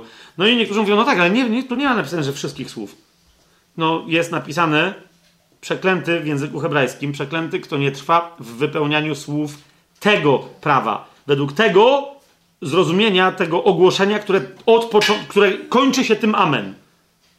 A jak ono wygląda? 27 rozdział, pierwszy werset. Zobaczcie. Raz, dwa, trzy. Bo to jest logika, którą sami faryzeusze powiedzieli, że tu nie ma żadnej innej logiki. I Żydzi z tym nie dyskutują. Dlatego Paweł i dlatego Jakub później mówią to, co mówią. Otóż zobaczcie, 27 rozdział, pierwszy werset. Wtedy Mojżesz i starsi Izraela nakazali ludowi, Przestrzegajcie których najlepszych przykazań? Dziesięciu z dekalogu. Przestrzegajcie wszystkich przykazań, które wam dziś nakazuję. Numer jeden. Numer dwa, czyli werset trzeci. I wypiszesz na nich wszystkie słowa tego prawa. Które? Wszystkie słowa tego prawa. Gdy tylko przeprawisz się, abyś wszedł do ziemi, którą ci daje Pan, Twój Bóg, i tak dalej, i tak dalej. I ósmy werset Numer 3. Na tych kamieniach bardzo wyraźnie wypiszesz wszystkie słowa tego prawa. Więc o które słowa tego prawa chodzi, gdy w 26 wersecie czytamy przeklęty, kto nie trwa w wypełnianiu słów tego prawa? O wszystkie słowa tego prawa. Rozumiecie o co mi chodzi? To jest po prostu e, podkreślenie i powtórzenie tylko i wyłącznie założenia zawartego, to jest logika języka hebrajskiego, ona ponoć jest, jest dla tych, którzy się na nim znają, jest, jest niepodważalna, jest matematyczna i nikt w tym czasach Jezusa i czasach chrześcijan pierwszych nie dyskutował. Ok? To jest to. I dlatego w liście do Galacjan, że szybko przeskoczymy, między innymi na podstawie interpretacji tego rozdziału, nie tylko tego, ale no, pokazuję wam, żeby nie było, jest to napisane w, w prawie samym w sobie Księdze Powtórzonego Prawa. Dlatego Paweł w liście do Galacjan w trzecim rozdziale, w dziesiątym wersecie powiada: Na wszystkich bowiem, którzy są z uczynków prawa, ciąży przekleństwo. Dlaczego? Bo jest napisane przeklęty każdy, kto nie wytrwa w wypełnianiu wszystkiego, co jest napisane w prawie. Rozumiecie? Zachowywanie prawa nie jest zachowywaniem wybiórczo jakichś praw. Nie jest zachowywaniem większości. Nie jest zachowywaniem, jak niektórzy kombinują, na przykład adwentyści. Nie, nie wszyscy, ale, ale niektórzy, ci tacy najbardziej hardkorowi, nie? Że były prawa zapisane na kamieniu, potem inne na czymś, potem coś, te są ważniejsze od tamtych i tak dalej. Nie ma nic do rzeczy. Prawo jest prawem. I ci, co się na tym prawie znają, Żydzi, mówią wyraźnie 613. Każde z nich w sposób doskonały. Znajdź mi człowieka, który wypełnia te wszystkie prawa wśród nich. Jakby wypełniali, to by nie mieli święta Jom Kippur. Ci, co wiedzą o czym mówię, to wiedzą o czym mówię. Jakub z tego samego powodu, bo Paweł uczony w piśmie, faryzeusz, no ale Jakub, który, nie muszę go przedstawiać, po prostu jest Jakubem. Jeżeli ktoś gdzieś coś krzyczy o uczynkach, a potem wmawia między innymi jemu, no ale jak ktoś gdzieś krzyczy o uczynkach, to jest właśnie Jakub. Tenże Jakub wyraźnie powiada, drugi rozdział, 10-11 werset listu Jakubowego. Kto bowiem przestrzega całego prawa, żeby nie było żadnych wątpliwości, kto bowiem przestrzega całego prawa, a przekroczy jedno, staje się winnym wszystkich. Bo ten, który powiedział, nie będziesz cudzołożył, powiedział też, nie będziesz zabijał. Jeżeli więc nie cudzołożysz, ale zabijasz, nie jesteś przestępcą tego prawa, a tamtego nie, lecz jesteś przestępcą całego prawa. Jak nie zabiłeś, nie zgwałciłeś, nie tu założyłeś, nie złorzeczyłeś, nie bluźniłeś imieniu Bożemu, ale, ale ukradłeś, to nadal jesteś winny całego prawa. Ponieważ każda z tych cząsteczek przypomina ci o czym? Że nie jesteś w stanie zachować całego prawa. Czemu? Bo nie jesteś osobą, która by była prawa. Po to jest prawo, żeby ci, żeby ci pokazać twoją nieprawość a nie żeby spowodować u ciebie, osoby nieprawej, jakąś sprawiedliwość, czyli prawość. Jasne? W liście do Galacjan, w trzecim rozdziale, więc wróćmy do niego, Paweł powiada yy, dokładnie o tym, co ja, teraz, yy, co ja teraz mówię. Paweł powiada w trzecim rozdziale, w 22 wersecie, pismo, czyli, bo to są wszystkie słowa Pana zawarte w prawie, prawo i prorocy, cała, cała Tora rozumiana bardzo szeroko jako całe Stare Przymierze. Zauważcie, to pismo tyczące się prawa, bo, tu, bo to jest pytanie, po co więc prawo? 19 werset, tak?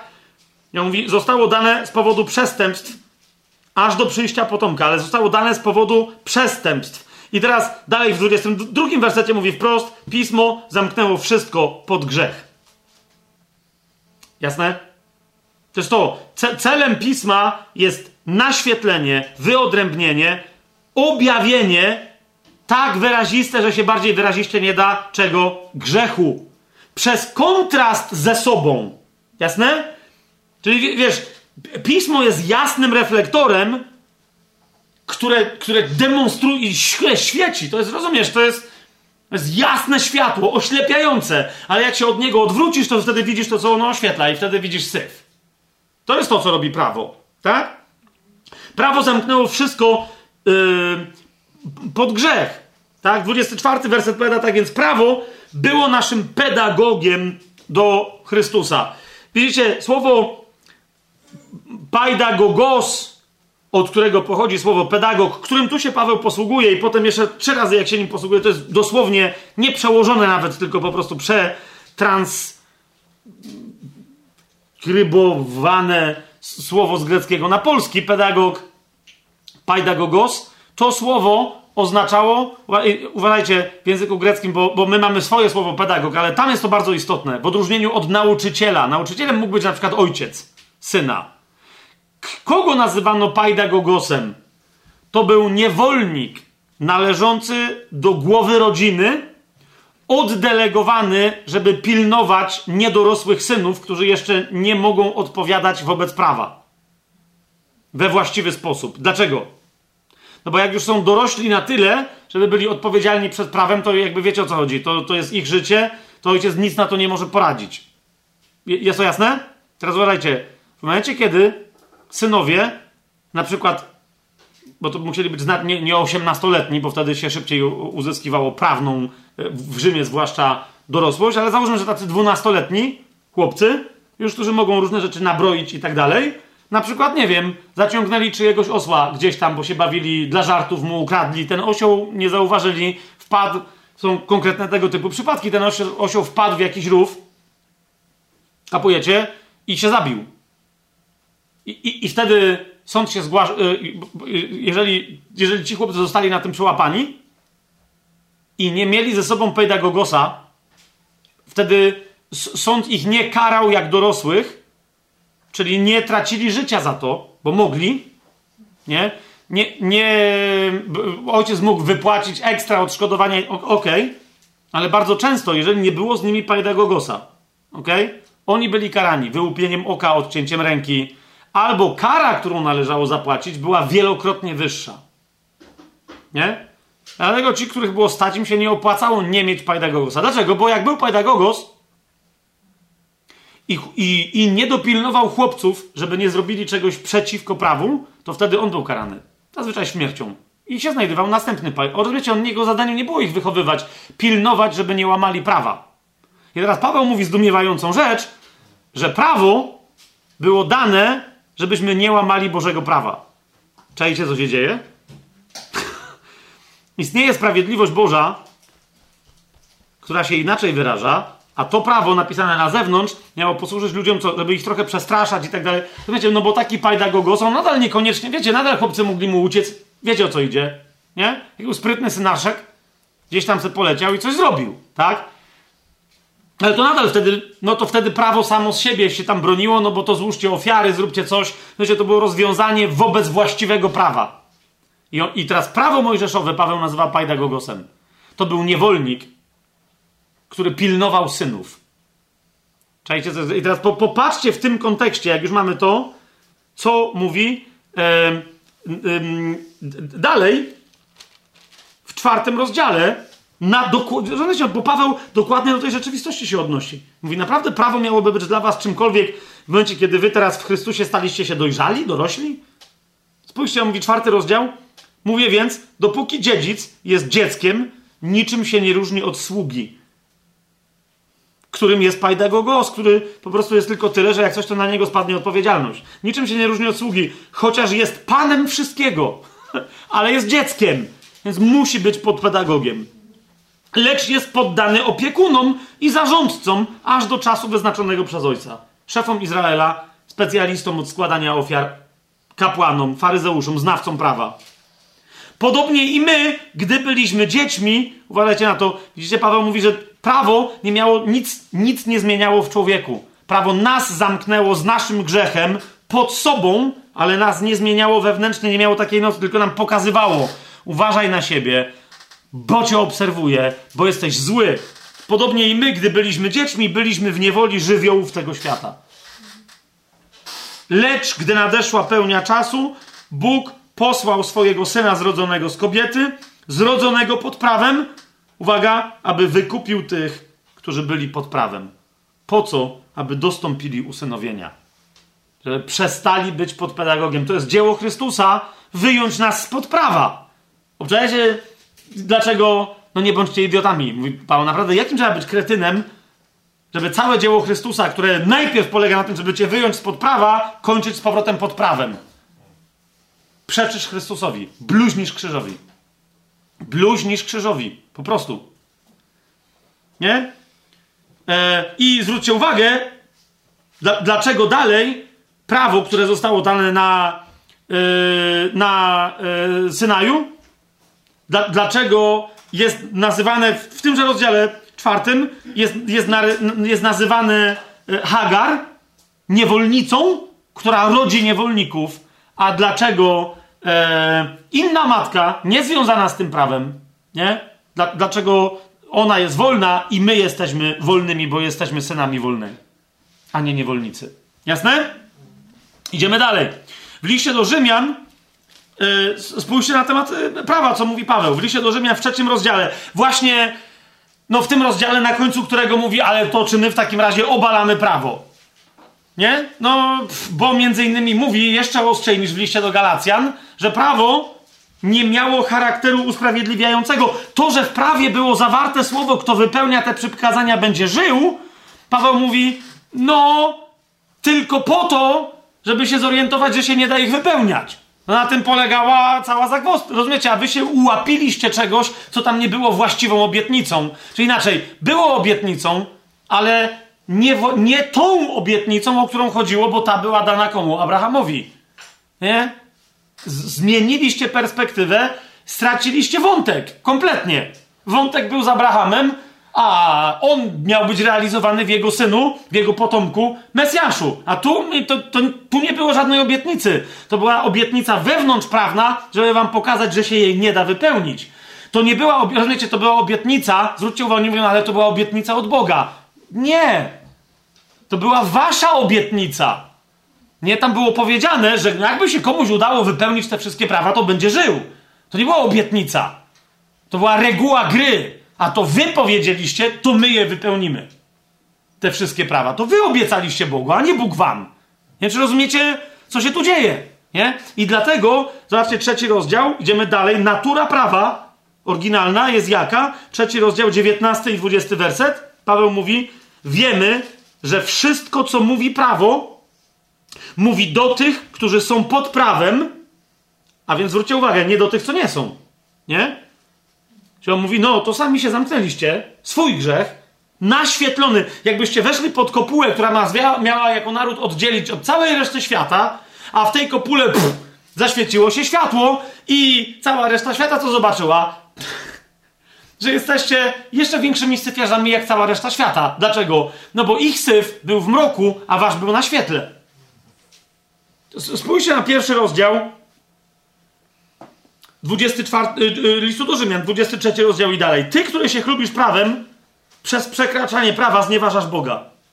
Ponieważ z waszego powodu, to Paweł mówi do Żydów, ponieważ z waszego powodu, jak jest napisane, poganie bluźnią imieniu Boga.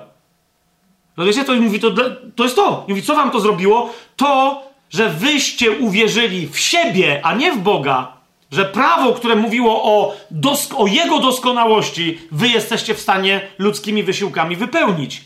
I dlatego, jeszcze raz, trzeci rozdział, dziewiętnasty werset, Paweł konkluduje temat natury prawa, mówiąc, wiemy, że wszystko, co mówi prawo, mówi do tych, którzy są pod prawem, ale po co? Aby wszystkie usta zostały zamknięte i aby cały świat podlegał karaniu Boga. Bo jeżeli wy, mając prawo, będziecie karani, to i cała reszta świata też.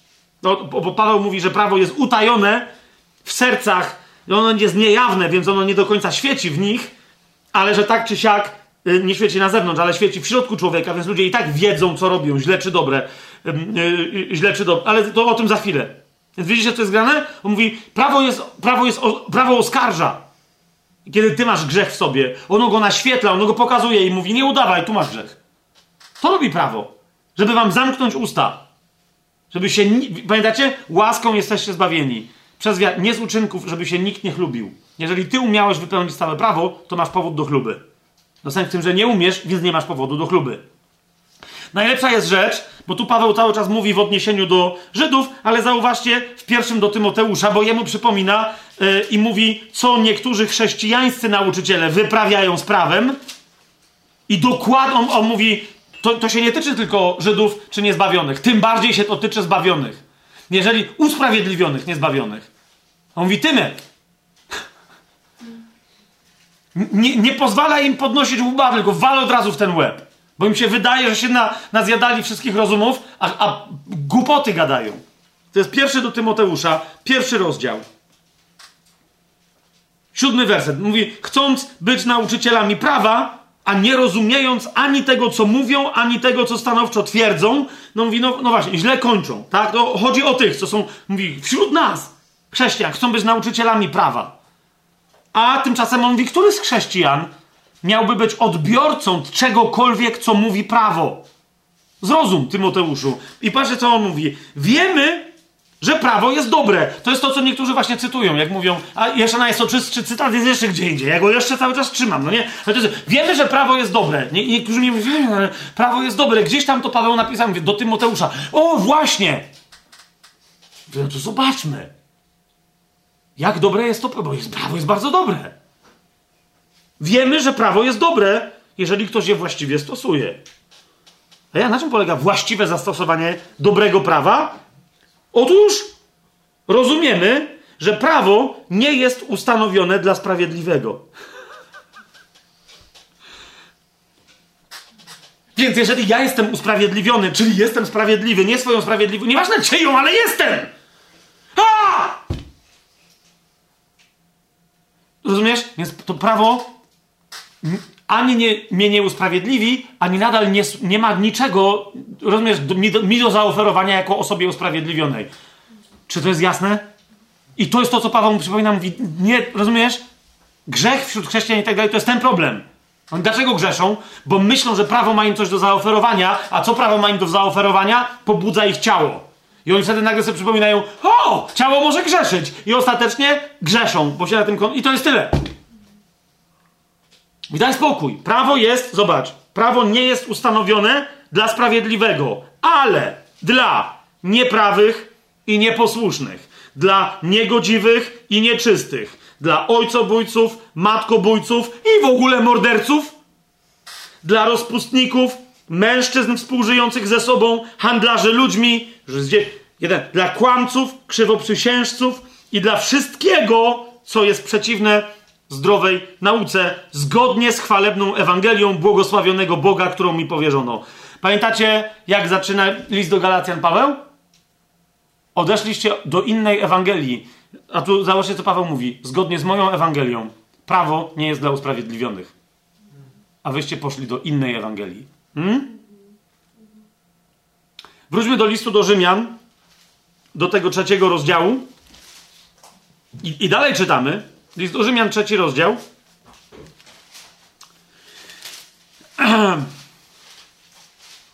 Od, y, ale nieco wcześniej. Z tego właśnie powodu Paweł mówi, że, że, na, że, nie tylko poganie, o których Żydzi byli przekonani, że oni są niesprawiedliwi, ale Żydzi też, że to powoduje, że nie ma żadnej różnicy między Żydami a Grekami, czyli w ogóle poganami, z jakąkolwiek filozofią by się nie chcieli zbawić, czy religią. Jedyna różnica polega na tym, że grzech Żydów jest bardziej przez prawo naświetlony, a oni są bardziej go świadomi niż poganie. To jest jedyna różnica. Ale gdy chodzi o prawdziwe prawo Boże, a nie to mojżeszowe, wszyscy są tak samo winni. Zobaczcie trzeci rozdział, dziewiąty werset. Cóż więc, czy przewyższamy ich? Żadną miarą. Ponieważ przedtem dowiedliśmy, że zarówno Żydzi, jak i Grecy wszyscy są pod grzechem. Jak jest napisane, nie ma sprawiedliwego ani jednego. Nie ma rozumnego i nie ma nikogo, kto by szukał Boga. Wszyscy zboczyli z drogi, razem stali się nieużyteczni. Nie ma nikogo, kto by czynił dobro, nie ma ani jednego. Z pogan? Nie. Zarówno Żydzi, jak i Grecy są w ten sposób opisani jako nie ma sprawiedliwego. Żydzi mówili, my jesteśmy sprawiedliwi, bo przestrzegamy prawa. Paweł mówi, nie, nie, nie. Nie przestrzegacie całego prawa, więc nie przestrzegacie prawa w ogóle. Dlatego w liście do Rzymian w drugim e, rozdziale, zobaczcie, drugi rozdział listu do Rzymian, e, w drugim rozdziale, od 11, bo niektórzy mówią, no tak, ale to jak w takim razie, nie mając prawa, poganie mieliby być za coś, no bo e, widzicie, prawo rzymskie nawet stanowiło wyraźnie, że nieznajomość prawa nie zwalnia z przestrzegania go. Nie, bo niektórzy się tłumaczą nawet dzisiaj, a to ja nie wiedziałem, że takie jest prawo. No to, to masz problem, trzeba było go znać. Nie? Weź spróbuj jechać e, 50 km, 100 km, 120 km na godzinę w terenie zabudowanym, gdzie jest ograniczenie do 50 km na godzinę. Zatrzymacie policja i ci powie, wyskakujesz sprawka. No jak to? No tak to, takie jest prawo. A to ja nie wiedziałem. I, i nagle policjant mówi, a to, to wszystko zmienia. To nie, no to jak pan nie wiedział, no to tylko teraz zapiszemy, zapiszemy, że już pan wie. No zapiszcie sobie. Nieznajomość prawa, nieznajomość prawa, niewiedza jak ono jest dokładnie sformułowane i tak dalej, nie zwalnia z przestrzegania go. Ok? Ale zwróćcie uwagę na jedną rzecz, o czym Paweł pisze w drugim rozdziale listu do Rzymian. U Boga, od 11 wersetu, u Boga, powiada, nie ma względu na osobę. Bo ci, którzy bez prawa zgrzeszyli, bez prawa też zginą. Zaraz się wyjaśni dlaczego. A ci, którzy w prawie zgrzeszyli, przez prawo będą sądzeni, no ale też zginą. Gdyż nie słuchacze prawa są sprawiedliwi przed Bogiem. Wiecie, koniec końców Żydzi tym się, tym się ratowali. No ale poganie nawet nie znają prawa, a my znamy. Paweł mówi, no i co z tego? Nie słuchacze prawa są sprawiedliwi przed Bogiem, ale ci, którzy wypełniają prawo, ci będą usprawiedliwieni. A kto wypełnia prawo? Nikt, więc nikt nie będzie z prawa usprawiedliwiony. Gdy bowiem poganie, tu czytamy dalej bardzo istotna informacja, którzy nie mają prawa, uwaga, z natury czynią to, co jest w prawie, oni nie mając prawa, sami dla siebie są prawem. To jest ta podstawa biblijnego nauczania, które jest znacznie, znacznie, znacznie szersze, no ale tu nie, nie mamy czasu na to, e, nauczania na temat powszechności występowania sumienia u niezbawionych ludzi. Nie? To, to jest to, tak zwane prawo naturalne, do którego wielu filozofów się też odwoływało i tak dalej. Tak, to, jest, to wynika dokładnie z tego fragmentu, głównie z tego fragmentu Słowa Bożego i z paralelnych, tak? Czyli, że ludzie mają de facto poznanie sprawiedliwości Bożej, tego, co w jego oczach jest prawe, bo każdy ma poznanie przez sumienie i na tej podstawie będą sądzeni, nie? Żydów, ich prawo tym bardziej tylko oskarża, że jakby tłumaczyli, że no nie, nie bardzo rozeznałem w sumieniu, to wtedy, no ale miałeś prawo mojżeszowe, no to tym bardziej, nie? Oni to, 15 werset, o poganach jest powiedziane, oni to ukazują działanie prawa wpisanego w ich serca za poświadczeniem ich sumienia i myśli wzajemnie się oskarżających lub też usprawiedliwiających. W dniu, w którym Bóg przez Jezusa Chrystusa będzie sądził skryte sprawy ludzkie, zwróćcie uwagę znowu, według mojej Ewangelii. Ewangelia mówi nie tylko, nie, nie jest tylko dobrą nowiną o tym, że ci, którzy e, zasługiwali na absolutne wieczne potępienie, to nie jest tylko taka dobra nowina, e, która, która mówi o tym, że, że, że oni mogą być usprawiedliwieni, ale też o tym, że jak ktoś nie skorzysta z prawa łaski, z ułaskawienia, wówczas będzie sprawiedliwie osądzony. Z czego? Ze swoich uczynków. To jest część dobrej nowiny. Proszę, drugi raz Paweł mówi, według mojej Ewangelii, do Tymoteusza i teraz jeszcze, według mojej Ewangelii, nie odchodźcie do innej Ewangelii. Albo jedno, albo drugie. Albo ułaskawienie i wtedy idziesz na Trybunał Chrystusa, ale jesteś wolny od sądu, nie idziesz na sąd. Albo nieułaskawienie, bazowanie na własnej sprawiedliwości, na własnych rozgrywkach, na własnej filozofii, na własnej religii, ale wtedy po tysiącletnim królestwie sąd Białego Tronu. A wtedy, stając przed prawem, to jest sąd uczynkowy, ale to jest sąd potępienia. E, Trybunał Chrystusa ci mówi, ile z Twoich uczynków było żywych i tak dalej, a więc jak wygląda Twoja zapłata i nagroda za bieg. Tak? Zapłata za pracę, nagroda za bieg, jasne? Tam będzie rozporządzenie, w którym miejscu jeziora ognistego się znajdziesz. Nie? Jak bardzo ci wszystko będą smażyć i ile dzikich yy, demonów z cierpienia będzie ci wyżerać wątrobę czy nerki, czy, czy ci nie będzie wyżerać. No ja teraz żartuję trochę, bo to nie, nie na takiej mitologii jest oparte, ale idzie mi o to, że tam również to będzie sprawiedliwa, potępieńcza odpłata za zło, które ludzie wyrządzali i, i nie skorzystali z łaski. Jasność? Nie ma żadnej. Okej. Okay. Zobaczcie y, Księgę Objawienia w takim razie, jak nie ma żadnej reakcji z waszej strony.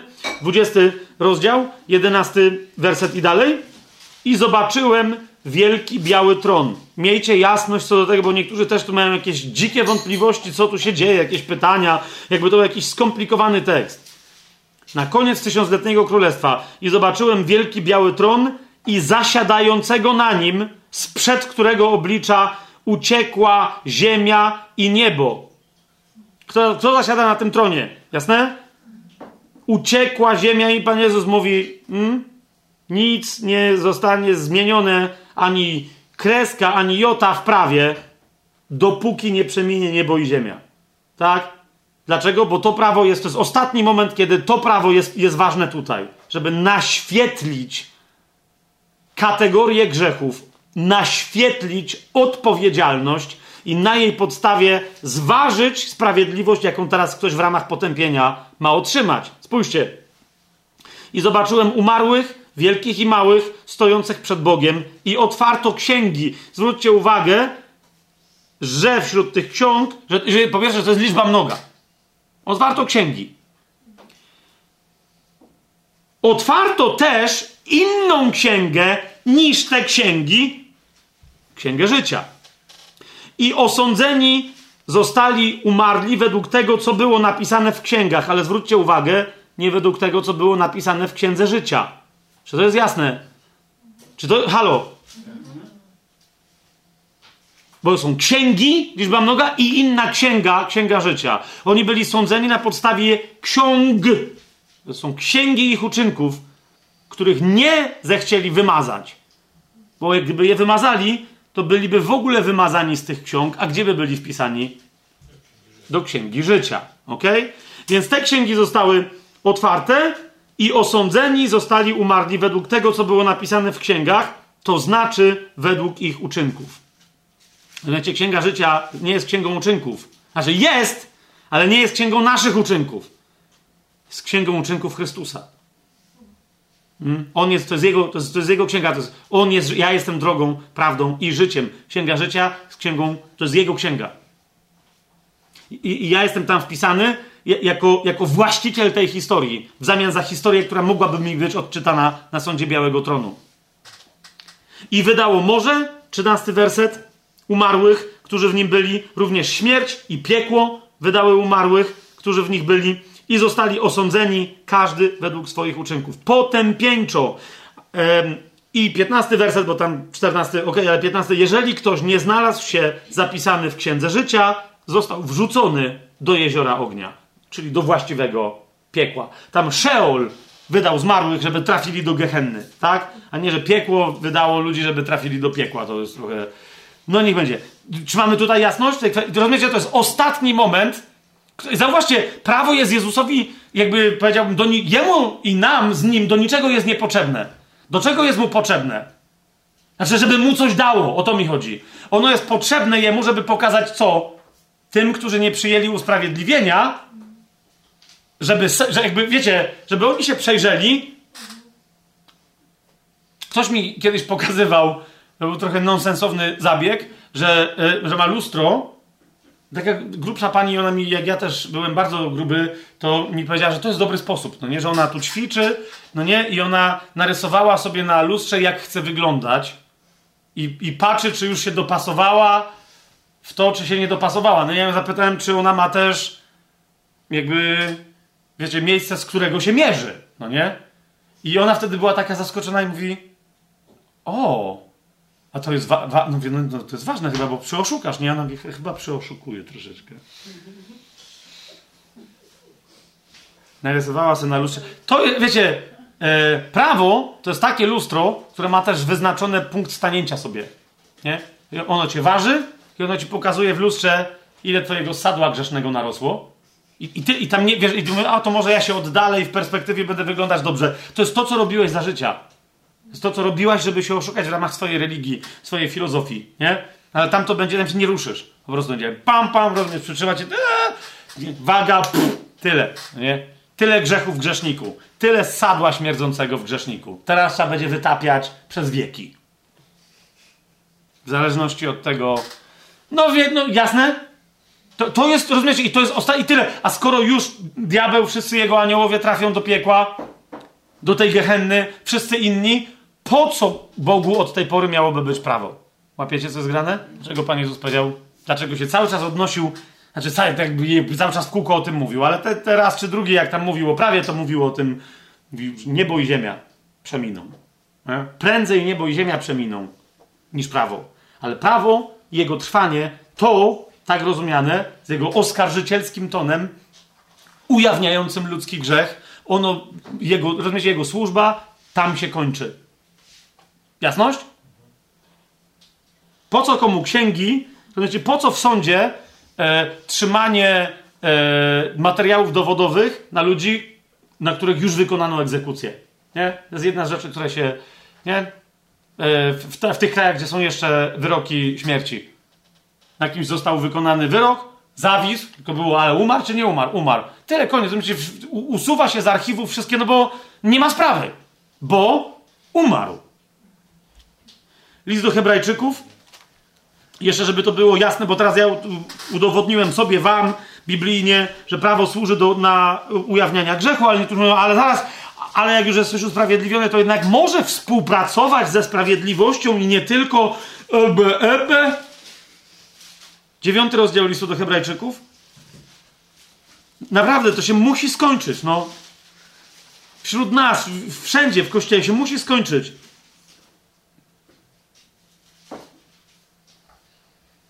Pierwszy przybytek, który był centrum prawa mojżeszowego, wyrazem prawa mojżeszowego. Większość rzeczy, o których mówi prawo mojżeszowe, miało się odbywać w, przybyt, w świątyni. No amen? Ofiary, wszystkie miały być składane i tak dalej. Bez, bez świątyni oni nie, nie wiedzieli, co mają zrobić. Gdzie? Jak? Chodzimy w grzechu, giniemy. Otóż dziewiąty rozdział, dziewiąty werset powiada, że ten pierwszy przybytek o którym jest mowa w ósmym wersie, ale od początku dziewiątego rozdziału jest mowa o, o, o, służbie w ziemskiej świątyni, czyli o prawie mojżeszowym i o wyrazie materialnym tego prawa. Był on obrazem na tamten czas, a składano w nim dary i ofiary, które nie mogły uczynić doskonałym w sumieniu tego, który pełnił służbę Bożą. Jeszcze raz? Nawet wypełnianie tego prawa kompletne, całościowe, w samej, z natury, zauważcie, wypełnianie prawa nie miało mocy oczyszczenia sumienia. Jasne? I jeszcze list do Hebrajczyków, dziesiąty rozdział. Jakby jeszcze komuś było mało, od pierwszego wersetu wprost zapisane: Prawo bowiem, zawierając cień przyszłych dóbr, a nie sam obraz rzeczy. Widzicie, od początku drugorzędna kwestia. List do Hebrajczyków, dziesiąty rozdział, od pierwszego wersetu. Prawo bowiem, zawierając cień przyszłych dóbr, od samego początku zwróćcie uwagę, cień nie jest właściwym odwzorowaniem rzeczywistości. Zgadza się? Możesz yy, yy, dowolny kształt tak ustawić. Wiecie, niektórzy lubią się bawić w te takie historie, że tu masz rzeźbę jakąś dziką, nie wiesz co jest grane, oświetlisz ją z jednej strony, a w cieniu ci wyjdzie napis kocham cię. Wszyscy wow! Rozumiesz? Tylko, że jak ktoś widziałby cień i ktoś by powiedział, ty, bo tam była rzeźba i ona rzucała taki cień, ktoś mówi, e, taka rzeźba. A potem widzi i mówi, a, taka rzeźba, to przecież to ja nie wiedziałem, że to taki cień rzucało. To jest to. Prawo zawierając cień przyszłych dóbr, a nie sam obraz rzeczy, uważajcie, nie może nigdy przez te same ofiary, które co roku są nieustannie składane, uczynić doskonałymi tych, którzy przychodzą. Czy da się to powiedzieć jeszcze jaśniej na litość boską? W przeciwnym razie przestano by je składać, gdy, rozumiecie, Paweł mówi, że samo prawo w sobie zawierało informację, to jest dla nas cenna informacja, że ono nie działa. Bo gdyby działało, Paweł mówi, w przeciwnym razie przestano by je składać. Gdyby one robiły to, co Żydzi twierdzili, że one robią. No i to przestaną by je składać, dlatego że składający raz te ofiary, raz oczyszczeni, nie mieliby już żadnych grzechów na sumieniu. No ale mieli! Dalej! A jednak przez te ofiary każdego roku odbywa się przypominanie grzechów. Widzicie, to jest kolejny raz powiedziane. Prawo nie uwalnia od grzechów, prawo przypomina o grzechach. Wypełnianie prawa nie uwalnia od grzechów. Nie daje daje tylko przypomnienie. Niemożliwe jest bowiem, aby krew wołów i kozłów gładziła grzechy. Kropka. Teraz prawo, punkt, pierwszy punkt, prawo nie było nigdy pierwszoplanowym ani równorzędnym graczem wraz z innymi osobami, postaciami, e, takimi jak Abraham, e, Chrystus, ale i Dawid i jeszcze paru innych, tak nigdy nie było pierwszoplanowym ani równorzędnym nawet w jakichś ciężkich porywach graczem to był tylko dodatek temu służący. Ze względu na samodestrukcyjne zachowania, autodestrukcyjne zachowania Izraela przez grzech. Dwa. Prawo nie jest narzędziem usprawiedliwienia, nigdy nie było, ale jest narzędziem sprawiedliwego potępienia tych, którzy nie skorzystają z prawa łaski. I trzy. Prawo wzbudza świadomość potępienia bo rozumiecie, jeżeli ono naświetla grzech, no ale ono naświetla grzech jak? Abstrakcyjnie nie. Ono naświetla grzech w grzeszniku. Co się wtedy dzieje?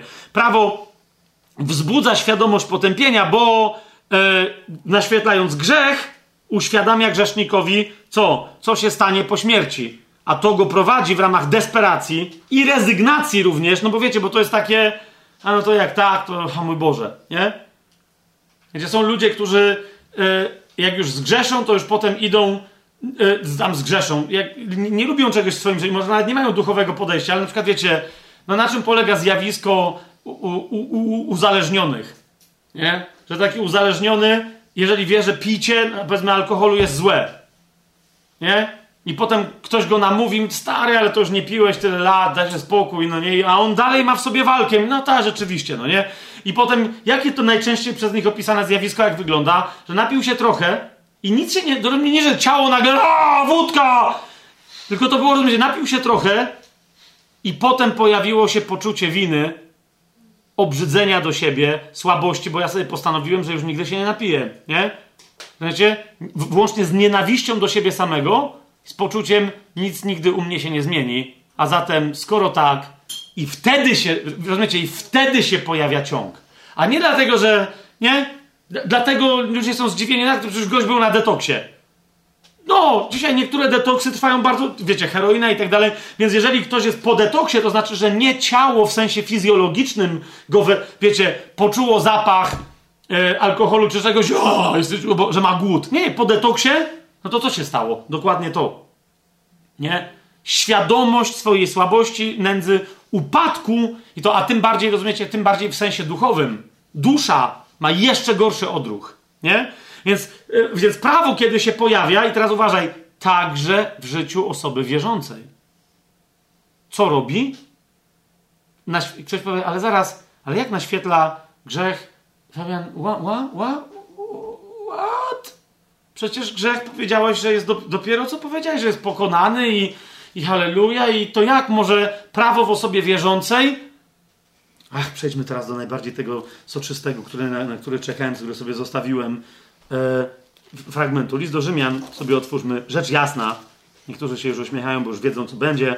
Niektórzy od początku wiedzieli, ale mówią, ok, razem z tobą się doczekaliśmy w końcu. Czy to jest to, co myślimy? Tak, siódmy rozdział listu do Rzymian. Od siódmego wersetu. Hmm?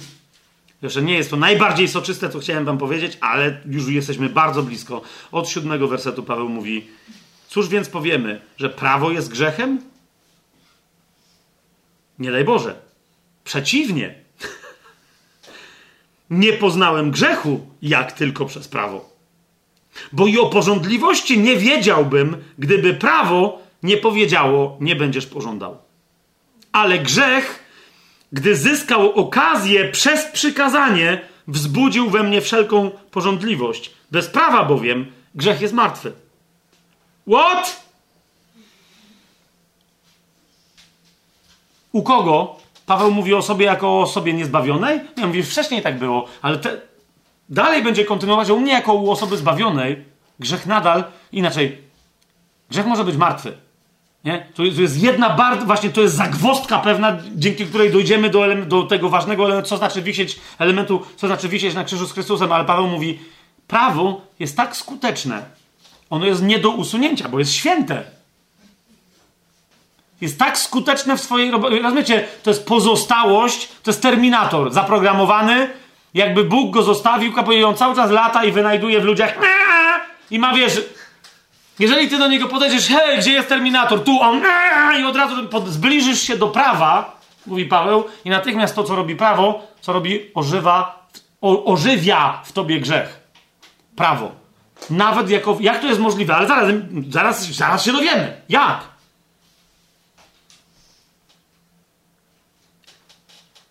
Bez prawa grzech jest martwy. Siódmy rozdział, ósmy werset listu do Rzymian. Tak? Bez prawa, czyli z prawem jest żywy. I ja żyłem kiedyś bez, bez prawa, lecz gdy przyszło przykazanie, grzech ożył. Widzicie, jeszcze raz Paweł mówi. Byłem kiedyś poganinem jako Żyd, ale nawróciłem się, stałem się faryzeuszem, znalazłem prawo, no i wtedy dopiero się zaczęło. Jak znalazłem prawo. Grzech ożył, a ja umarłem. I teraz chodzi o, wiecie, o, o, o taką, ta, tą śmierć, która się należy za grzech, a więc byłem potępiony wiecznie, jako faryzeusz. I okazało się, że przykazanie, które miało być ku życiu, jest mi ku śmierci. Dlaczego? No bo wyraźnie przecież Słowo Boże powiedziało, jak wypełnisz całe prawo, ale jak zgrzeszysz, to już nie wypełniłeś całego prawa, a wtedy co? A wtedy dostajesz dokładnie to, co prawo ci obiecywało, czyli przekleństwo. Ok? Czyli przekleństwo. Grzech bowiem, gdy zyskał okazję przez przykazanie, zwiódł mnie i przez nie, czyli przez prawo mnie zabił. Hmm? List do Hebrajczyków sobie otwórzmy.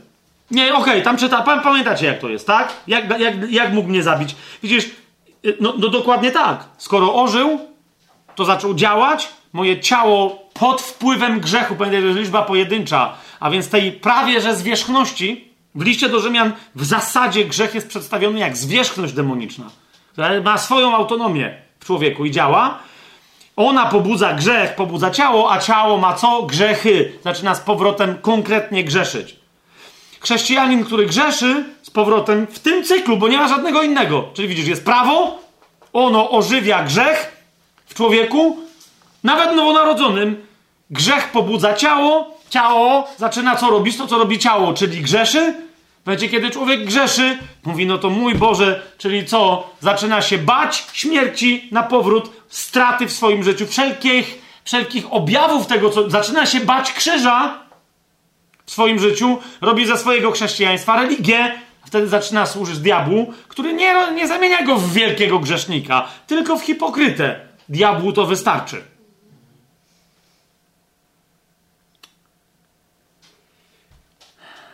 Wróćmy do listu do Rzymian. Dwunasty werset. I teraz zauważcie, co Paweł mówi. Więc prawo, tak, widzicie, widzicie to, to jest dokładnie ten fragment. Prawo jest dobre. Prawo, super. Zauważcie, co, co się dzieje w 12 wersecie. A tak, prawo jest święte. I przekazanie, każde w tym prawie, jest święte, sprawiedliwe i dobre. To amen. No ale tylko co, rozumiesz, tylko co z tego, skoro nie jest po to, żeby ciebie uczynić świętym, sprawiedliwym i dobrym? Hmm? Czy więc to, co dobre, stało się dla mnie śmiercią? Nie daj Boże! Przeciwnie, grzech aby okazał się grzechem, sprowadził na mnie śmierć przez to, co dobre, żeby grzech stał się niezmiernie grzesznym, ale przez przykazanie. Hmm? Gdyż wiemy, że prawo jest duchowe, no i tutaj Paweł zaczyna wchodzić w temat, ale ja nadal jestem cielesny. Zaprzedany grzechowi. Jak to? Przecież Chrystus tobie wygrał. Widzicie, właśnie to jest to, dlaczego Paweł mówi duch dusza i ciało. Chrystus nie był grzeszny nawet w swoim ciele, ale w swoje ciało wziął nas, nasz grzech. My zostaliśmy tak jak On, usprawiedliwieni w duchu. On został rozpoznany w duchu jako sprawiedliwy, dlatego został kompletnie usprawiedliwiony jako człowiek i jego sprawiedliwość przechodzi na, na nas, ale my w duchu jesteśmy rozpoznani jako kto? Jako niesprawiedliwi. Tak? Kiedy doznajemy usprawiedliwienia, otrzymujemy nowego ducha i nowe serce, ale czy otrzymujemy nowe ciało? Nie. Ciało, dopóki nie szczeźnie, to nasze fizyczne ciało musi być przez nas, przez naszego ducha utrzymywane jako martwe. Albo też, jeżeli na powrót ożyje, pierwsze co się stanie, ożyje grzech, który zamieszkuje nasze członki, a wtedy co się będzie działo? Będziemy robić to, czego nie chcemy, czyli będziemy grzeszyć ponieważ to robi ciało, kiedy jest żywe. A co ożywia ciało? Prawo. Dlaczego? Ponieważ prawo odnosi się tylko do żyjących ciał. Zauważcie we wszystkich miejscach, gdzie Paweł mówi, że żadne ciało nie będzie usprawiedliwione z uczynków prawa. Nigdzie nie mówi, że żaden duch nie będzie usprawiedliwiony. Dlaczego? Bo prawo się nie odnosi do uczynków duchów. Czy to jest jasne? Tak? Zaraz jeszcze więcej sobie o tym powiemy, ale tu uwagę, i dlatego Paweł mówi, że tak jest. Właśnie zbliżenie się chrześcijanina, usprawiedliwionego człowieka, jego zejście z krzyża, żeby teraz na powrót swoje wysiłeczki demonstrował Bogu, co powoduje, że skoro schodzi z krzyża, rozumiecie już dlaczego to jest ten taki konflikt? Skoro schodzi z krzyża, to jedyne z czym się spotka to jest prawo. Z tej strony. Bo nie da się zejść z krzyża, rozumiesz, z drugiej strony się wzlatuje z krzyża do nieba co najwyżej. Tak? Z tej strony, jak schodzisz, to schodzisz z krzyża pod prawo. Nie ma żadnego innego zejścia. Ok? I wtedy co się dzieje? Czternasty werset. Wiemy, że prawo jest duchowe, ale ja jestem cielesny. Cieleśnie w tym sensie zaprzedany grzechowi. Tak? Bo duchowo. Więc mówi, tego bowiem, co robię, nie pochwalam, bo nie robię wtedy. Tak? kiedy prawo uruchamia we mnie moją cielesność. Tego bowiem, co robię, nie pochwalam, bo nie robię tego, co chcę, ale to, czego nienawidzę, to robię. A jeżeli robię to, czego nie chcę, zgadzam się z tym, że prawo jest dobre. No bo ja na jakiej podstawie ja się zgadzam, że to jest nie, godne nienawiści? Bo mam porównanie do prawa, a nie do krzyża. Więc rozumiecie, czy obalamy prawo? Paweł mówi, nie, umacniamy je, tylko zrozum, no jako to, czym prawo jest, jako oskarżyciela grzechu, jako ożywiciela grzesznego ciała, nie nowego, zmartwychwstałego ciała. Teraz więc już nie ja to robię, 17 werset, ale grzech, który we mnie mieszka. Wiesz o co mi chodzi? Gdzie? W moim ciele.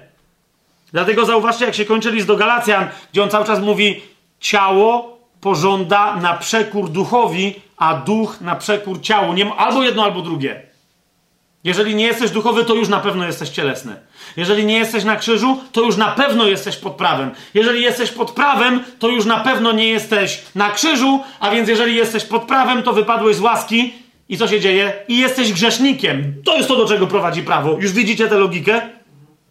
Ja to, ja to, to wiem, że we mnie i teraz, żeby to, bo Paweł mówi zaraz, żebyśmy się nie, nie, żebyście mnie źle nie zrozumieli. Wiem, że, bo teraz już nie ja to robię, ale grzech, który we mnie mieszka. Gdzie? 18 werset. We mnie to jest w moim ciele. Nie w mojej duszy. Nie w moim duchu. Nie w moim sercu nowonarodzonym. Nie? W moim ciele. We mnie to jest w moim ciele nie mieszka dobro, bo chęć jest we mnie, ale wykonać tego przy pomocy tego ciała wtedy, co dobre, nie potrafię. Nie czynię bowiem dobra, którego chcę, którego pragnę, ale zło, którego nie chcę, to czynię.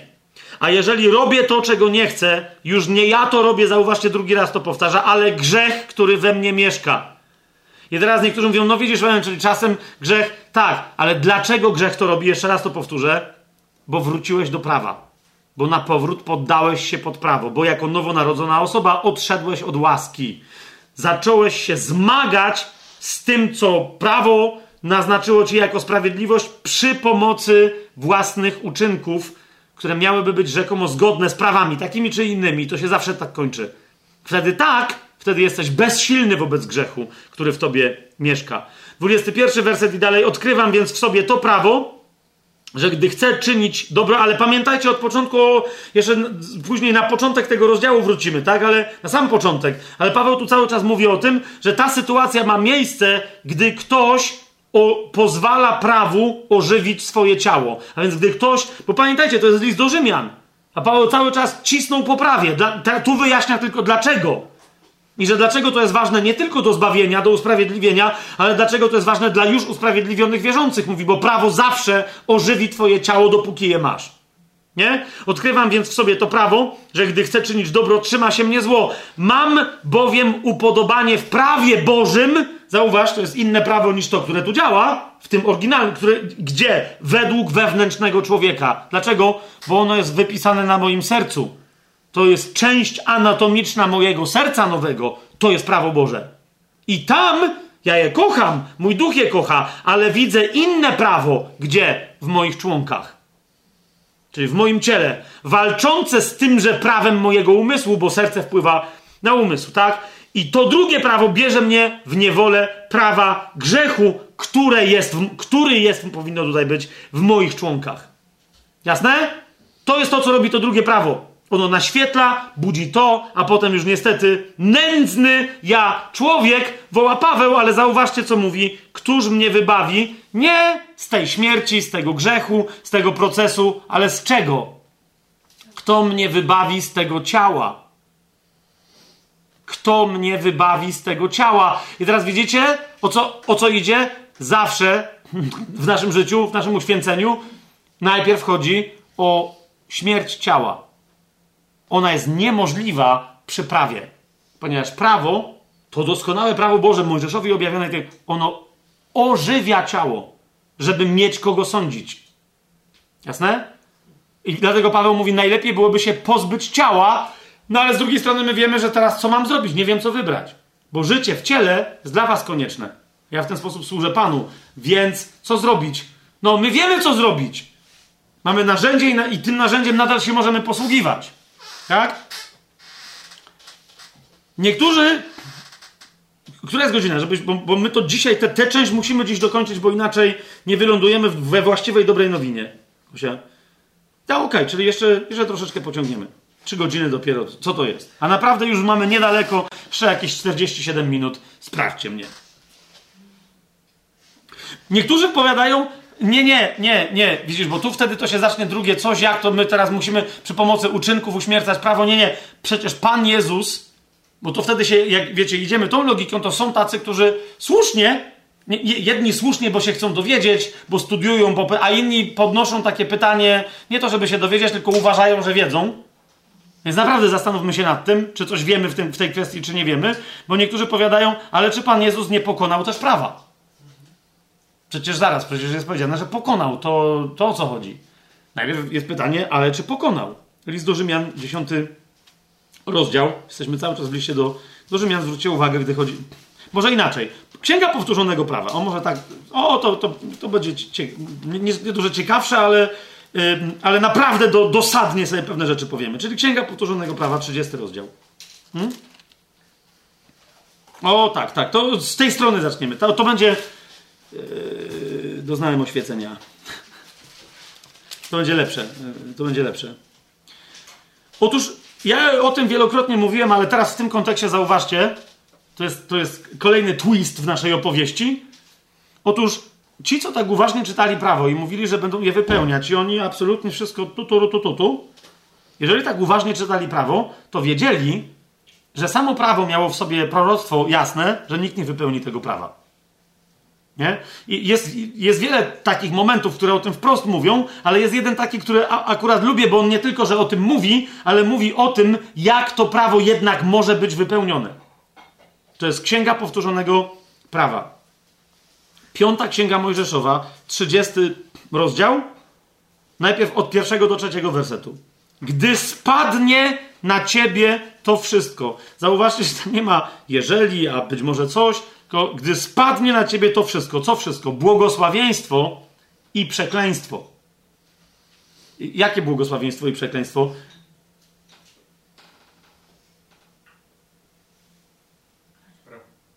Nie, nie każde. Wynikające z prawa.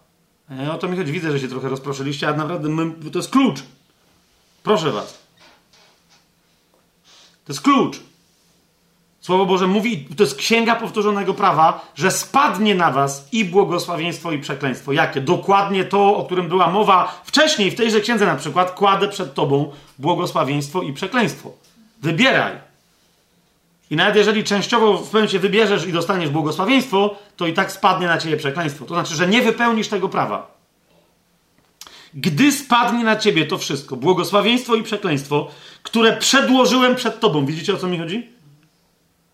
A wspomnisz je sobie w swoim sercu pośród wszystkich narodów, do których Pan, Twój Bóg Cię wypędzi, by the way, do wszystkich narodów, zauważcie, co się tu dzieje, i zawrócisz do Jachwę, swojego Boga, i będziesz słuchać Jego głosu we wszystkim, co Ci dziś nakazuje, Ty i Twoi synowie, z całego swojego serca i całą swoją duszą, wtedy Jachwę, Twój Bóg, wyprowadzi Cię z Twojego więzienia i zlituje się nad Tobą i przywróci i zgromadzi cię ze wszystkich narodów, wśród których Jahwe, twój Bóg, cię rozproszył. To jest obietnica królestwa. Ale, ale bo nie, nie będę tu wchodził w tu i jeszcze parę wersetów, które to oznaczają, ale patrzcie, co jest dalej, szósty werset. Jahwe, twój Bóg, obrzeza twoje serce. Co?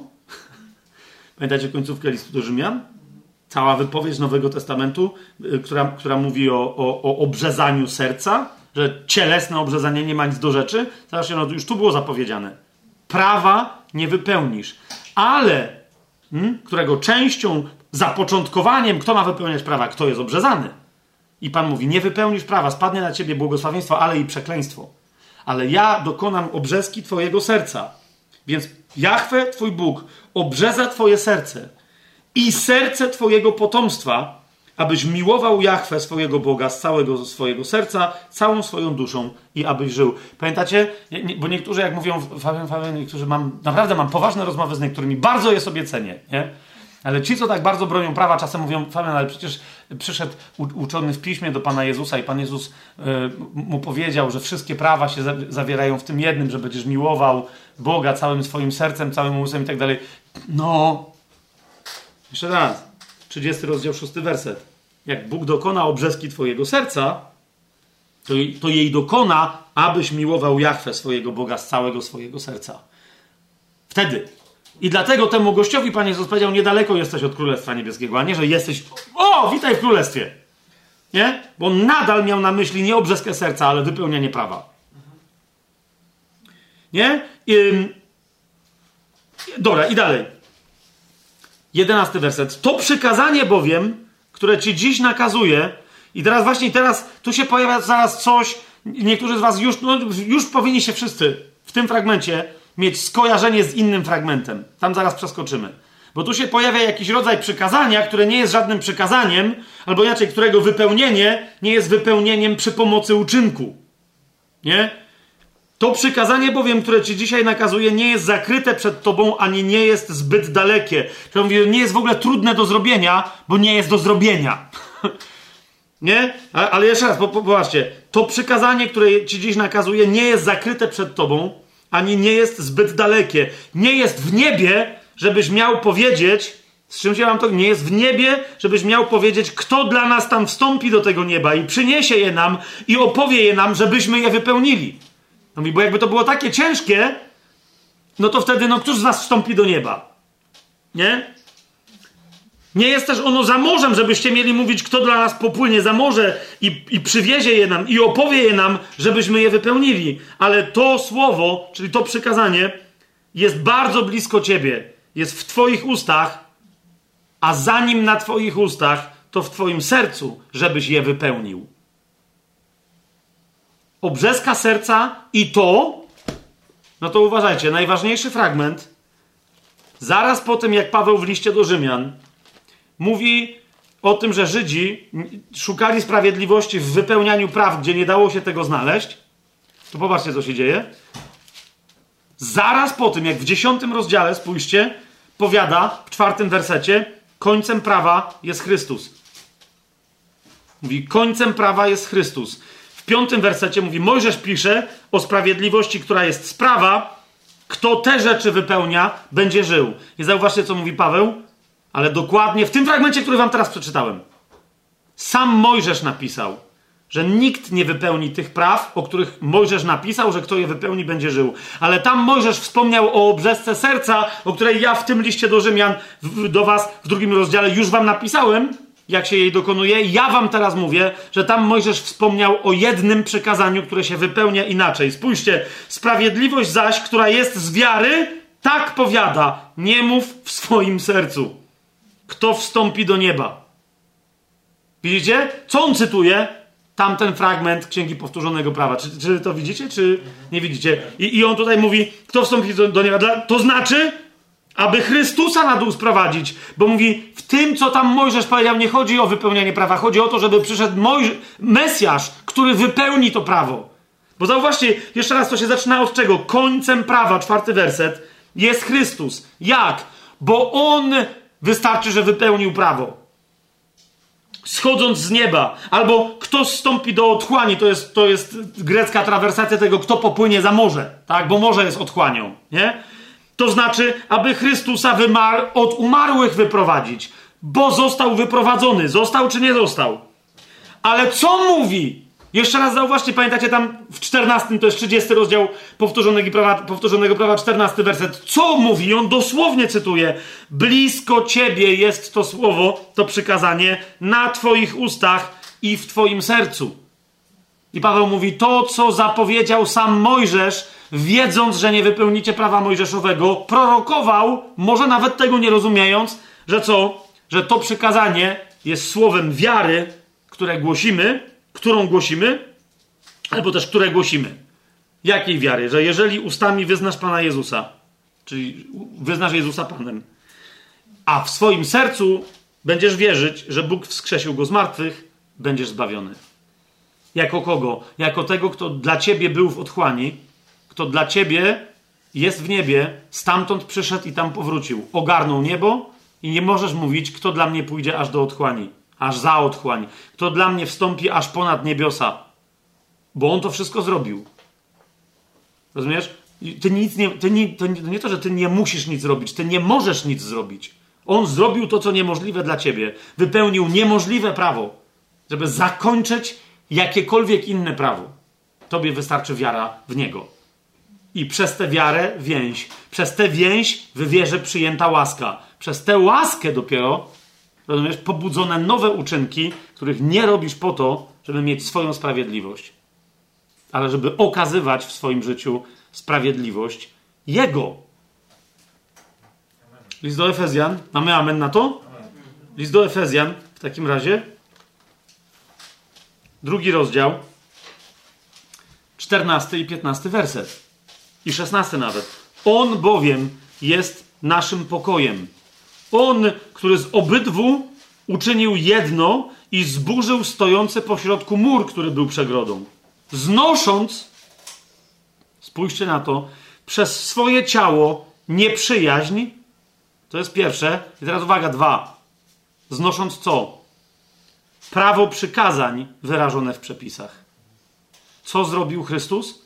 Zniósł. Nie tylko, że zadziałał obok prawa. Nie, nie, nie. On zadziałał centralnie w prawie. Stanął przed prawem i powiedział: Prawo, biorę w swoje ciało grzechy wszystkich ciał, wszystkich innych ludzkich ciał. Co ze mną zrobisz? Prawo mu odpowiedziało: Zetrę cię. Nie? A następnie on w duchu, kapujecie, zszedł i powiedział: Dla wszystkich, którzy kiedykolwiek zejdą do tej otchłani, gdziekolwiek by mieli zejść po śmierci i tak dalej, tych, którzy tu już byli, są, będą, tak, wszystkim wam mówię, cokolwiek stało się w ciele, pod, poddałem to pod osąd prawa i prawo wygłosiło wyrok i go wykonało na mnie. Ale widzicie, trik polega na tym, że ja nigdy nie miałem tego na sumieniu. nigdy nie miałem tego w duchu. Więc ten, który przyszedł w ciele, hmm, tajemnica wiary, Paweł do Tymoteusza pisze, został usprawiedliwiony w duchu i w ten sposób nas usprawiedliwił, abyśmy mieli nowego ducha, jakiego jego, każdy w sobie. Nie? Więc to, to, znaczy, to jest ta masakra, której on dokonał na krzyżu. Masakra, ale co jednocześnie zro, zrobił dla tych wszystkich, którzy w ten sposób są usprawiedliwieni, skończył prawo. Dlaczego? Ponieważ ich też raz na zawsze zabił. Dlaczego? Bo oni już nigdy, jeżeli na przykład ja, ty, my przyjęliśmy to wszystko jeszcze w tym ciele, rozumiesz, to następną rzeczą, jaka się dzieje przez usprawiedliwienie nas w duchu, to jest co? Zabijamy nasze ciało, chrzest. Tak? Żeby, żeby się wreszcie to skończyło. To ciało jeszcze dalej będzie żyć, ale jak martwe i ono wtedy może żyć uświęc, demonstrując nasze już dokonane wewnętrzne uświęcenie. To uświęcenie będzie się przelewać na nasz umysł, na, nasze, na naszą duszę, na nasze emocje i na nasze ciało. Tak? To jest to, co Pan Jezus dla tych, których zbawił dla nas, co zrobił? Nie, po prostu odciął nas od prawa. Rozumiecie jeszcze raz, dlaczego to jest nonsens wracać pod prawo? Spójrzcie raz 15 werset. Znosząc przez swoje ciało nieprzyjaźń, prawo przykazań wyrażone w przepisach. Ono powodowało nieprzyjaźń. Aby z dwóch stworzyć w samym sobie jednego nowego człowieka, czyniąc pokój. To jest temat swoją drogą, ale jeszcze do niego, my dzisiaj go w ogóle nie podejmiemy, do niego dopiero wrócimy. Nowego stworzenia. Nowy człowiek to jest nowe stworzenie. Kupają to w innym czasie swojego życia, pisze, ale wiecie, to jest to samo. To jest pierwsze, co się z tobą dzieje. Nowy człowiek nie ma niczego wspólnego z prawem. Dlaczego? Ponieważ on nigdy w życiu nie miał problemu z grzechem. Dlaczego? Ponieważ ma w sobie odwieczną sprawiedliwość Boga. Więc po co mu jest temat prawa w ogóle w życiu? Czy rozumiecie to? Po co po, prawo zostało dodane ze względu na grzech? Żeby zamknąć grzech pod kopułą, żeby go naświetlać, pa, pokazywać, pa, pokazywać go palcem. Tak? Ale co ma prawo robić z człowiekiem, który w ogóle nawet nie wie, co to jest, ponieważ nigdy nie zjadł z drzewa poznania dobra i zła? Nie? Aby pojednać, szesnasty werset, z Bogiem obydwu w jednym ciele przez krzyż, zgładziwszy przez niego nieprzyjaźń. Producentem tej nieprzyjaźni jest prawo. I to, które jest święte, ale ono, rozumiecie, produkuje nieprzyjaźń, bo istnieją jeszcze ciała, które są naczyniami grzechu nosicielami tego dziadowskiego pasożyta. List do Kolosjan. Kolosjan.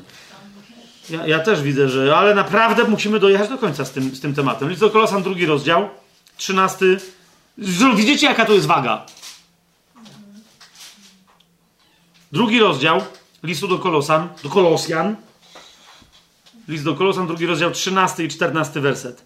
Spójrzcie, jeszcze raz, myśmy to już cytali, cytowali, powiedziałem, że tu wrócimy. Zobaczcie teraz, po tym wszystkim, co powiedziałem, zobaczcie teraz ten werset, jaka to jest potęga. Po prostu drżeć należy.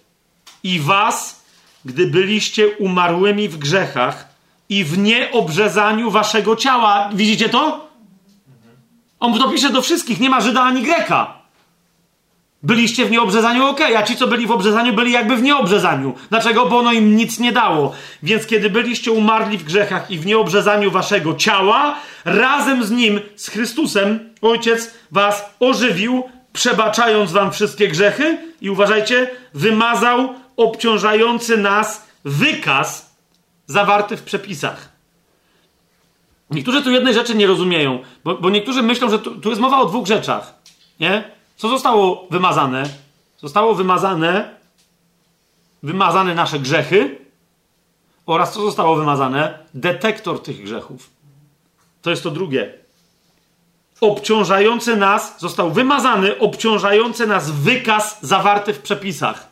Wykaz przepisów, które służą do wynajdywania grzechu. Jak trafią na ciało żyjące, to od razu mówią, jesteś winne. Dlaczego? Bo każde ciało jest winne. Bo nie jesteś ciałem Chrystusa. Dlatego, nie? Jak ciało przychodzi i mówi, o, jest ciało, no, ale jest martwe. Tyle, to nie jest moja sprawa.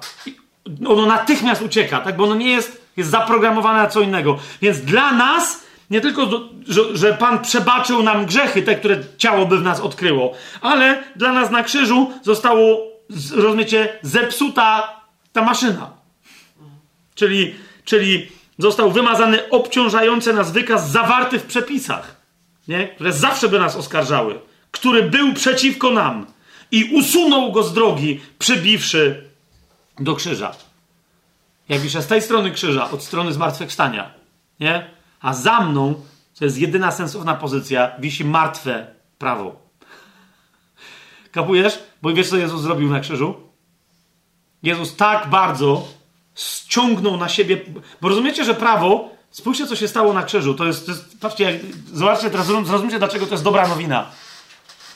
Rozumiesz? Bo Jezus na krzyżu prawo, które się rozeszło po całym świecie, szukając winnych, ściągnął na siebie. Rozumiecie? I wydał wyrok na prawo w sobie. Dlatego, wypełniając prawo, jest końcem prawa. Dosłownym. To nie jest żadna przenośnia. Bo gdyby wszyscy ludzie przyjęli tę ofiarę na krzyżu, co by, się to, co by to oznaczało? To by oznaczało, że prawo nie byłoby utrzymane li tylko jako muzealna ciekawostka, ale nie byłoby trzymane jako potrzebne aż do sądu Białego Tronu. Czy rozumiecie, o co mi chodzi? Dlaczego? Bo nie byłoby nikogo, po prostu, rozumiecie, każda osoba, która mówi, wierząc, że Jezus zmartwychwstały, wiedząc, co oznacza to, że On zmartwychwstał, która wierząc w to, na bazie tej wiary wyznaje Jezu, jesteś moim Panem, każda ta osoba przybija kolejny gwóźdź, rozumiecie, do śmierci prawa. I dlatego jeszcze raz, pa pamiętajcie, co Paweł mówi do Galacjan. Mówi, ludzie, rozumiesz, cały twój akt to było, to było obrócenie się przeciwko prawu. Po prostu. Bo to, że ono jest święte i tak dalej, i tak dalej, to wynika z jego funkcjonalności, a nie z jego potrzeby dla życia wiecznego, bo nie ma żadnej. List do Hebrajczyków. Tak, i to i, i, tyle w tym temacie, i potem jeszcze jeden temat i skończymy, ale musimy. Patrzcie, co się tu dzieje. Dziesiąty rozdział listu do Hebrajczyków. Ósmy werset i dalej.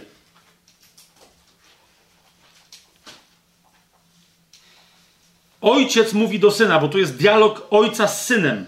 Zaraz po tym, jak jest powiedziane, że prawo, pamiętacie, dziesiąty werset cytowałem go, że prawo nie może y, uczynić doskonałym i tu, tych, którzy do niego przychodzą. Ono nie ma w ogóle w sobie takiej możliwości. Dziesiąty rozdział od pierwszego wersetu. Pamiętacie, czytaliśmy to? Nikt nie pamięta, okej. Okay. To jeszcze raz czytamy? Nie, dobra. To teraz, teraz popatrzcie. Ósmy werset i dalej. Na to, na tę niemożliwość przychodzi syn, on bierze ciało i tak dalej, ale zauważcie, co syn mówi do ojca. Powiedziawszy wyżej, ofiar, darów, całopaleń i ofiar za grzesznych nie chciałeś i nie podobały się tobie, chociaż składa się je tobie zgodnie z prawem. To mówi syn do ojca, przychodząc na ziemię, żeby wypełnić wreszcie prawdziwy plan. To nie jest coś, co było oryginalną wolą ojca. To było po prostu to było dodane ze względu na coś. No nie należało do planu. Nie chciałeś, mimo że się składa zgodnie z prawem. Następnie dopowiedział, a oto ja przychodzę, aby wypełnić Twoją wolę, czyli to, co ty, czego Ty naprawdę chcesz. O Boże. I co robi? Wtedy mówi autor listu do Hebrajczyków: znosi pierwsze ustanowienie, by ustanowić drugie. Za sprawą więc tej woli jesteśmy uświęceni. Jak? Przez ofiarę ciała Jezusa Chrystusa raz na zawsze. To jest, rozumiecie? To jest wola, która dosłownie musi wystąpić przeciwko prawu. Bo prawo nie jest, jest niewolnikiem Bożym. On musi w pewnym momencie być zniesiony. Za sprawą tej woli. Jakiej? Woli Ojca, który nie chce, żeby dla niego wypełniać tamto prawo, ale żeby z nim wejść w co? W nowe przymierze, a nie tamto prawo. I dalej ten list do Hebrajczyków mówi, a każdy kapłan staje codziennie do wykonywania służby Bożej, no w ramach wypełniania prawa, wiele razy składając te same ofiary, które nigdy nie mogą zgładzić grzechów. Jeszcze raz ten temat w dziesiątym rozdziale jest podkreślony. Lecz ten, czyli Chrystus, gdy złożył jedną ofiarę za grzechy, na zawsze zasiadł po prawicy Boga, oczekując odtąd, aż jego nieprzyjaciele będą położeni jako podnóżek pod jego stopy. Jedną bowiem ofiarą uczynił doskonałymi na zawsze tych, którzy są uświęceni. Teraz, kochani, nie żebym się bardzo jakoś ekscytował i rozwijał, ale zauważcie, jak w tym kontekście brzmi jeden z fragmentów, jeden z najmocniejszych fragmentów, jakim posługują się albo celowo zwodzący innych porządnych chrześcijan sataniści, wysłani do tego, żeby mieszać, albo zwiedzeni chrześcijanie, którzy utrzymują, że człowiek może utracić usprawiedliwienie i mimo, że jest usprawiedliwiony i ma życie wieczne, to jednak może pójść do piekła. Otóż ten fragment, jeden z najmocniejszych, jakim się posługują, to, to są takie trzy w liście do Hebrajczyków, jest parę innych, ale jeden z tych fra fragmentów znajduje się gdzie? Dokładnie w tym rozdziale. Nie? Najpierw tam przeskoczę. Zobaczcie, to jest dziesiąty rozdział, gdzie jest powiedziane, 26 werset, jeżeli bowiem dobrowolnie grzeszymy po otrzymaniu poznania prawdy, to nie pozostaje już ofiara za grzechy, lecz jakieś straszliwe oczekiwanie sądu i żar ognia, który ma strawić przeciwników. Kto gardził prawem Mojżesza, ponosił, ponosił śmierć bez miłosierdzia na podstawie zeznania dwóch albo trzech świadków. Jak wam się wydaje, na ileż surowszą karę zasługuje ten, kto by podeptał Syna Bożego, uważajcie, i zbezcześcił krew przymierza, przez którą został uświęcony i znieważył ducha łaski. Moje pytanie brzmi: o kim tu jest mowa w tym rozdziale? O ludziach, którzy grzeszą, czy o ludziach, którzy się poddają prawu? Bo kto jest tym, kto depcze krew przymierza, krew jego krzyża? Kto jest tym, kto się sprzeciwia duchowi łaski? Wiecie? Jeżeli nie ten, kto nie przeciwstawia się prawu mojżeszowemu, ale je szanuje. Jeżeli nie ten, kto zaczyna wierzyć, że do łaski oprócz wiary można coś dołożyć przy pomocy swoich uczynków.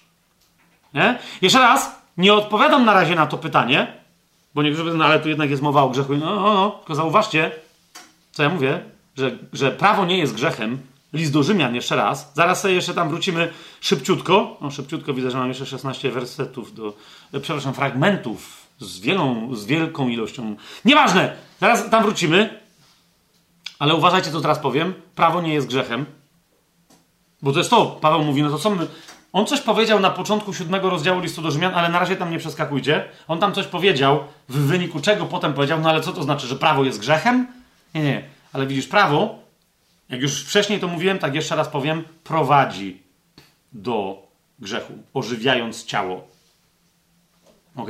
Nie jest grzechem, ale jest odpowiedzialne za grzech, zwłaszcza u tych, którzy już poznali Chrystusa. Więc jeszcze raz, to jak można zbezcze- podeptać Syna Bożego, zbezcześcić krew przymierza Chrystusową, o, od, o, odrzucić ducha łaski? Jak? No, w liście do Galacjan Paweł mówi wyraźnie: Wypadliście z łaski. Dlaczego? Bo poszliście do prawa. A kto najwięcej krzyczy o tym, że można stracić zbawienie? Dokładnie ci, którzy mówią: przestrzegaj prawa. Rozumiesz? Wkładają ludzi pod przekleństwo, z którego później oni się nie mogą wykaraskać, a ci mówią: proszę bardzo, i to jest dowód na to, co my mówimy. Już kiedyś straciliście zbawienie, a teraz ta rzecz tylko w was się pogłębia. Więc, kochani, y, do tego listu do Rzymian wróćmy i to będzie ostatni. Teraz, rozumiecie, na czym polega cały problem zatem z prawem? Na tym, że my nadal funkcjonujemy w tych ciałach. Pan Jezus pokonał prawo, żeby to było jasne. Ale człowiek usprawiedliwiony w duchu nadal decyduje o tym w wolności swojego serca, jak będzie się posługiwać ciałem. Rozumiecie o co mi chodzi? Kiedy my umrzemy fizycznie, a potem zmartwychwstaniemy, nie będziemy mieli. Ten problem wtedy załatwi Pan Jezus za nas. Jak? Dając nam nowe ciała, które po prostu nie będą podlegać prawu. Prawo będzie do niczego zresztą niepotrzebne, bo nie będzie problemu tendencji do grzechu, bo nie będzie naczyń dających żyć temu pasożytowi, który się nazywa grzech. Czy to jest jasne? Dopóki jednak nosiciele tych pasożytów żyją, dopóty żyje grzech. Więc na czym polega kwestia? Na tym, że to, czy ten nosiciel żyje, czy jest martwy, nie jest od momentu naszego usprawiedliwienia w rękach Bożych, ale w naszych. Początek naszego uświę uświęcenia polega na czym? Żebyśmy my chcieli być przeklęci przez prawo, żeby żaden nasz uczynek nie decydował o tym, rozumiecie, kim my jesteśmy przed Bogiem, ani w dobrym, ani w złym sensie, ale żeby decydował tylko i wyłącznie każdy uczynek Chrystusa. Utrzymać swoje ciało w śmierci. List do Rzymian, siódmy rozdział. Zobaczcie, jak się kończy. No, pamiętacie, jak się kończy, tak? Nędzny ja człowiek, któż mnie wybawi z tego ciała śmierci. I teraz, jak ludzie przychodzą i mówią, prawo cię wybawi, no to zauważcie, że za chwilę w ósmym rozdziale Paweł zanosi dziękczynienie, ale zdecydowanie nie za prawo. Wręcz przeciwnie, mówi Bogu niech będą dzięki, zdecydowanie nie za prawo, bo ono sobie nie umiało z niczym poradzić w tej kwestii. Zobaczcie, ósmy rozdział. Widzicie, prawo yy, ujawnia w ciele pasożyta, który się nazywa grzech, ale jednocześnie grzech, umówmy się, w żyjącym ciele przyciąga prawo. Spójrzcie, rozdział ósmy, trzeci, czwarty werset powiada, co bowiem było niemożliwe dla prawa.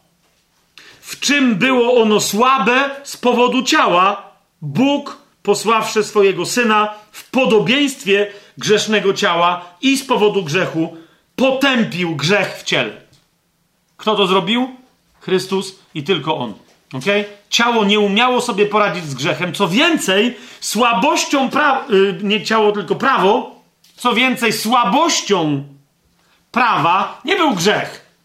Tak? Bo prawo jest, wiecie, batem na grzech, ale słabością prawa jest żyjące ciało, bo ono go potrzebuje, żeby mieć co do roboty. Jasne? Więc teraz popatrzcie, jak de facto, innymi słowami, w liście do Rzymian, Paweł Rzymianom doradza, a Galacjanom mówi: Wam już doradzałem, więc się ogarnijcie. Ale jak im doradza? Żeby utrzymać się na krzyżu cieleśnie, aby móc żyć z Chrystusem duchowo. To jest list do Rzymian, siódmy rozdział, od początku, pierwszy werset. Powiecie, no to czemu jedziemy od końca, od środka, od końca i tak dalej, no bo tu jest chiastyczna konstrukcja, my mamy inaczej wszystko poustawione, poustawiane w głowie, tak? Ale myśl kluczowa jest tu zawarta. Czy nie wiecie, bracia, uwaga, bo mówię do znających prawo, zwróćcie uwagę, nie mówi, bo mówię do moich pobratymców, bo wie, że ta zaraza się rozlewała, tam też. Mówię do wszystkich, mających się za znających prawo, uwaga, że prawo panuje nad człowiekiem, dopóki on żyje. Co jest więc kluczem? Śmierć ciała. Zamężna kobieta bowiem, dopóki mąż żyje, jest z nim związana prawem, a jeżeli mąż umrze, zostaje uwolniona od tego prawa, że ma męża. Ok? Tak więc, dopóki mąż żyje, będzie nazywana cudzołożnicą, jeżeli zostanie żoną innego mężczyzny. Jeżeli jednak jej mąż umrze, jest wolna od tego prawa, także nie będzie cudzołożnicą, choćby została żoną innego mężczyzny. Przeciwnie, zostanie pochwalona, że znowu jest żoną. Jasne? Teraz patrzcie, co się dzieje. Tak i wy, moi bracia, Duchu Święty, ogłaszaj to teraz we wszystkich sercach, po tym wszystkim, co tu było powiedziane. Niech się dokona w wielu wierzących sercach raz na zawsze ten przełom, żebyśmy nigdy więcej nie wracali do życia ciał. Tak i wy, moi bracia, zostaliście uśmierceni dla prawa przez ciało Chrystusa. Nie da się tego bardziej. Ja mogłem tu zacząć, ale widzicie po tym wszystkim, co powiedziałem, że teraz to brzmi tak, że wreszcie każde słowo słychać i jest zrozumiałe. Tak i wy, moi bracia, zostaliście uśmierceni. Dlaczego? Dla prawa przez ciało Chrystusa, abyście należeli do innego. Obczaj, obczaj, obczaj, obczaj, obczaj. Wiecie, co, co jest grane? Dlaczego, czemu powrót do prawa się kończy tak, jak się kończy? Ponieważ jak idziesz tam, zaczynasz zdradzać swojego prawowitego męża. Jak idziesz pod prawo, zdradzasz Chrystusa.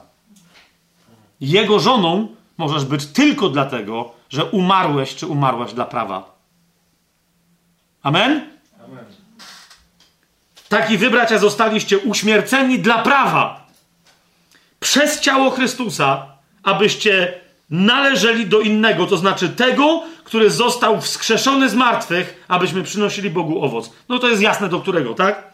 A więc musimy być martwi dla prawa, aby należeć do Chrystusa. Gdy bowiem byliśmy w ciele, namiętności grzechów, które się wzniecały przez prawo, zwróćcie uwagę, okazywały swoją moc w naszych członkach, aby przynosić owoc, owszem, ale śmierci.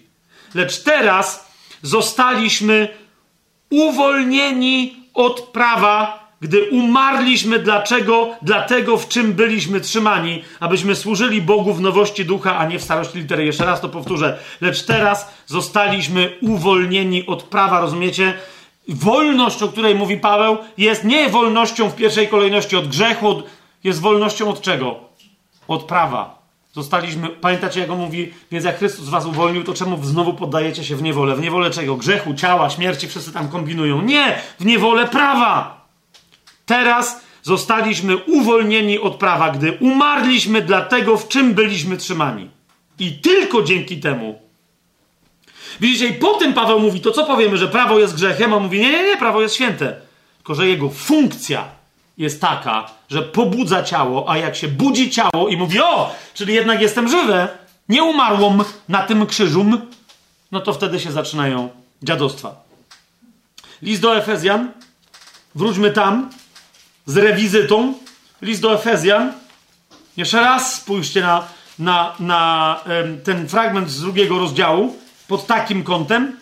15 i 16 werset. Bo widzicie, jak przez ciało Chrystusa umarliśmy dla prawa. Jeszcze raz zobaczcie, co tu jest napisane. Znosząc przez swoje ciało nieprzyjaźń, prawo przykazań wyrażone w przepisach. Jasne?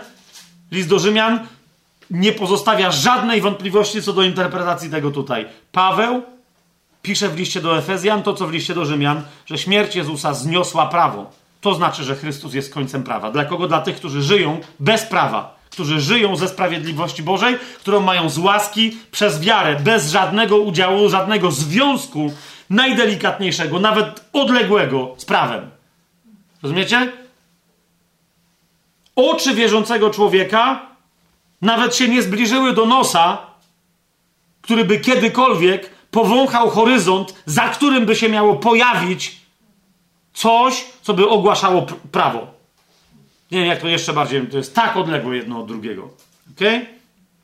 List do Kolosan, pierwszy rozdział. Powiedziałem, że tam będziemy wracać, ale to jeszcze raz rewizyta tutaj po tym wszystkim, co powiedzieliśmy. Spójrzcie, jakie tu są głębie. Pierwszy rozdział, dwudziesty werset do 22 przez Niego, przez Chrystusa Ojciec pojednał wszystko ze sobą, czyniąc pokój przez krew Jego krzyża. Przez Niego mówię to, co jest na ziemi, jak i to, co jest w niebie. I was, którzy kiedyś byliście obcymi i wrogami umysłem w niegodziwych uczynkach, teraz pojednał w Jego doczesnym ciele przez śmierć, aby was przedstawić jako świętych, nieskalanych i nienagannych przed Jego obliczem. Co to oznacza? Bez żadnego związku z prawem. Hmm? Są trzy określenia, które, które mówią o różnych aspektach bycia bez związku z prawem, dlatego że jest się całkowicie oddzielonym od wszystkiego, czym by się miało prawo zajmować, a jest się przyłączonym do Boga. List do Kolosan, drugi rozdział, jedenasty werset i dalej. Spójrzcie. W nim zostaliście obrzezani obrzezaniem nieuczynionym ludzką ręką,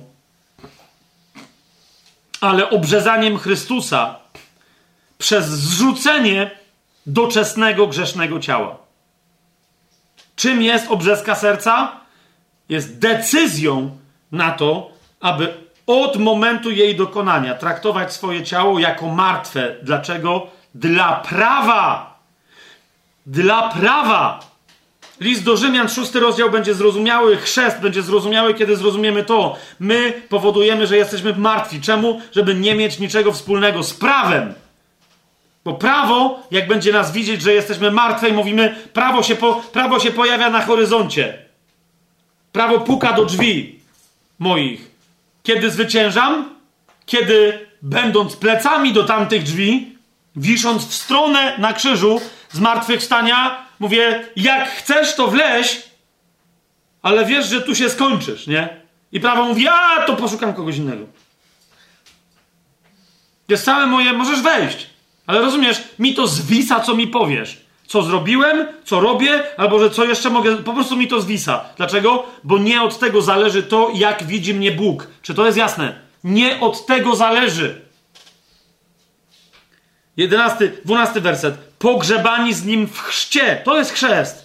Śmierć dla prawa, która powoduje, że nasze członki przestają grzeszyć i tak dalej. Pogrzebani z nim w chrzcie którym też razem z nim zostaliście wskrzeszeni przez wiarę, która jest działaniem Boga, którego wskrzesił z martwych. I tak dalej, i tak dalej. Czternasty werset. Wymazał obciążający nas wykaz zawarty w przepisach. Jeszcze raz zauważcie. Koniec prawa. Nie tylko my się kończymy dla prawa, ale prawo się kończy dla nas.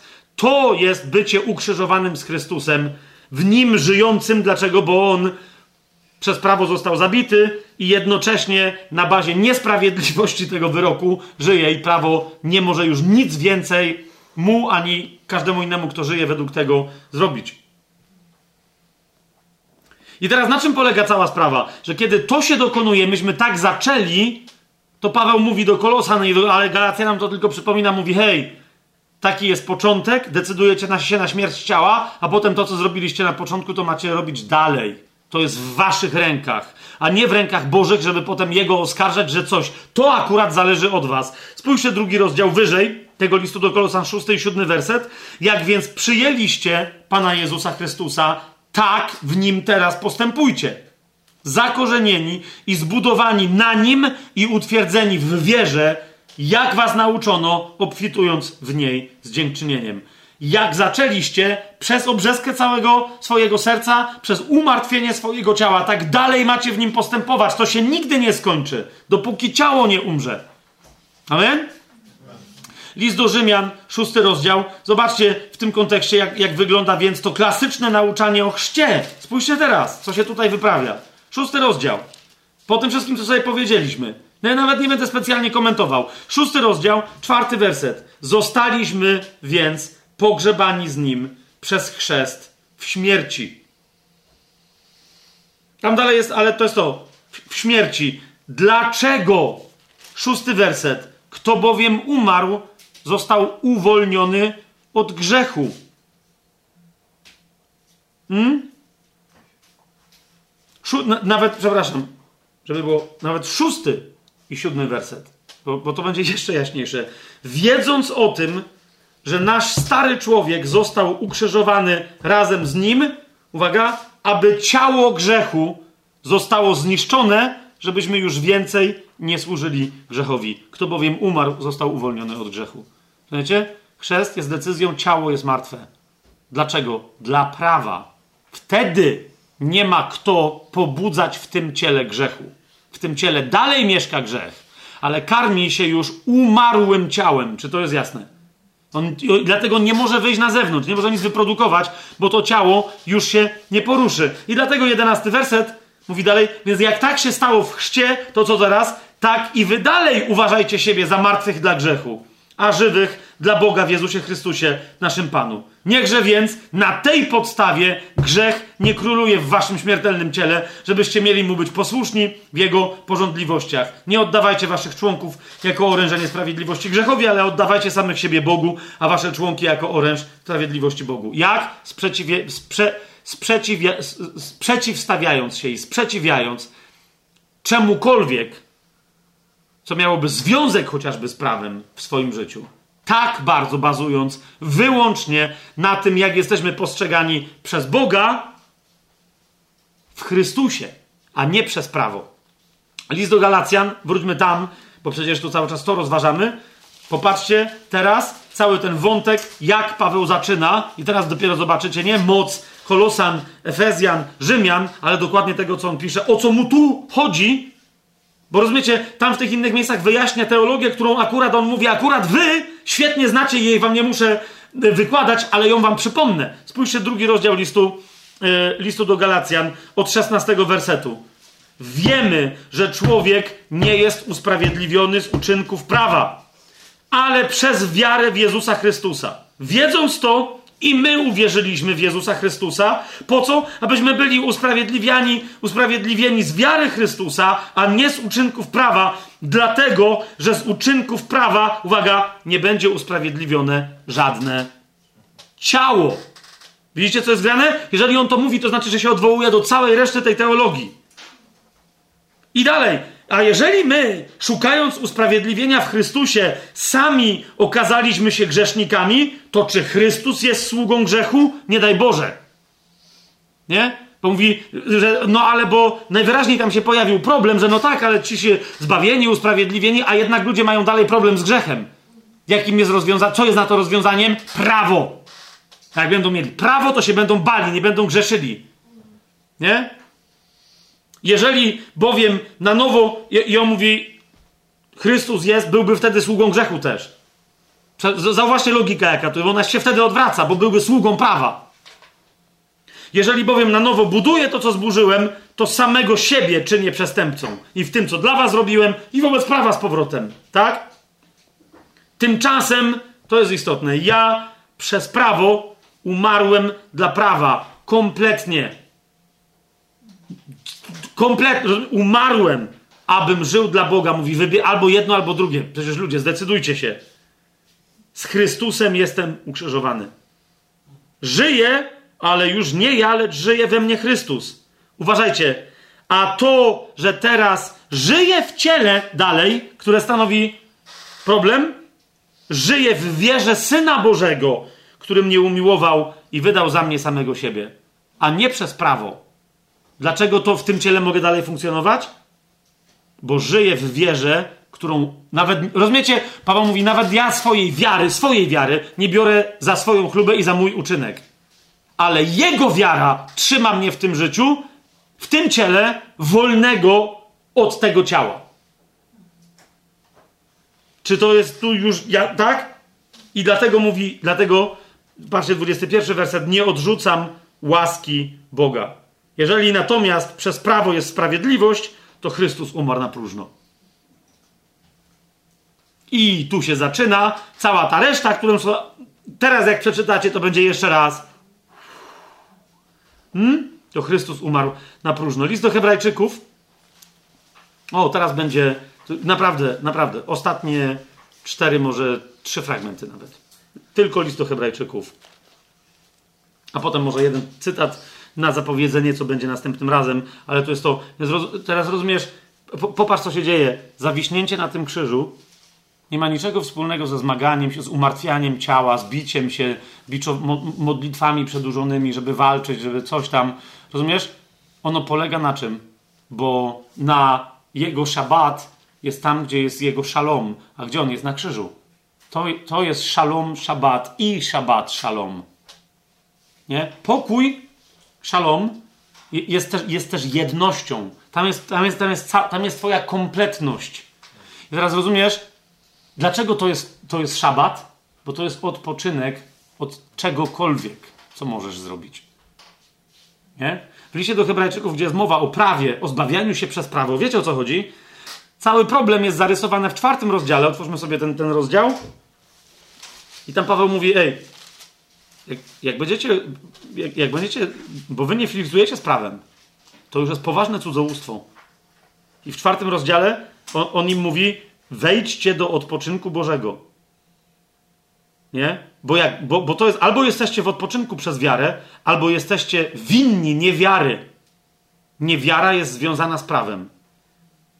Wiara prowadzi do wejścia cielesnego na krzyż i do kompletnego przestania się przejmowania tym, jak Bóg miałby mnie widzieć przez pryzmat moich uczynków jakichkolwiek. Kapujesz? Zawsze stoisz przed Bogiem, cały czas stoisz przed Bogiem.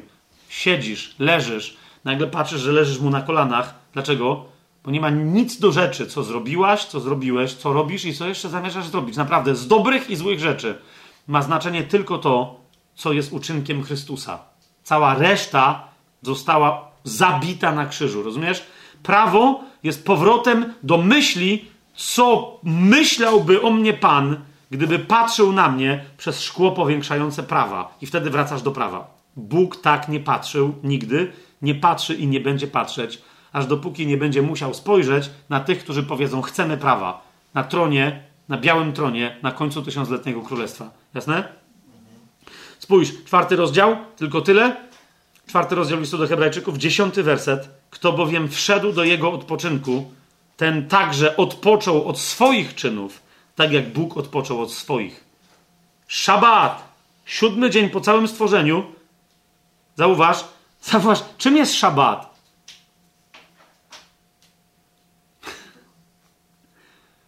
Jest odpoczynkiem po czym?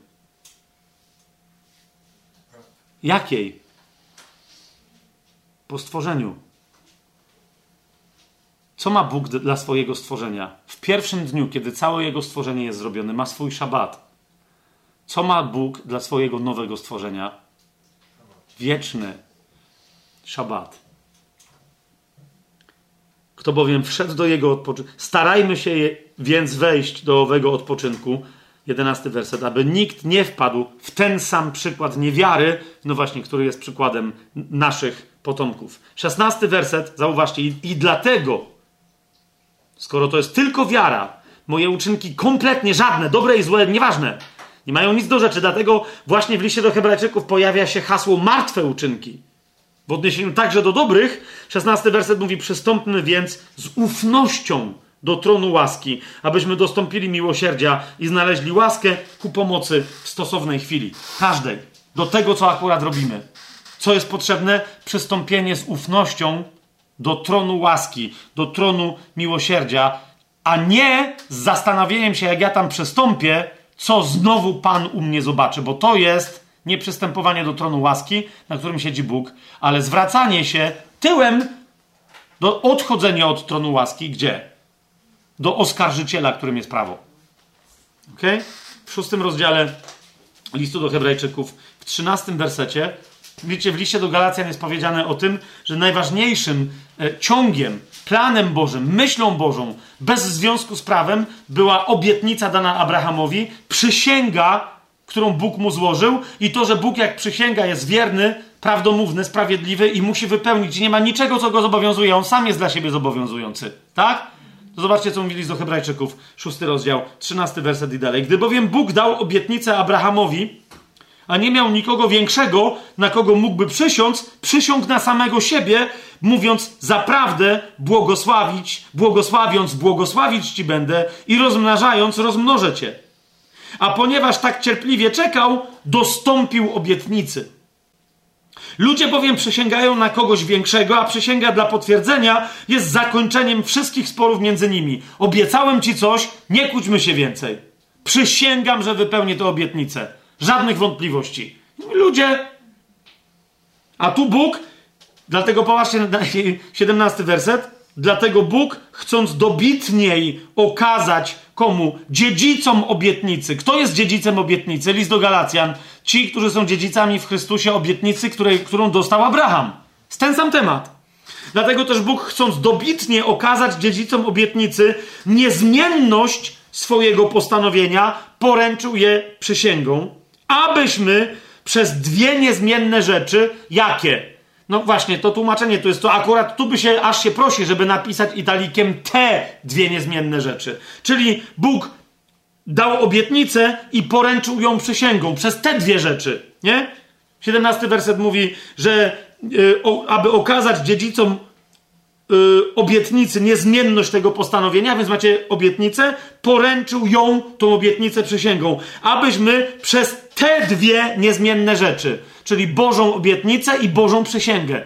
One się nie mogą zmienić, abyśmy przez te dwie niezmienne rzeczy, w których jest niemożliwe, aby Bóg kłamał, mieli silną pociechę. My, którzy uciekliśmy, by pochwycić się zaoferowanej nam nadziei. Od czego uciekliśmy? Czytaj cały list do Hebrajczyków. Od prawa i od osądu, który by nam zgotowało prawo. Do czego uciekliśmy? Do obietnicy i do przysięgi, że ta obietnica będzie wypełniona, która jest niezmienna. Nie utracalność usprawiedliwienia, jeżeli jesteś dziedzicem obietnicy zrealizowanej w Chrystusie, obietnicy obiecanej Abrahamowi.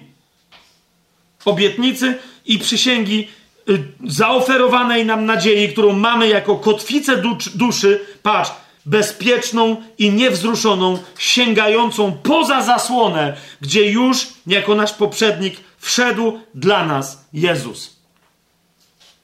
Rozumiesz? To jest dokładnie idea zarzucenia kotwicy, do której następnie nie ma wiatrów, są przeciwne prądy i tak dalej. Statek wypłynął, rozumiesz, ale ma kotwicę. Jak się wraca tam, gdzie jest bezpiecznie? Ciągnąc się do miejsca, gdzie jest zarzucona kotwica. Jezus dla każdego, kto się chwycił tej nadziei, wyrażonej w obietnicy i w przysiędze zrealizowanej przez Chrystusa. Tak? Kto się tego chwycił, ma pewną kotwicę zarzuconą z drugiej strony, którą jest Jezus, którą, który dla nas tam wszedł. Rozumiecie? I On nas trzyma, a nie my się, bo niektórzy też tu mówią, ta, ale można się puścić to właśnie cała reszta listu do Hebrajczyków mówi, że no nie można się puścić.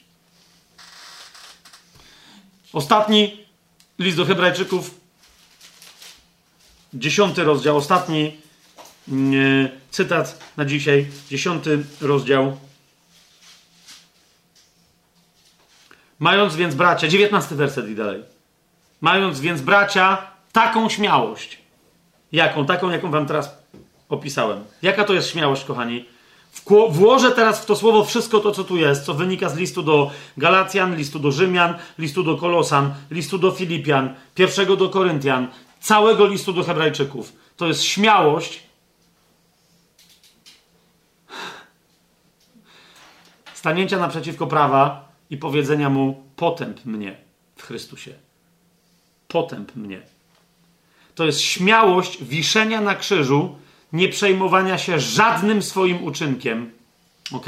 I polegania tylko i wyłącznie na dokończonym dziele Chrystusowego krzyża. To jest śmiałość wiszenia z Chrystusem na krzyżu, na którym On jest przekleństwem samym sobie w oczach prawa, aby być żyjącym na wieki w oczach Bożych. Ok? Mając więc, bracia, tę śmiałość, dziewiętnasty werset, aby przez krew Jezusa wejść do najświętszego miejsca. Rozumiesz? Nie na bazie swoich uczynków, ty nigdy takich nie nigdy sobie nie zasłużysz, nigdy, jasne to jest? Tylko przez Jego krew. Drogą nową i żywą, którą zapoczątkował dla nas przez zasłonę, to jest przez swoje ciało. Co się stało w ciele? Koniec prawa. Wolność od prawa. Wymazanie prawa. Samego faktu istnienia prawa. Dlatego, rozumiesz? Idąc tą drogą i mając tak wielkiego kapłana nad domem Bożym, zbliżmy się ze szczerym sercem, w pełni wiary, mając serca oczyszczone od złego sumienia i ciało obmyte czystą wodą. Co to jest złe sumienie? To jest sumienie, które dalej chce się sądzić prawem. Jeszcze raz przyjdziemy do listu do Hebrajczyków, ten temat tu jeszcze wybuchnie w tym temacie, w, ty, w tej historii, ale my, nie chodzi o to, żebyśmy my mieli, kapujecie, żebyśmy my mieli teraz sumienie, które będzie nam wyrzucać coś. My, mm. Tylko pamiętaj, jeżeli sumienie coś ci wyrzuca, pamiętaj, to wyrzuca ci co? Gdzieś w twoim życiu przestałaś bazować i ufać tylko Bogu, a gdzieś twoje serce zaufało prawu. Albo nie prawu, ale przyciągnęło prawo przez zaufanie do swoich wysiłków, do czegoś, do jakiejś zasady zewnętrznej, do grupy, do której należysz, społeczności i tak dalej, i szukasz usprawiedliwienia w czymś jednym, gdzieś tam. Dlatego masz teraz poruszone sumienie, bo masz grzech, ale grzech sam z siebie się w tobie nie może, rozumiesz, nie może z ciebie wyniknąć. On wynika zawsze najpierw, w pierwszej kolejności, z powrotu naszego ciała pod prawo.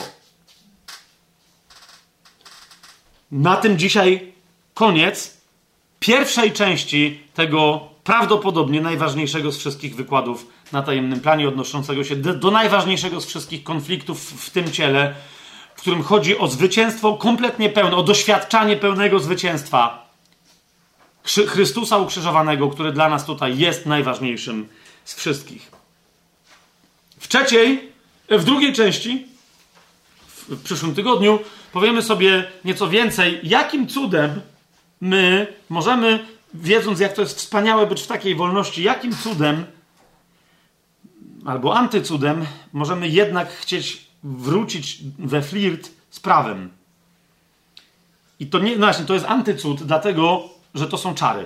Prawo w życiu ludzi wierzących to, to zawsze jest najgorsza, najbardziej podstępna, najbardziej wysublimowana forma magii, czarnoksięstwa, wróżbiarstwa itd., tak itd. Tak Wszystkie inne oczywiste są mniej groźne niż, yy, niż prawo w życiu nowonarodzonej, yy, nowonarodzonej osoby. W liście do Galacjan to jest ten ostatni cytat, o którym mówiłem, przenoszący nas w, w przyszłość. W trzecim rozdziale, w trzecim wersecie Paweł mówi o pewnej głupocie, Mówi głupi Galaci, kto was omamił? Czary, więcej sobie o tym powiemy, kto was omamił, że staliście się tak głupi, że, trzeci rozdział, trzeci werset, rozpoczęliście duchem, a teraz kończycie ciałem. Z wynik czarów. Teraz jak stać się wolnym od tych czarów? Jak, czy tu jest potrzebna jakaś walka? Co się dzieje? Co, co to jest za rodzaj czarów i na czym polega trwanie w stanie, w którym się jest kompletnie rozumiecie, nie, niepodatnym na nic takiego. Nie? Jak te czary są wykonywane przez chrześcijan na innych chrześcijanach za podjudzeniem diabelskim. To jest jedna z, zasadek, z zasadzek diabelskich, także nawet nie wiedzą, że to innym robią. I jak te łańcuchy przerwać, jeszcze raz, aby być impregno, kompletnie wolnym, niepodatnym na, na czary przywracające nas do prawa i do całej reszty dziadostwa z tego wynikającego. To wszystko następnym razem. Halleluja. Ciężka praca przed nami, ale wolność.